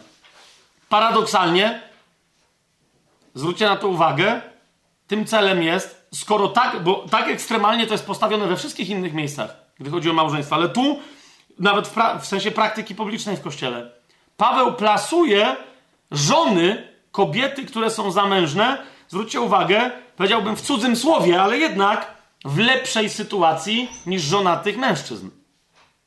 Dlaczego? Ponieważ punktem odniesienia w uległości dla zamężnej kobiety bezpośrednim jest jej głowa, czyli kto? Czyli mąż. A dla mężczyzny punktem odniesienia jest ktoś, kto w danym momencie dla niego reprezentuje głowę, a więc ktoś, komu w danym momencie, w danym zadaniu, w danej posłudze, w danej sytuacji jest podległy. Apostoł, prorok, ewangelista, pasterz. Rozumiecie o co mi chodzi? I mężczyźni muszą. E, to oznacza, tak, to, to, że na nich też ciąży obowiązek przynoszenia chwały głowie, którą jest Chrystus. Tak? Ta głowa komunikuje się z nim jak przez pięcioraką służbę i to wszystko, co z pięciorakiej, yy, co z pięciorakiej służby wynika. Teraz, kochani, ja już nie będę w to wchodził, to jest temat nieco rozległy i może kiedy indziej o nim powiemy, ale przy tej okazji musiałbym też zaznaczyć jedną rzecz. Mianowicie, czy, jak to powiedzieć? Czy wobec tego jest możliwa pełnoprawna usługa w kościele kobiet niezamężnych? Dobra, są w usłudze cztery prorokinie, ale dlaczego? Bo mają bezpośrednią relację z ojcem i, uwaga, to jest bardzo istotne, są dziewicami. Okay? Są dziewicami, które są pod ojcem. I Paweł mówi, dziewice? Jak najbardziej tak. Okay? Ale, ale, jeżeli się zdecydują na bycie dziewicami, ale jak są dziewicami, a się nie zdecydowały, nie, nie powiedziały, że poświęcają swoje życie na służbie Pana, wdowy, na właśnie problem wdów. Wdowy, Paweł mówi, dopóki nie skończą sześćdziesiątki, jakby nie potwierdzą pewnych rzeczy, to mówi, niech wychodzą za mąż, niech dalej żyją w małżeństwie, a nie co to ma znaczyć? Wdowa dopiero, tak? E, niektórzy zwracają uwagę, że sławna niewiasta Jezabel ma dzieci, ale jakoś nie widać męża u niej. To jest dosyć dobre pytanie. Dlaczego Pan Jezus mówi, macie pomiędzy siebie niewiastę Jezabel, pamiętacie, jeden kościół i co to się tam dzieje, nie? No, ja zwracam głównie uwagę na to, że ona się podawała, że jest prorokinią, a de facto nauczała, I że to jest problem, kiedy ktoś wychodzi ze swojego powołania i zaczyna wchodzić w inne, które sobie wymyślił i z namaszczenia. Dobra, ale zostawmy to. Idzie, idzie tylko o to, czy y, jednak tam czasem, jakby rozważcie to, no nie? Czy właśnie bycie mężatką nie daje możliwości kobiecie w kościele pełnoprawnej służby ze względu na pewne rzeczy, o których mówiliśmy. Jeszcze raz, nie mówię, że tak jest, nie? Ale zauważcie, jak będziemy inne fragmenty studiować w innych listach i tak dalej, już nie dzisiaj, jak często e, o pewnych postawach, dla których później kobiety mogą coś robić albo czegoś nie mogą robić, podobnie jak i mężczyźni, warunkiem jest bycie w małżeństwie. Hmm? Ale dobra, to zostawmy. I właściwie tyle. Ok? No właściwie tyle, bo tam jak teraz tak widzę z tych moich notatek, ten ósmy punkt, co się w jednym z siódmych zawarł, wszystko gra. ok? Wszystko gra. Paweł, ym, bo, bo, Paweł między innymi mówi o tym, że i w modlitwie, i y, w usłudze w kościele, w prorokowaniu, no to może być powiedzmy jako osobny. Mężczyźni i kobiety są równi, tak? Ym, a w małżeństwie mają pewne rzeczy zaznaczać, z tych powodów, o których podaliśmy, ale nadal wolno im tak samo modlić się i prorokować, mężczyznom i kobietom. Tak? Mamy jasność w tej kwestii? To jeszcze dalej. Zanim sobie wreszcie przeczytamy swobodnie i zobaczycie, jak po tych wszystkich wyjaśnieniach ten tekst jest po prostu no, jasny. Tak? Nie, nie, nie mamy wszystkich jeszcze niuansów, tam smaczków, które Paweł zawarł, ale po prostu ten tekst jest jakby taki, no przecież, oczywiście. Otóż słowo eido, okay, które się pojawia w tym trzecim wersecie, chcę, żebyście wiedzieli. Czemu ja się upieram, że widzieli? Powiedziałem już, że to słowo po pierwsze, jak jest tłumaczone, w zależności od tłumaczeń, ale zasadniczo większość tłumaczeń tego słowa tłumaczy to słowo jako widzieć, patrzeć, unaocznić sobie, dostrzegać coś, spostrzec, ok? A nie wiedzieć. Moja osobista teza jest jaka? Że w wielu miejscach, gdzie to słowo jest przetłumaczone jako wiedzieć, wcale nie musi być tak przetłumaczone, a wręcz zaciemnia pewien obraz, którym się posługuje autor, Duch Święty i autor biblijny, kiedy się posługuje tym wyrazem. I teraz mówiłem na przykład w Ewangelii Mateusza, tym czasownikiem posługuje się Mateusz, kiedy mówi, że mędrcy zobaczyli gwiazdę i tak dalej, a nie dowiedzieli się o gwieździe. Jak ją zobaczyli, to się dowiedzieli, że jest. Dlaczego? No bo ją widzieli. Proste. Ale chcę wam zwrócić uwagę, że w samym pierwszym liście do Koryntian ten czasownik jest dokładnie tak użyty, żeby go odróżnić od czasownika ginosko, czyli wiedzieć. Ok? Zobaczcie. Yy, najpierw pierwszy yy, do Koryntian, drugi rozdział, dziewiąty werset. No, fragment, który wyraźnie nam demonstruje, jak się stosuje czasownik eido, czyli widzieć. Drugi rozdział, dziewiąty werset. Ale my głosimy, jak jest napisane, czego oko nie widziało. Jaki tu myślicie jest czasownik Ejdo? Co oko miało wiedzieć? Jasne, że jak oko coś widzi, to przez to coś wie, ale chodzi o proces patrzenia. Rozumiecie o co mi chodzi? Więc yy, no, obczajacie, że jeżeli nawet czasem ktoś się posługuje w języku greckim tym wyrazem, na przykład Eido mówi, to i to oznacza, mm, rozumiem, wiem, to to jest coś w stylu, jak w języku angielskim komuś, komuś ktoś wytłumaczysz, a ten, ten ktoś mówi, hmm, I see. Nie chodzi o to, że nagle przejrzał i widzi, tylko chodzi o to, że widzi to, czyli że zrozumiał. Tu w języku greckim chodzi nie tyle o to, że ktoś coś zrozumiał, ale że coś się, czegoś się dowiedział, że coś wie. Niemniej, proszę Was, żebyście zwrócili teraz uwagę na to, jak wiemy o tym, Zobaczcie, gdzie po raz pierwszy występuje w tym liście czasownik eido, czyli widzieć, bo oko widzi. Tak? To jest pierwszy rozdział pierwszego listu do Koryntian, szesnasty werset. Paweł mówi: Ochrzciłem też dom Stefanasa, poza tym nie wiem, czy ochrzciłem jeszcze kogoś. Tymczasem tu posługuje się Paweł czasownikiem eido, a więc Powiedzcie mi, czy jest jakiś problem, żeby to przetłumaczyć? Nie, nie wiem, ale ochrzciłem też dom Stefanasa, poza tym nie widzę, czy ochrzciłem jeszcze kogoś. Czy stanowi to dla was problem, takie tłumaczenie? A to jest dokładnie to, co napisał Paweł. Okej, okay, ktoś powie, no ale dobra, no ale no nie widzi, nie wie, no bo wiecie, ma przegląd w głowie. Ale zobaczcie, na inny fragment, dla mnie już bardzo bolesny. I myśmy wielokrotnie o nim mówili i tak dalej, ale ja czekałem, na, aż się zajmiemy czasownikiem Ejdo, tak? Pierwszy list do Koryntian, drugi rozdział, drugi werset. Postanowiłem bowiem nie znać wśród was niczego innego, jak tylko Jezusa Chrystusa i to ukrzyżowanego. Pytam się, dlaczego? O ile lepsze jest to tłumaczenie od oczywistego tłumaczenia, postanowiłem bowiem nie widzieć wśród was niczego innego, jak tylko Jezusa Chrystusa i to ukrzyżowanego.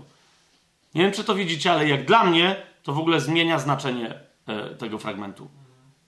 Ok? Nie znać, nie, co, co, o co chodzi. Że wiecie, co jest grane? Jak, jak Paweł potem mówi o tym, żeby chodzić przez wiarę swoją, mówią, swoją drogą też do Koryntian i tak dalej. Widzicie, co się tu dzieje? I w pierwszym do Koryntian, zobaczcie, w drugim rozdziale 11 i 12 werset. Bo kto z ludzi wie, co jest w człowieku, oprócz ducha ludzkiego, który w nim jest? Eee, z całym szacunkiem, ale dużo ludzi wie, co jest w człowieku. Ok? Ale teraz uważajcie. jak przeczytamy to we właściwym tłumaczeniu. Bo kto z ludzi widzi, co jest w człowieku, oprócz ducha ludzkiego, który w nim jest? A? I dalej, dwunasty werset. My zaś nie przyjęliśmy ducha świata, lecz ducha z Boga, żebyśmy widzieli, które rzeczy są nam od Boga darowane. Jest to klarowniejsze, co się tu dzieje? Jakby przynajmniej czego szukać w duchu? No jak słowo daje, tak? Teraz, kochani, jakby ktoś jeszcze się chciał kłócić i by powiedział, ale tłumaczenie. Widzicie, jak ktoś tłumaczy Ejdo, mieszając ten czasownik z czasownikiem ginosko, czyli właściwie oznaczającym wiedzieć, on jest połączony z rzeczownikiem gnozis. Ginosko, tak? Gnozis, wiedza ginosko, wiedzieć, mieć poznanie. To, co się dzieje, to ma problem z przetłumaczeniem takiego fragmentu, jak pierwszy list do Koryntian, ósmy rozdział, wersety 1 i 2. Otóż, tłumaczenie to brzmi, co do ofiar składanych bożkom, to oczywiście wszyscy posiadamy wiedzę. Nie czy kiedykolwiek czytając wiersze do Koryntian zastanowiliście się, jak to, zwłaszcza ci, którzy z was, którzy znają Grekę, jak po grecku brzmi to oczywiście, że wszyscy coś tam. Bo ja myślę, mm, co, co, co? Sobie tam sprawdziłem i co odkryłem? Że to zdanie jest bardzo skomplikowane i składa się z dwóch czasowników, mianowicie eido i ginosko. I brzmi, co do ofiar składanych bożkom, to wszyscy widzimy, że mamy wiedzę. Wiedza wszakże wbija w pychę, ale miłość buduje. Nie wiem, czy widzicie, co się tu dzieje. Są dwa. Mówi, wszyscy widzimy, że posiadamy wiedzę, czyli wszyscy widzimy, że wiemy. Hmm? I popatrzcie drugi. Ale jeżeli ktoś widzi, że coś wie, to jeszcze nie wie tak, jak wiedzieć należy. Paweł mówi: odróżnij prawdziwą wiedzę od postrzegania czegoś jako wiedzę. To, że ty coś widzisz na zewnątrz, to nie znaczy, że widzisz intencje, i dlatego potem Paweł zaczyna nauczać o intencjach wewnętrznych. Że to nie chodzi tylko o zewnętrzne, że nie czy widzicie, co się dzieje, tak? Sami sobie potem możecie to sprawdzić, że tutaj te dwa czasowniki występują obok siebie i ewidentnie widzicie, jak ktoś obydwa te czasowniki tłumaczy jako wiedzieć, to powstaje mu naprawdę masło maślane. Tak? Oczywiście, że wiemy, jeżeli ktoś wie, że wie, to jeszcze nie wie tak, jak ma wiedzieć. Bez sensu. Wiecie, kiedy eido znaczy widzieć, a ginosko znaczy wiedzieć, to wtedy dopiero się rzeczy zaczynają rozróżniać. I teraz jeszcze raz, w jedenastym rozdziale Paweł mówi, chcę, żebyście widzieli, a nie wiedzieli. Paweł nie mówi, ja nie wiem, że wy nie wiecie. Tak samo jak Paweł nie dopiero yy, yy, nie dopiero naucza na temat y, wieczerzy Koryntian, tylko co robi? Przypomina im. 23 werset 11 rozdziału. Ja bowiem otrzymałem od Pana co? To, co wam już przekazałem. A teraz wam przypominam. Tak samo jak w 15 rozdziale. Oznajmiam wam, bracia, Ewangelię, którą już wam głosiłem. Tak? Teraz ja wiem, że wy wiecie. Teraz jest pytanie, czemu ja tego nie widzę po waszym zewnętrznym zachowaniu, że wy to wiecie. Wiecie, ale mnie nie, nie naśladujecie w praktyce. Rozumiecie o co chodzi? To jest jedna bardzo ważna rzecz. Jeszcze raz chciałem podkreślić. Nie, nie ma za specjalnie według mnie możliwości bawienia się słowem ejdo, że ono też może oznaczać wiedzieć. Bo nawet tam, gdzie ono oznacza wiedzieć, to znaczy spostrzec coś, zorientować się przez co? Przez to, co się zobaczyło. Jasne? Teraz, Yy, dodatkowy problem to jest długość włosów. Tak?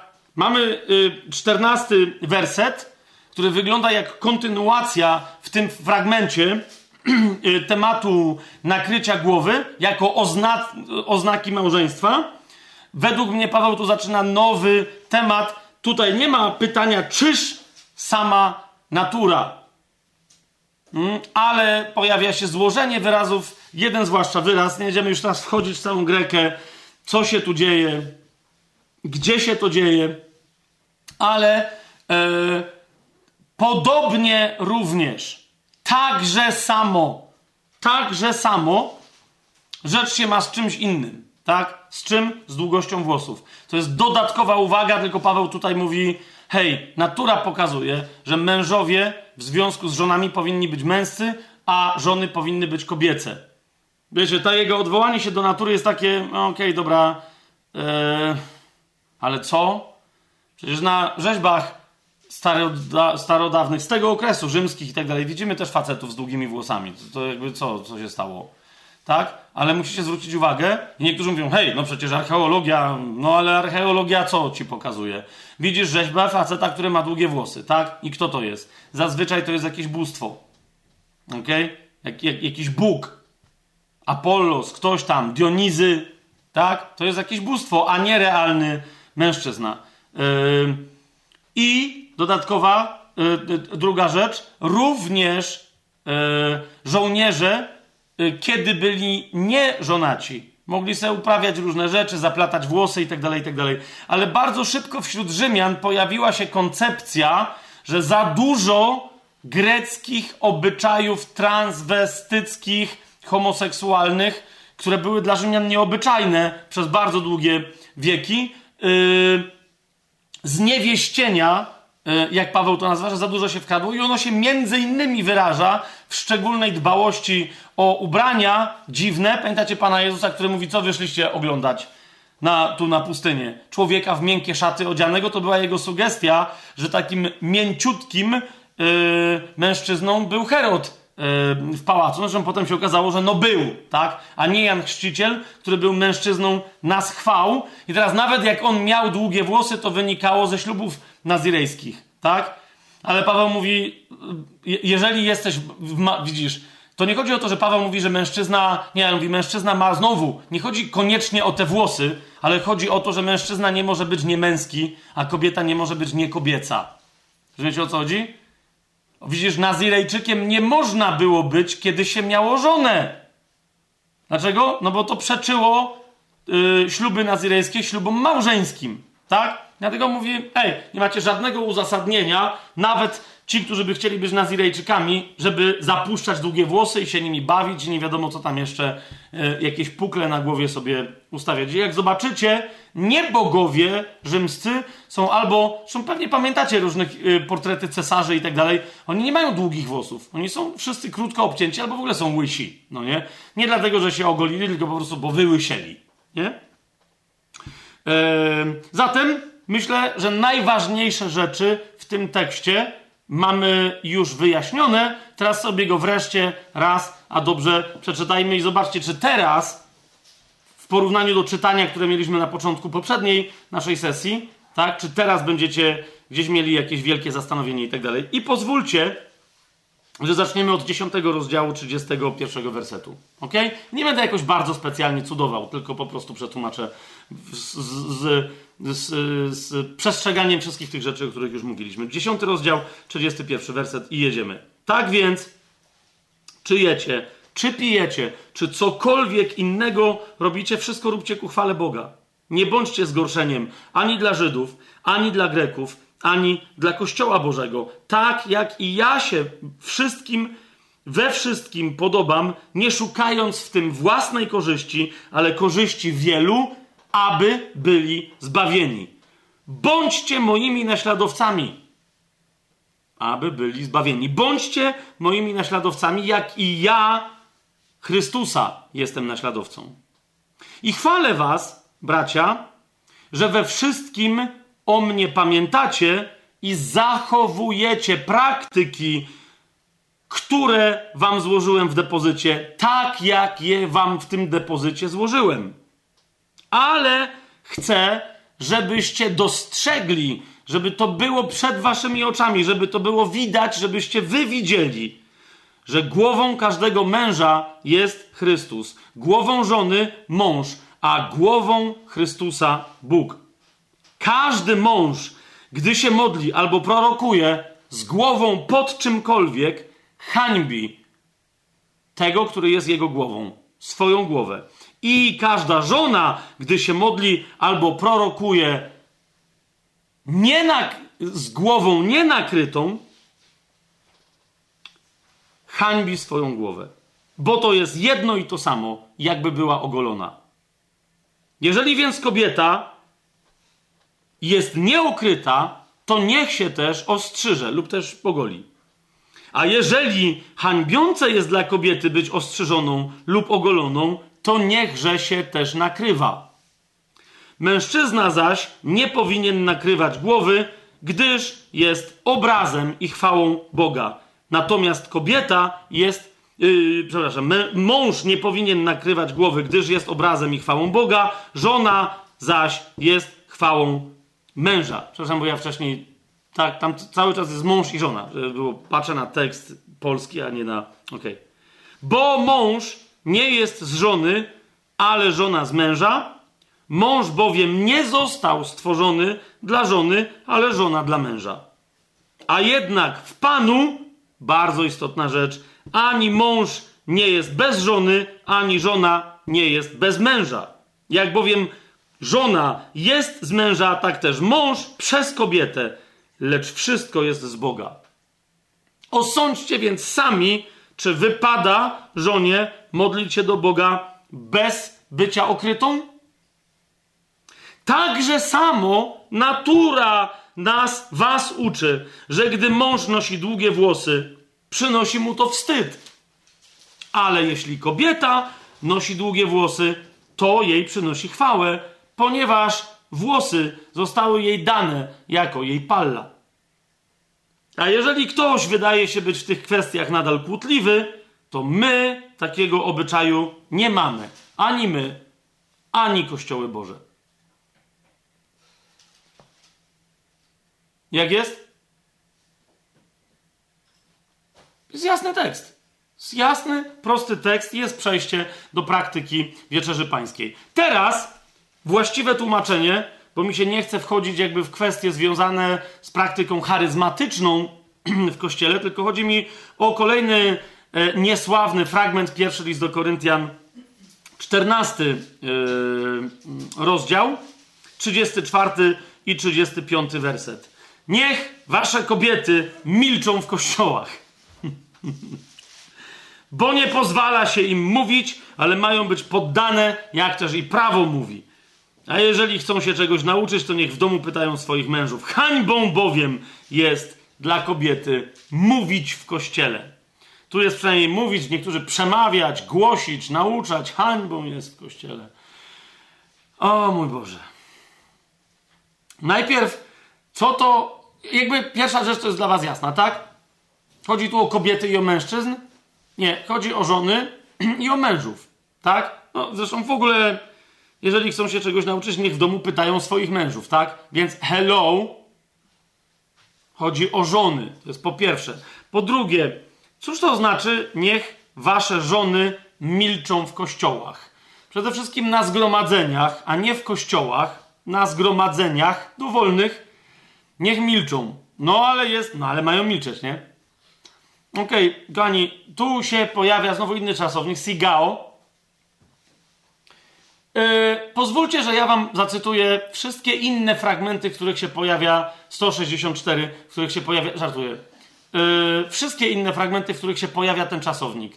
Powiedzcie mi, czy to milczeć znaczy tak milczeć, jak nam się wydaje, że te kobiety mają milczeć, kiedy niektórzy krzyczą, że mają milczeć. Ok? Ok? Ok, to idźmy szybciutko za mną. Yy... A, jeszcze jedną rzecz powiem. Czyli, czy chodzi o milczeć, czy też uspokoić się, żeby lepiej coś usłyszeć? Ok? W celu uciszyć się, żeby coś dosłyszeć, bo się czegoś nie słyszy. Moje tłumaczenie osobiste jest takie, no i wiecie, że będę w tamtą stronę paru, ale jeszcze raz pokażę wam wszystkie zastosowania tego czasownika yy, w Biblii, ok? Według mnie to znaczy zamilknąć, żeby na czymś się skupić, uciszyć się, żeby móc się na czymś skoncentrować, żeby skupić na czymś swoją uwagę, albo uspokoić się, żeby nie robić hałasu, żeby móc usłyszeć to coś, co ten hałas zakłóca. Sigał. Ok? Ok, więc idziemy po kolei. Ewangelia Łukasza, dziewiąty rozdział. Ewangelia Łukasza, 9 rozdział, 36 werset.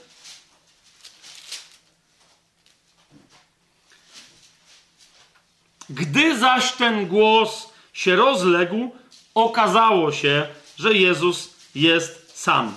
A oni milczeli i w tych dniach nikomu nie mówili nic o tym, co widzieli. Tu jest czasownik sigao, czyli zamilkli na temat tego, co słyszeli. Na zawsze zamilkli tutaj w tym, no nie bo potem wiem, Piotr pisze na ten temat, ale w tych dniach nikomu nie mówili nic o tym, co widzieli. A więc nie odzywali się na jakiś temat. Widzicie to? Ale niektórzy no ale zamilkli. Zamilkli. Zamilkli.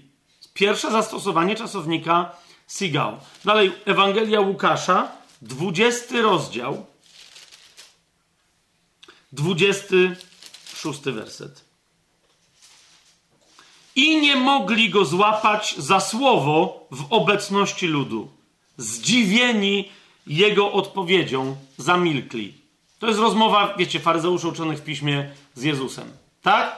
Wobec tego, co Jezus mówił, nie byli w stanie się przeciwstawić jego słowom i zamilkli, ale co? Słuchając tego, co on mówi. Widzicie to? Czy, czy nie?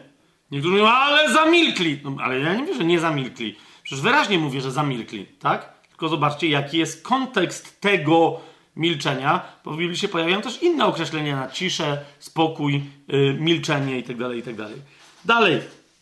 Dzieje apostolskie, 12 rozdział.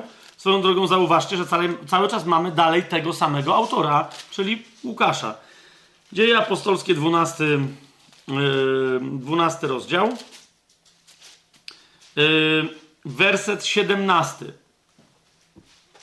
A dawszy im ręką znak, aby zamilkli, ale jest wiele tłumaczeń, które mówią, aby się uspokoili, opowiedział im, jak Pan wyprowadził go z więzienia i powiedział, powiadomcie o tym Jakuba i braci. Potem wyszedł i udał się w inne miejsce. Przyszedł Piotr, wiecie, jest sensacja. Został uwolniony. Co? To jednak jest Piotr, jest hałas. A Piotrowi się spieszy i o co mu chodzi? Żeby oni się nie odzywali? Nie, żeby oni go usłuchali. Więc daje im znak, żeby zamilkli, ale po co? Żeby słuchali tego, co on mówi. Czy to jest jasne? Czy tu nie chodzi o milczenie? Tu chodzi o milczenie, ale chodzi o to, czemu ma służyć to milczenie. Według mnie trzeci raz jest mowa, że milczenie służy temu, żeby ktoś coś usłyszał, albo żeby ktoś coś na razie, ktoś czegoś nie usłyszał. Tak? Na razie mieliśmy jedno zastosowanie, żeby ktoś czegoś nie usłyszał, i dwa, milczenie, żeby móc coś usłyszeć. Zgodzicie się ze mną? Dalej. Dzieje apostolskie, 15 rozdział, wersety 12 i 13 i całe zgromadzenie umilkło, a słuchali Barnaby i Pawła. Tu, jest, tu mamy a potem, najpierw umilkli, a potem nie, nie, nie, nie. Oni dlatego zaczęli słuchać Barnaby i Pawła, bo umilkli i zaczęli ich wreszcie słyszeć, bo tam był rwetes. Tak? Całe zgromadzenie umilkło i słuchali Barnaby i Pawła, którzy opowiadali, jak wielkie znaki i cuda Bóg uczynił wśród nich, yy, przez nich wśród pogan. A gdy i oni umilkli, odezwał się Jakub. Czyli znowu on zaczekał, żeby i oni go posłuchali, i jak oni skończyli, to nie znaczy, że im nie wolno było mówić, rozumiecie o co chodzi, tylko po prostu jak gadasz, to gadasz, jak masz coś do powiedzenia, czego wszyscy słuchają, jak nie masz, to zamilknij, bo kto inny ma coś do powiedzenia. Czy to widać? Zaczyna być widać? Okej. Okay. No i Łukasz tu już kończy, no ale Łukasz albo się nauczył tego wyrazu od Pawła, albo Paweł się nauczył tego greckiego wyrazu od Łukasza, bo drugi autor, który się posługuje, albo przez którego Duch Święty się posługuje tym słowem, to jest tylko Paweł i już nikt więcej w całej Biblii. Otóż w liście do Rzymian w 16 rozdziale Paweł posługuje się tym czasownikiem sigao, 16 rozdział 25 werset, a temu, który was może utwierdzić według mojej Ewangelii i głoszenia Jezusa Chrystusa, według objawienia tajemnicy od wieków okrytej milczeniem.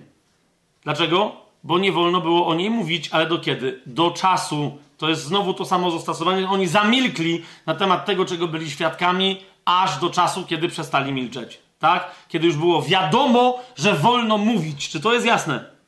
Okej. Okay. Dalej. Yy, pierwszy do Koryntian. Hmm.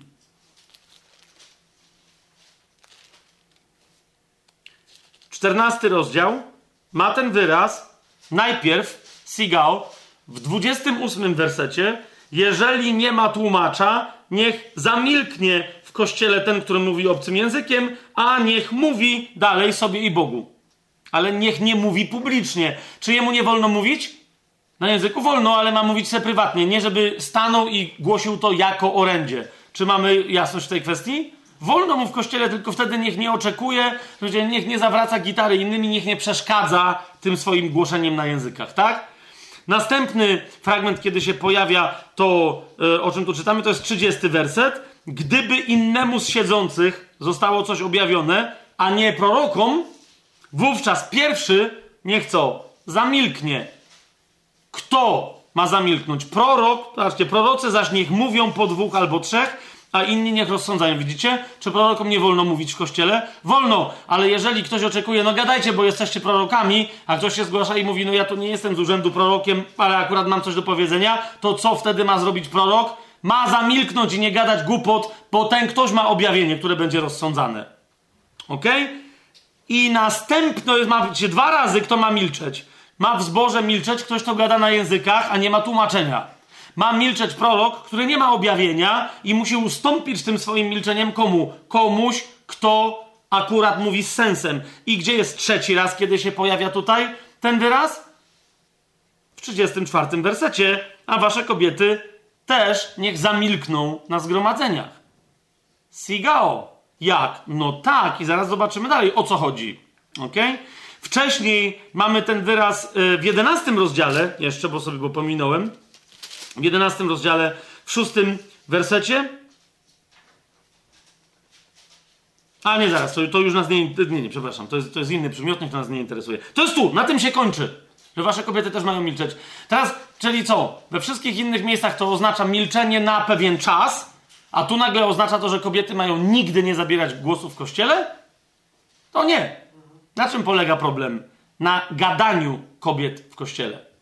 Okay? Na gadaniu. Jak zobaczycie, ten zaś czasownik, już mi się nie chce go demonstrować, bo tego, a jest więcej niż wiecie, dziewięć zastosowań, tak? Chodzi o co? Paweł mówi, niech wasze żony milczą, zachowują ciszę w kościele na zgromadzeniach. Po co? Kurde, żeby wiedziały, co się dzieje. Tak? Żeby innym nie przeszkadzały. Dlaczego o tym, o tym mówię? Bo, za chwilę mówi Paweł, no nie pozwala im się gadać ale mają być poddane, jak też prawo mówi. No i teraz nawet nie mam czasu, będziemy później przy okazji charyzmatów mówić, które to prawo o czym mówi, ale o czym mówi? Właśnie o uwadze w słuchaniu Słowa Bożego i o, o nie tylko o kobietach, tak? Po prostu, żeby. Yy, bo, bo, bo to jest wina, jeżeli ktoś akurat ma sprawę i musi teraz koniecznie. ok? A potem mówi, co, ale co, co, o co chodziło? Jeżeli chcą się czegoś nauczyć, bo ktoś mówi, nie, ja tylko zapytałam, bo ja chciałam em, em, em. A to jest wyraźnie, widzicie, przy czym? Przy rozeznaniu prorokowania. Widzicie to? Bo Pan mówi, wszyscy możecie prorokować, tylko macie to rozeznawać. No i wtedy wiecie, może się zacząć trochę, ale chodzi o to, że po prostu kobiety. Nie ma tak! Na kościele domowym nie ma tak na naszych spotkaniach otwartych. No wystarczy moment, że jakby jest, wszyscy czegoś słuchają. Mm. I nagle jest takie, słuchajcie, a co wy myślicie? I ktoś zaczyna mówić i zawsze wtedy, ja, to, naj, no nie zawsze, ale najczęściej jakaś kobitka, nie? I zaczyna, co, co, ale co było? Nie, nie, nie. Mm. No. I dosłownie, ja dokładnie to widzę, bo rozumiecie, no nie ma sensu, niech kobiety milczą w kościele. A przed chwilą było, niech prorokują i gadają dokładnie tak samo jak mężczyźni. O co chodzi? Niech milczą w momencie, kiedy inni mówią. To jest ten czasownik, tak? Jak mają same coś do powiedzenia, ale to nie jest jeszcze pora, to niech zamil, a niekoniecznie się dzielą z kimś innym. Bo widzicie, co ten czasownik oznacza? Milczeć, zachowywanie czegoś do powiedzenia na właściwy czas, albo powstrzymanie się od mówienia, bo ktoś inny mówi, żeby móc tego posłuchać. Mamy jasność? No to ja nawet nie wiem, czy muszę ten fragment wobec tego, yy, tego tłumaczyć. Tak? Przyjrzyjcie się, to są dwa wersety. I Paweł tu mówi, hańbą bowiem Haniebne dla kobiety jest gadać w kościele. To jest ten sam wyraz, co jak mówi haniebne jest, jak nie zaznacza, że jest czyjąś żoną. Tak? Dlaczego? Dlaczego? Dlaczego? Właśnie dlatego, że kobiety nie mogą liczyć na specjalne traktowanie w kościele, nawet zamężne, bo one wtedy się. Władzę, nieważne, rozumiesz, bo ty teraz nie, nie przemawiasz, nie, ty zajmujesz się czymś razem z kościołem, który rozeznaje proroctwo który rozeznaje, rozeznaje języki, który, albo który rozeznaje twoje proroctwo. To, że powiedziałeś proroctwo i teraz cię nie interesuje, czy Kościół go zaakceptował, tylko nagle, a, Teresko, mogłabyś mi podać herbatki, ale tutaj z różą, a nie z Elgrejem.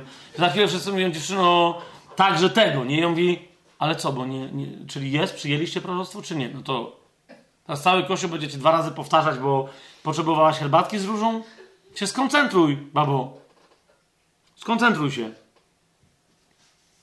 A jeżeli rzeczywiście tak jest, jeżeli rzeczywiście tak jest, że coś tam się dzieje, no to halo, się zapytaj męża w takim razie domu jeszcze raz. Bo jeżeli masz reprezentować w związku małżeńskim żono uległość Kościoła wobec Chrystusa, to nie uzurpuj sobie praw, które ci bycie żoną, których ci bycie żoną wcale nie daje. To jest jasne? Zwłaszcza, że tam wiecie, dziewice, kobiety, które nie były zamężne, było nie, były niewolnicami i tak dalej, i tak dalej, one by nie śmiały na takim spotkaniu, wiecie, gadać, popisywać się i cwaniakować. Nie? I, I, tu Pawłowi o to chodzi. Nie mówi do wszystkich kobiet, tylko mówi do kobiet zamężnych. Mm -mm. Skończcie z pitoleniem. Skończcie z gadaniem, z laleo. Skończcie eme, eme, eme, eme, eme. Nie? Ten czasownik, jak zobaczył, tam się ktoś kiedyś oburzył, ale jest powiedziane, że Jezus też się, też mówił coś, co też gadał? Nie, ten czasownik po prostu oznacza, że ktoś mówił, ale ty nie wiesz, co on mówił. Tak? W tym fragmencie, gdzie jest mowa o Jezusie, jest powiedziane co? Że kiedy Jezus mówił, ktoś przyszedł i mu przerwał. To nie, nie chodzi o to, że Jezus gadał i mówił coś nieważnego. Chodzi o to, że ten, co przyszedł i co mu przerwał, nie wiedział, co Jezus gadał i w ogóle uznał, że to jest nieistotne, dlatego mu przerwał. Rozumiecie, o co chodzi? Dlatego z jego punktu widzenia no to Jezus tam coś gadał. No nie? Nawet jeżeli nie mówił, ale co, nie wiadomo co. I za każdym razem zauważcie, to, to nie jest marzenie, a, a wtem Jezus odezwał się w te słowy, otworzył usta i rzekł, tak, rzekłszy, powiedziawszy. I potem jest cytat. Ten czasownik mówi, że ktoś tam siedział i coś mówił. I co? No i tyle, no mówił. Rozumiesz? Nie to, że bez sensu mówił, ale nie wiadomo co mówił. W każdym razie z tego z tej narracji, którą ci przedstawiam, nie mówię ci, co on mówił, więc ty nie wiesz, co on mówił. Tylko wiesz, że co robił? Że mówił. O to chodzi. Chodzi o takie mówienie w kościele, że kobiety coś tam gadają, tam coś ćwierkają i wszyscy, ale serio? Ale co? Nie, nieważne, nie, nie, nie, kontynuujcie, nie? Dzięki za pozwolenie. Mamy jasność? Nijak się to nie odnosi do tego, że kobiety mają milczeć w kościele. Słowo daje. Nijak. I ostatni, ostatni, ostatni już wyraz, yy, nie, nie wyraz, tylko yy, no tak, wyraz fałszywych pewnych teologii opieranych na Słowie Bożym, ale wcale nie pochodzących ze Słowa Bożego. Aha, aha, aha, aha, aha.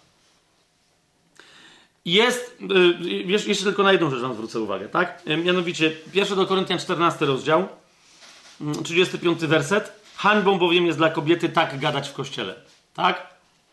Mówić w kościele. Właśnie w taki sposób, że nie wiadomo, co jest grane, tak? Zamiast milczeć i słuchać tak jak wszyscy inni, tych, którzy akurat mają głos. Hańbą jest. Jaką hańbą? Taką samą hańbą, jak kiedy ona nie demonstruje jasno tego, że jest żoną czyjąś. Hańbą dla żony, nie dla kobiety, jeszcze raz, przepraszam. Tak, hańbą dla żony jest. Mamy to? Jasne? Jest jeszcze tylko jeden, jedno miejsce, gdzie taki sam wyraz jak w pierwszym do Koryntian 11:6. Jest jeszcze tylko jedno miejsce, gdzie się pojawia ten przymiotnik, że, to, że coś jest hańbiące. Wiecie gdzie? W Tytusa, liście do Tytusa, w pierwszym rozdziale, w dziesiątym i jedenastym wersecie. I teraz zobaczcie, Yy, o co chodzi. Dlaczego Paweł mówi, że to jest hańbiące? List do Tytusa, pierwszy rozdział, 10-11 werset. Jest bowiem wielu niekarnych, oddających się czczej gadaninie, nie wiem czy to widzicie, i zwodzicieli, zwłaszcza wśród obrzezanych, czyli że Żydzi się temu oddają, gadają, pitolą, cały czas zagadują, czcza gadanina. Zobaczcie, jedenasty werset. Trzeba im zamknąć usta, gdyż całe domy wywracając, nauczając, czego nie należy dla haniebnego zysku. To jest hańba. To jest hańba. Rozumiecie już, dlaczego on też mówi do kobiet, mówi, no wy to samo robicie. Przestańcie gadać. To samo co Żydzi. Czcza gadanina. Rozumiecie o co chodzi? Czcza gadanina. Kontekst u Pawła jest bardzo jasny. Przestańcie się oddawać czczej gadaninie. I mężowie powinni pilnować tego u swoich żon, bo nikt inny nie ma tam prawa, dlatego, dlatego Paweł najpierw ustawił relację głową żony, yy, jest mąż. Tak? Mówi, no, wasze. Do kogo on mówi? Wasze żony. Tak? Jeszcze raz, popatrzcie na ten kontekst. Pierwszy do Koryntian 4, nie, nie drugi, tylko pierwszy do Koryntian 14. Tak? Do kogo on mówi? Niech wasze żony milczą z uwagą, tak? Niech milczą na zgromadzeniach. To do kogo on to mówi? Wasze żony. No do mężów tych żon, tak? I znowu zauważcie, nawet tutaj nie ma w Pawle żadnego mizogina. Nie? W pewnym sensie on mówi, chłopy, to jest wasza wina. No jak tam dziąchy gadają, no to ej, tam się nie frustrujcie, nie spinajcie, tylko każdy się niech swoją zajmie. Tyle. I powiedzcie jej, żeby się zapytała w domu, jak czegoś nie wie. Tak? Nika na mnie tak patrzy, no nie podoba mi się, no okej. Okay. Dobra. Yy, yy, I jeszcze ostatni kontrowersyjny, to będzie już szybciutko. Czyli jeszcze jakieś półtorej godziny mamy z głowy. Żartuję. Mianowicie pierwszy do Tymoteusza. No tutaj to już prawie nawet nie wiem, czy ma, jest to do tłumaczenia, tak? Pierwszy do Tymoteusza, ale no przeczytajmy sobie ten okrutny tekst, w którym Paweł kobietom odebrał ponoć wszystko. Mhm.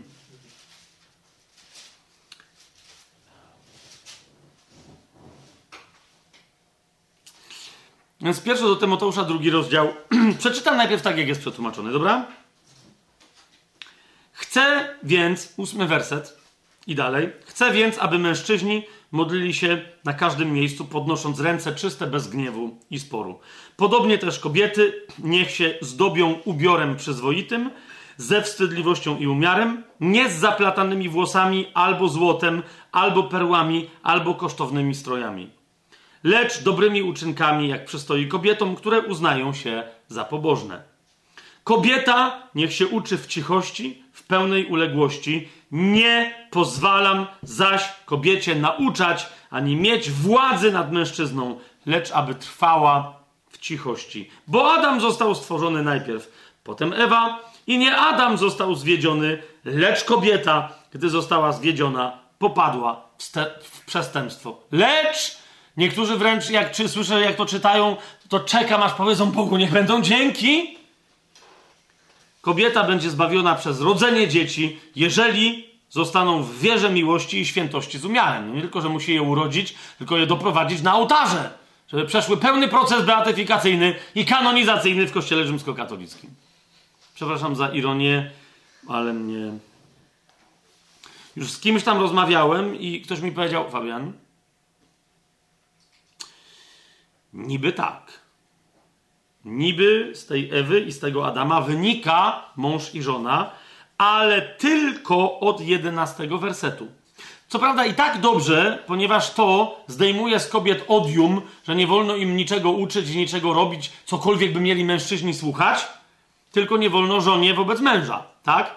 Ale ktoś mi już kiedyś zwrócił uwagę, ale Fabian, ale naprawdę, no ale jest ósmy, dziewiąty werset, to są kobiety i to są mężczyźni, prawda? Nie ma żadnej podstawy, no bo dopiero to, bo Adam został stworzony, się tyczy 11-12 wersetu, nie tych wcześniejszych. Wcześniej jest ogólnie mowa o mężczyznach i kobietach, prawda? No nie. I yy, no po prostu musisz zobaczyć kontekst całego Słowa Bożego. Gdzie Duch Święty jakoś mówi, tak wszędzie dokładnie tak mówi. Tak?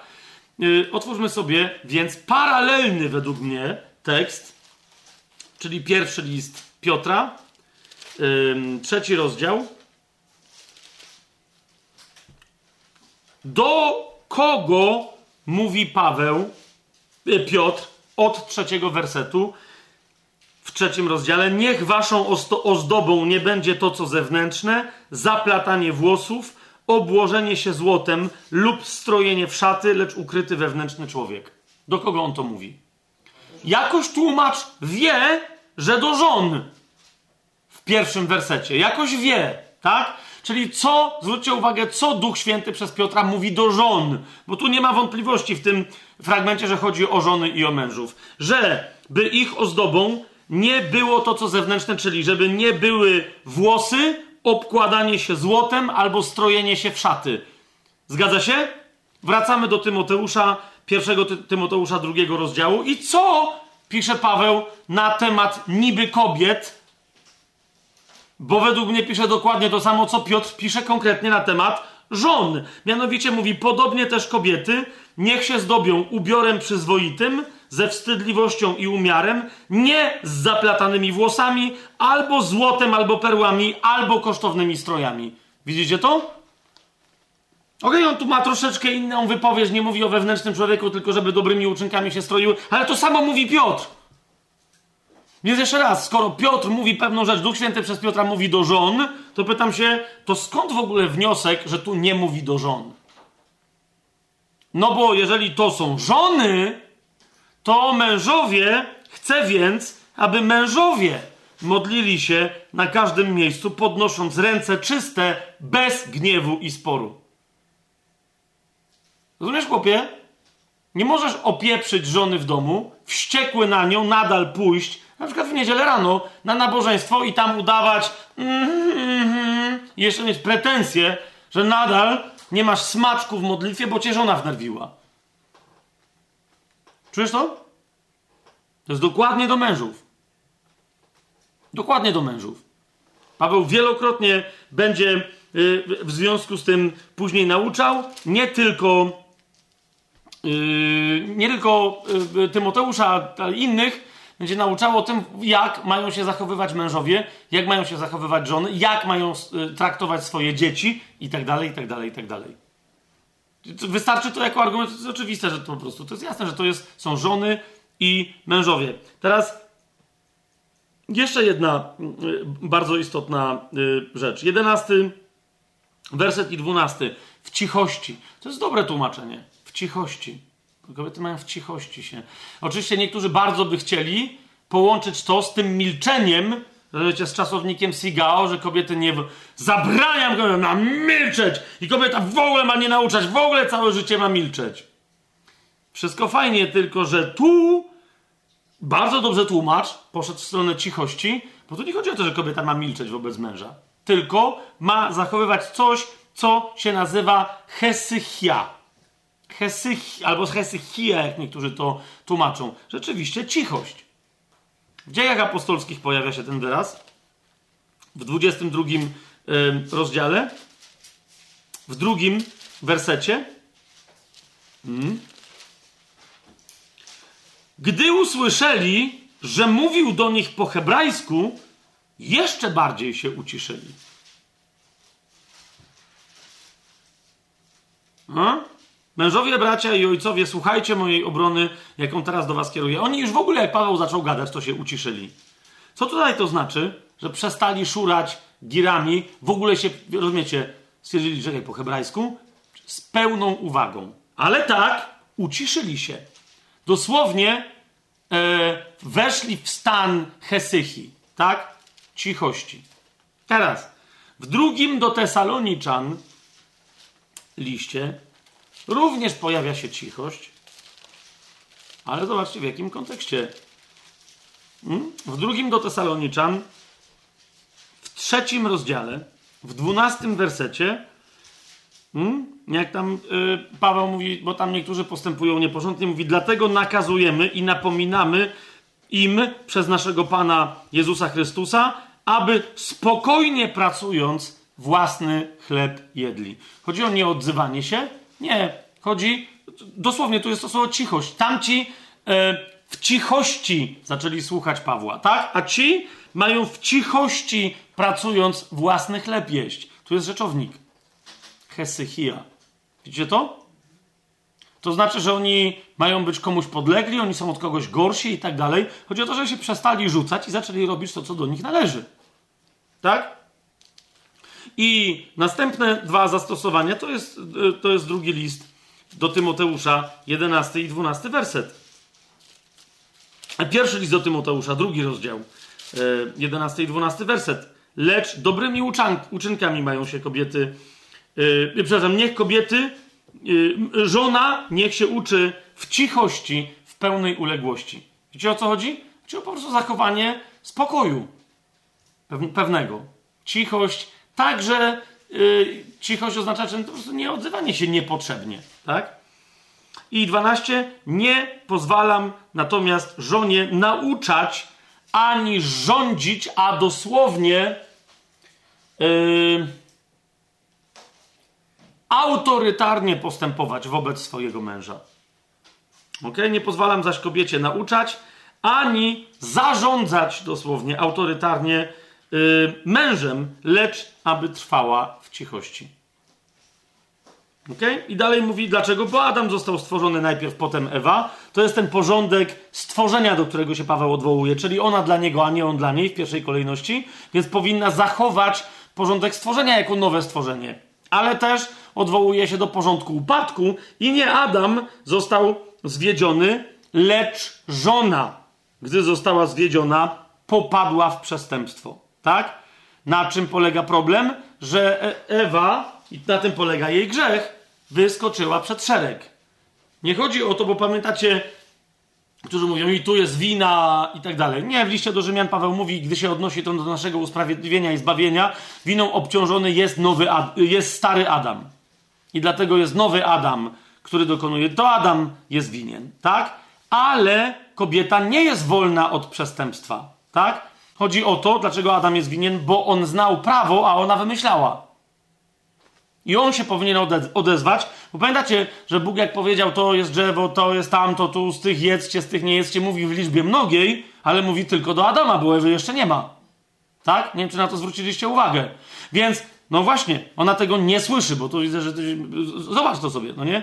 I dlatego wąż jak przychodzi, to idzie do Ewy i mówi, czy to jest prawda, że Bóg, a ona, ona nie wie, bo to Adam wie, nie? Albo od niego źle usłyszała, albo coś, ale co jest zadaniem Adama? Powiedzieć, ej Ewa, e, no pitolisz głupoty, tak? Bo ona tam zaczyna Pamiętacie, wąż jej mówi zupełne głupoty, a ona mówi niezupełne, ale też głupoty. Poprawia węża w zasadzie podając mu następną błędną, błędną informację. Tak? To jest wina Adama. Ale Ewa nie jest wolna od przestępstwa. Dlaczego? Bo zamiast słuchać, wtedy odwołać się do kogo? Do Adama, czyli przyszedł wąż i mówi, czy to jest prawda, że Bóg powiedział, a pyta się o coś, co nie mówił do Ewy, ona się powinna odwrócić do Adama i mówi, Adaś, bo tu chłopak jakiś przyszedł, weź no mu wytłumacz o co chodzi, no nie? A Adaś stoi jak tumok, rozumiecie? I, e, interesujące to jest. Zobaczymy, co z tego wyniknie. Może coś ugram. Wiecie o co chodzi? Jednym z elementów grzechu Adama jest to, że sam był dokładnie tak samo jak Ewa zainteresowany tym drzewem poznania dobra i zła, ściśle rzecz ujmując jego owocami, ale myślał, że jak nie zainterweniuje i Ewa tam się poplącze, to będzie wszystko na nią. Tak? Zwłaszcza, że pamiętacie, jak się potem tłumaczy? No, ty mi ją dałeś i ona mi dała i ja zjadłem, to jest nie moja wina. Jest nie moja, to jest wasza wina. Z jej wina, jest w ogóle twoja wina. Boże, że mi ją dałeś. Co tu się dzieje? No i Bóg mu mówi, no to okej. Okay. To ona tylko będzie w bólach rodziła, plus jeszcze będzie ci zawracała gitarę, bo ją będzie ciągnęło do ciebie. A ty będziesz miał dosyć i wszystko będziesz musiał robić w pocie czoła. I z nią i z wszystkim innym. Fajnie? Nara. Trochę żartuję teraz. Mam nadzieję, że to rozumiecie. Już jestem trochę zmęczony, więc. Zatem to jest ten porządek i na koniec, ale będzie zbawiona przez rodzenie dzieci. Mhm. Ciekawe. E, bo na ile ja widzę tu w języku greckim, to tu znajduje się słowo teknogonia albo teknogonia, zależy z której tam kto szkoły jest, teknogonia to znaczy rodzicielstwo, ale będzie zbawiona poprzez swoje rodzicielstwo, poprzez macierzyństwo. O? Czy jak Paweł pisze, moje dzieci, oto was znowu rodzę i tak dalej. To chodzi o to, że on naprawdę kogoś urodził? Hmm? Jak Jan mówi, moje dzieci. Jak Jan. W którym to jest liście? W drugim liście, tak? Jana, sprawdźmy sobie. Teraz, jak powiedziałem, jestem zmęczony i nie pamiętam. No, tak? Jak Jan pisze w drugim liście, w trzynastym wersecie, pozdrawiają cię dzieci twojej wybranej siostry, to może oznaczać, że pisze i pozdrawia jedną dziewczynę od innej, jedną matkę od drugiej matki, co ma dzieci, zgadza się? Ale też nie ma żadnego problemu, żeby uznać, że Paweł pisze, bo jest prześladowanie, nie Paweł, tylko Jan, do jednego kościoła, który nazywa wybraną panią, z innego kościoła i zamiast napisać pozdrawiają was tu wszyscy wierni od nas wszystkich waszych wiernych, mówi pozdrawiają cię dzieci twojej wybranej siostry, od której pisze. Rozumiecie o co mi chodzi? To znaczy, że co? Że wszyscy są... Rozumiecie o co mi idzie? Teknogonia po prostu to jest rodzicielstwo albo macierzyństwo, tak, którego skutkiem są jakieś dzieci, ale to wcale niekoniecznie muszą być fizyczne dzieci. Chociaż Paweł wyraźnie mówi, niech wychodzą za mąż, niech mają dzieci, niech się sprawują jak normalne żony. Więc tak, jemu chodzi o to, niechże żony się zajmą rodzeniem dzieci. Ale nie dlatego, że żony nie mogą być zbawione inaczej. Wszyscy są zbawieni z łaski przez wiarę, a żony są zbawione przez rodzenie dzieci, jeszcze jak dobrze te dzieci wychowają do ołtarzy. Nie, Paweł po prostu stosuje tutaj skrót myślowy, znaczy skrót myślowy. Nie skrót myślowy, tylko prawdę oczywistą, którą na przykład wyraża w liście do Filipian w drugim rozdziale, w dwunastym wersecie. Dlatego, moi umiłowani, tak jak zawsze byliście posłuszni, powiada do Filipian, nie tylko w mojej obecności, ale jeszcze bardziej teraz pod moją nieobecność, z bojaźnią i drżeniem wykonujcie swoje zbawienie. Ok? Wykonuj, co to znaczy? Że, że oni jeszcze też nie są Filipianie zbawieni, czyli kobiety jeszcze nie są zbawione, póki nie urodziły dzieci, które wychowają, i Filipianie też nie są zbawieni? W liście do Rzymian w trzy, zaraz po tym, jak w dziesiątym rozdziale mówiła, y, że Y, w, w dziewiątym rozdziale, w dziewiątym, dziesiątym wersecie, jeżeli ustami wyznasz Pana Jezusa i uwierzysz w swoim sercu, że Bóg go wskrzesił z martwych, będziesz zbawiony. Sercem bowiem wierzy się ku sprawiedliwości, a ustami wyznaje się ku zbawieniu. W trzynastym rozdziale mówi zdumiewającą rzecz dla tych, którzy nie rozumieją i nie odróżniają nadal po dwóch tysiącach lat nauczania Pawłowego i nie tylko jego, usprawiedliwienia od zbawienia, są zdumieni jak czytają u Pawła, a czyńcie to, znając czas, że już nadeszła pora, abyśmy się obudzili. Teraz bowiem bliżej nas jest zbawienie, niż kiedy uwierzyliśmy. No bo jak czytamy uważnie, to Paweł mówi wyraźnie w dziesiątym rozdziale, że sercem się wierzy ku sprawiedliwości, a ustami wyznaje się ku zbawieniu. Jak długo? Tak długo, jak się spotkasz przed Panem, do którego mówisz Jezus Jezu, Ty jesteś moim Panem, a on ci, mówi, a on ci powie, o, znam Cię. Zamiast powiedzieć, mm, nie znam Cię. No są tacy, pamiętacie Ewangelię Mateusza, chociażby kazanie na górze, wielu przyjdzie, którzy mi mówią, Panie, Panie, a ja im powiem, no ale ja Was nie znam. Dzień zbawienia jest dniem naszego, kochani, zmartwychwstania, kiedy to w pełni my się zintegrujemy jako kompletne stworzenie Boże, kompletne stworzenie Boże, w duchu, w duszy i w ciele, będąc ugruntowani na zasadzie duchowej, a więc nasze ciało nawet będzie duchowe, będzie się opierać na innej zasadzie niż na zasadzie sarks, yy, ok, na zasadzie ciała i krwi, tego doczesnego ciała, i, mięsa i krwi, tak? To będzie nowe ciało bez krwi, które będzie opierać się na zasadzie kości i ciała duchowego, i duchowych kości, i ducha w ogóle. Jest to jasne? Dlatego w liście do Rzymian, jakby ktoś uważnie czytał, to by również przeczytał. To jest ósmy rozdział, macie?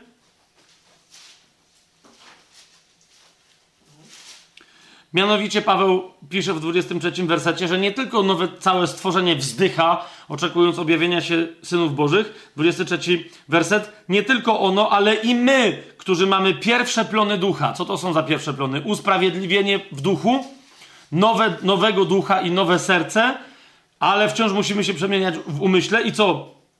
My sami w sobie wzdychamy, oczekując usynowienia, a dopiero co napisał, że jesteśmy usynowieni, bo możemy w duchu krzyczeć Abba Ojcze, tak? Ale mówi, no ale oczekujemy czego? Pełnego usynowienia, czyli odkupienia naszego ciała. Nadzieją bowiem jesteśmy zbawieni. To będzie nasze pełne, to będzie nasze e, pełne zbawienie, tak? Piotr na przykład, jak sobie otworzymy jego pierwszy list, Hmm? On mówi, że my wierzymy, oczekując pełnego zbawienia naszych dusz, które się dokona kiedy? Jak dostaniemy nowe ciała. Ósmy i dziewiąty werset pierwszego rozdziału pierwszego listu Piotra. A chociaż go nie widzieliście, miłujecie i w niego, choć teraz go nie widzicie, wierzycie i cieszycie się radością niewysłowioną i pełną chwały, otrzymując koniec waszej wiary, zbawienie dusz. Okej? Okay? W liście do Hebrajczyków, już żeśmy to czytali, ale jeszcze możemy tam wrócić. 14 werset o aniołach, co jest powiedziane. Czy nie są oni wszyscy, 14 werset pierwszego rozdziału listu Pawła do Hebrajczyków. Czy nie są oni wszyscy duchami służebnymi, posyłanymi, by służyć tym, którzy mają odziedziczyć zbawienie? No wiecie, zbawienie jest naszym dziedzictwem, ale do momentu tego dziedzictwa my jakby troszeczkę na bazie usprawiedliwienia, które nam gwarantuje, że nie pójdziemy do piekła i że będziemy żyli wiecznie, na tej bazie współpracujemy, współpracujemy, współpracujemy z łaską, z usprawiedliwieniem, które w nas działa i w dużej mierze to od nas zależy, jak będzie wyglądać nasze zbawienie w ciałach. Ok? O tym Paweł mówi że fundament, który jest w tobie założony we wszystkich innych jest tak samo założony. To jest Jezus Chrystus. To jest pierwszy do Koryntian trzeci rozdział. Tak? Ale mówi to, jak my budujemy na tym fundamencie, to się potem okaże. I to Pan Jezus przetestuje i za to dostaniecie zapłatę. I przy zmartwychwstaniu, pierwszym przy zmartwychwstaniu tych, którzy należą do Chrystusa, to właśnie się okaże. Dlatego z boja... No i mogę dalej... Yy, wiecie dobrze, że możemy dalej list po liście, fragment po fragmencie iść i sobie przypominać, ok? Zbroja Boża w liście do Tesaloniczan, ósmy werset. My zaś, którzy należymy do dnia, pamiętacie? U Rzymian był ten sam temat. Dzień się zbliża, więc nie śpijcie. Nadchodzi moment naszego zbawienia. My, którzy należymy do dnia, bądźmy trzeźwi, przywdziawszy pancerz wiary i miłości oraz hełm czego? Nadziei zbawienia, gdyż Bóg nie przeznaczył nas na gniew, lecz abyśmy otrzymali zbawienie. Abyśmy co? Dopiero otrzymali zbawienie przez naszego Pana Jezusa Chrystusa. Nie przeznaczył nas na gniew, nie dotknie nas Armagedon, to wszystko nas nie dotknie. Ok? Ale zbawienie przyjdzie w momencie, kiedy my powstaniemy z martwych i będziemy wiedzieli, że odtąd, odtąd będziemy tak, tacy jak On, żyjąc dokładnie dokładnie tak jak On. Amen?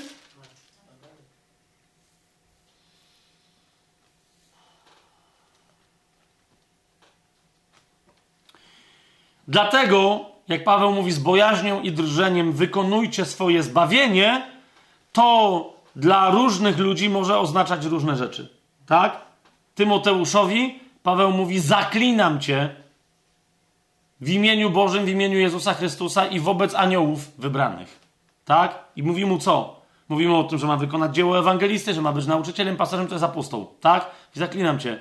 Do innych powie inne rzeczy. Do Tesaloniczan, do, do różnie, w różny sposób zaangażowanych, wiernych powie, ale do żon i do mężów też mówi, wasza droga, na której zyskujecie sobie zapłatę, którą biegniecie i za który to bieg dostaniecie nagrody, na czym polega? Na byciu dobrym mężem i na byciu dobrą żoną. A więc, praktycznie rzecz ujmując, co Paweł tłumaczy Tymoteuszowi, jak mówi, że będą zbawione przez. Czyli na różne sposoby różni ludzie, a kobiety zamężne praktykują z bojaźnią i drżeniem swoje zbawienie, kiedy rodzą dzieci i są rodzicielkami i wzorem macierzyństwa na wszystkie inne możliwe sposoby, same będąc w świętości i tak dalej, i tak wychowując swoje dzieci.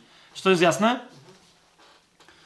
Yy, zatem yy, yy, ten drugi list do Tymoteusza, pierwszy list do Tymoteusza, drugi rozdział. Widzicie? 15 werset. Lecz żona będzie zbawiona przez rodzenie, rodzenie dzieci. W, w sensie w, w, dane jej słowo będzie zbawiona można przetłumaczyć jako będzie wybrana. Okej? Okay? Słowo usprawiedliwienie powiedziałbym, że prawie że równa się słowu powołanie w Biblii. Tak? Usprawiedliwienie jest nowonarodzeniem yy, i Paweł nie nazywa go nowonarodzeniem, ale nazywa go powołaniem. Na przykład jak mówi w siódmym rozdziale pierwszego listu do Koryntian, bo widzę, że tu jakieś zdziwienie znowu nastąpiło, żeby zostać w takim stanie, jak kto został powołany. Tak? Do czego? Do bycia chrześcijaninem. Ale wybranie to jest coś innego. Wybranie to jest to, jakby jaka nagroda, a zwłaszcza jaka zapłata nas czeka i na jaką sobie zapracowaliśmy w wyniku bycia wybranym, a więc wybranie równa się zbawienie. okay? I ocena tego, y, tej naszej drogi zbawienia, jakby co nam przyniosła, co zbudowaliśmy na fundamencie Chrystusa. Jest to, ma to sens, co mówię? Na przykład Piotr w ogóle się nie posługuje określeniem, kiedy o tym mówi, ani usprawiedliwienie, ani zbawienie, ale posługuje się zamiennie słowami yy, powołanie i wybranie. To jest drugi list Piotra, pierwszy rozdział, dziesiąty werset i dalej. Dlatego, bracia, tym bardziej starajcie się umocnić wasze co? Powołanie i wybranie. Na bazie usprawiedliwienia żyjcie teraz w pełni nadzieją swojego zbawienia. Ona jest pewna.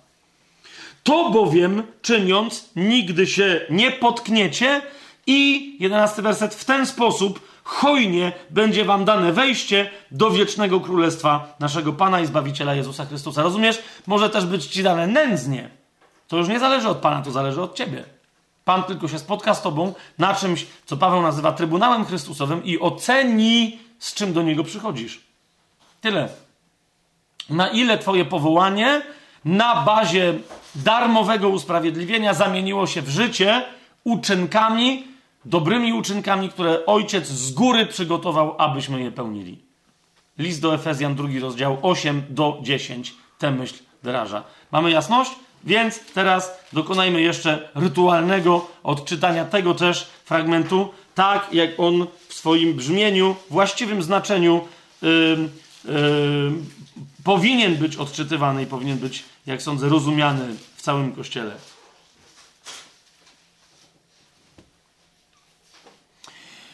Pierwszy list do Tymoteusza, drugi rozdział. Będę czytać. Yy,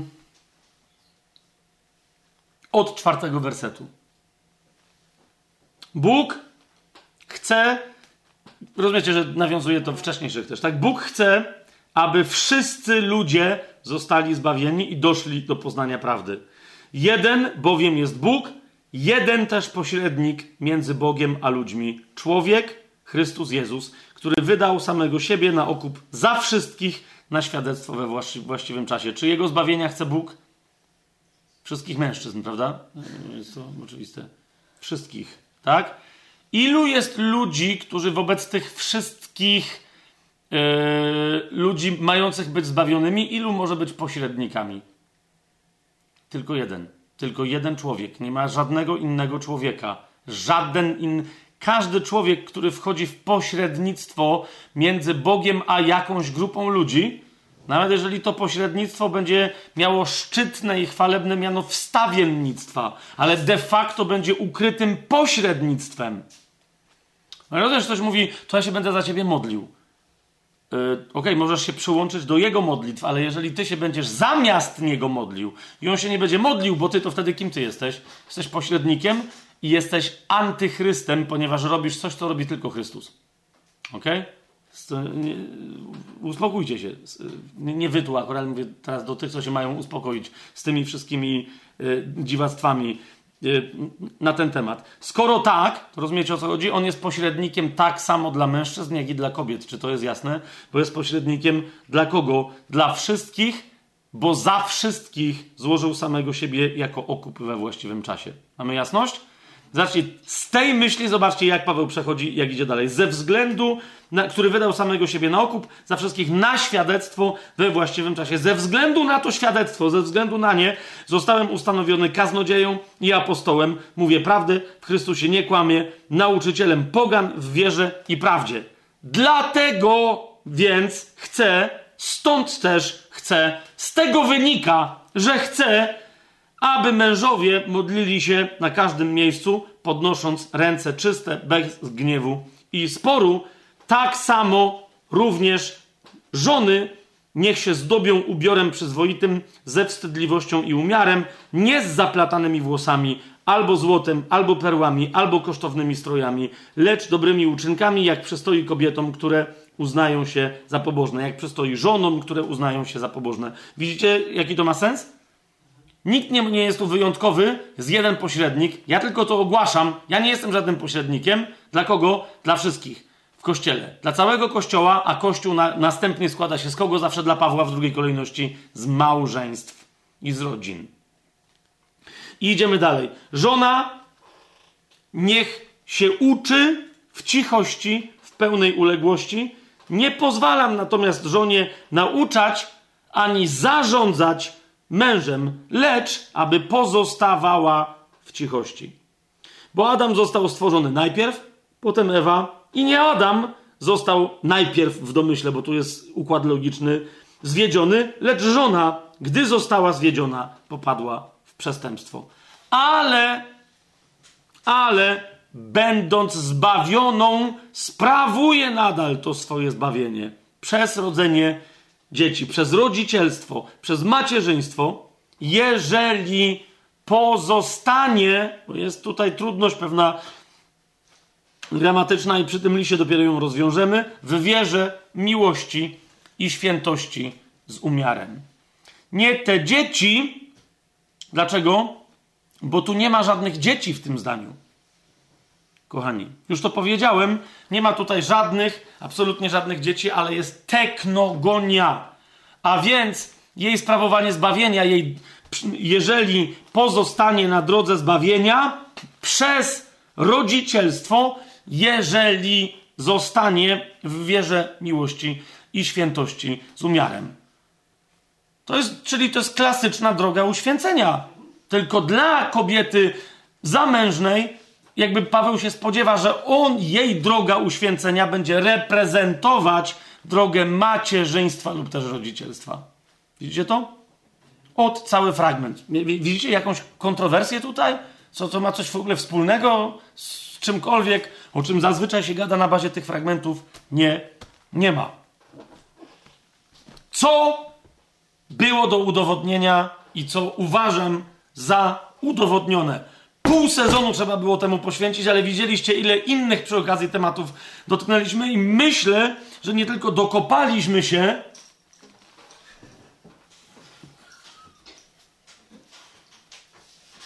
Tutaj stoi. To jest dobry, to jest dobry znak. Nie wiem, czy to się nagra, czy nie. To jest krecik z łopatką. Doko, nie tylko dokopaliśmy się, jak ten krecik do właściwych znaczeń ale też myślę, że nie wiem, czy tak jak ten krecik, nie wiem, czy się ze mną zgodzicie, ale że rozkopaliśmy te inne warstwy znaczeniowe nałożone na oryginał na tyle skutecznie, że dla tych z nas, którzy przeszli to studium, nie będzie już możliwe czytanie z powrotem Biblii y, z jakimiś niepewnościami, wątpliwościami, czymś tam, że a może jednak baby są gorsze. Po prostu to jest niemożliwe.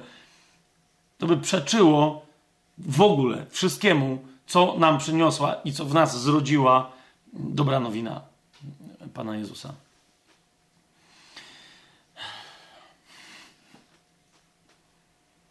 A teraz reszta sezonu.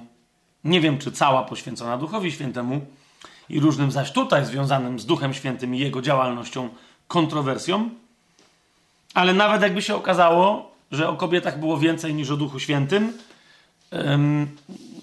no to, to ja nie mam, nie mam żadnego z tym problemu, bo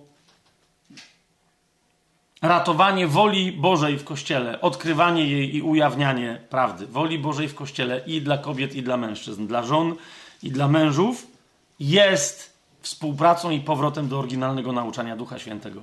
Kto uczy inaczej, krzywdzi, rani, zasmuca i gasi Ducha Świętego. Po prostu. Więc dla mnie całe to nauczanie yy, i odniesienie się do tych fragmentów na bazie kontrowersji, która rzekomo niby wynika z pierwszego do Koryntian 11, yy, było de facto nauczaniem w Duchu Świętym na, na temat Ducha Świętego, żyjącego w kobietach i w mężczyznach tak samo, z tymi samymi darami, z tymi samymi owocami usprawiedliwienia, zbawienia i życia wiecznego. Do zobaczenia za tydzień. Albo do usłyszenia, jak ktoś tylko słucha.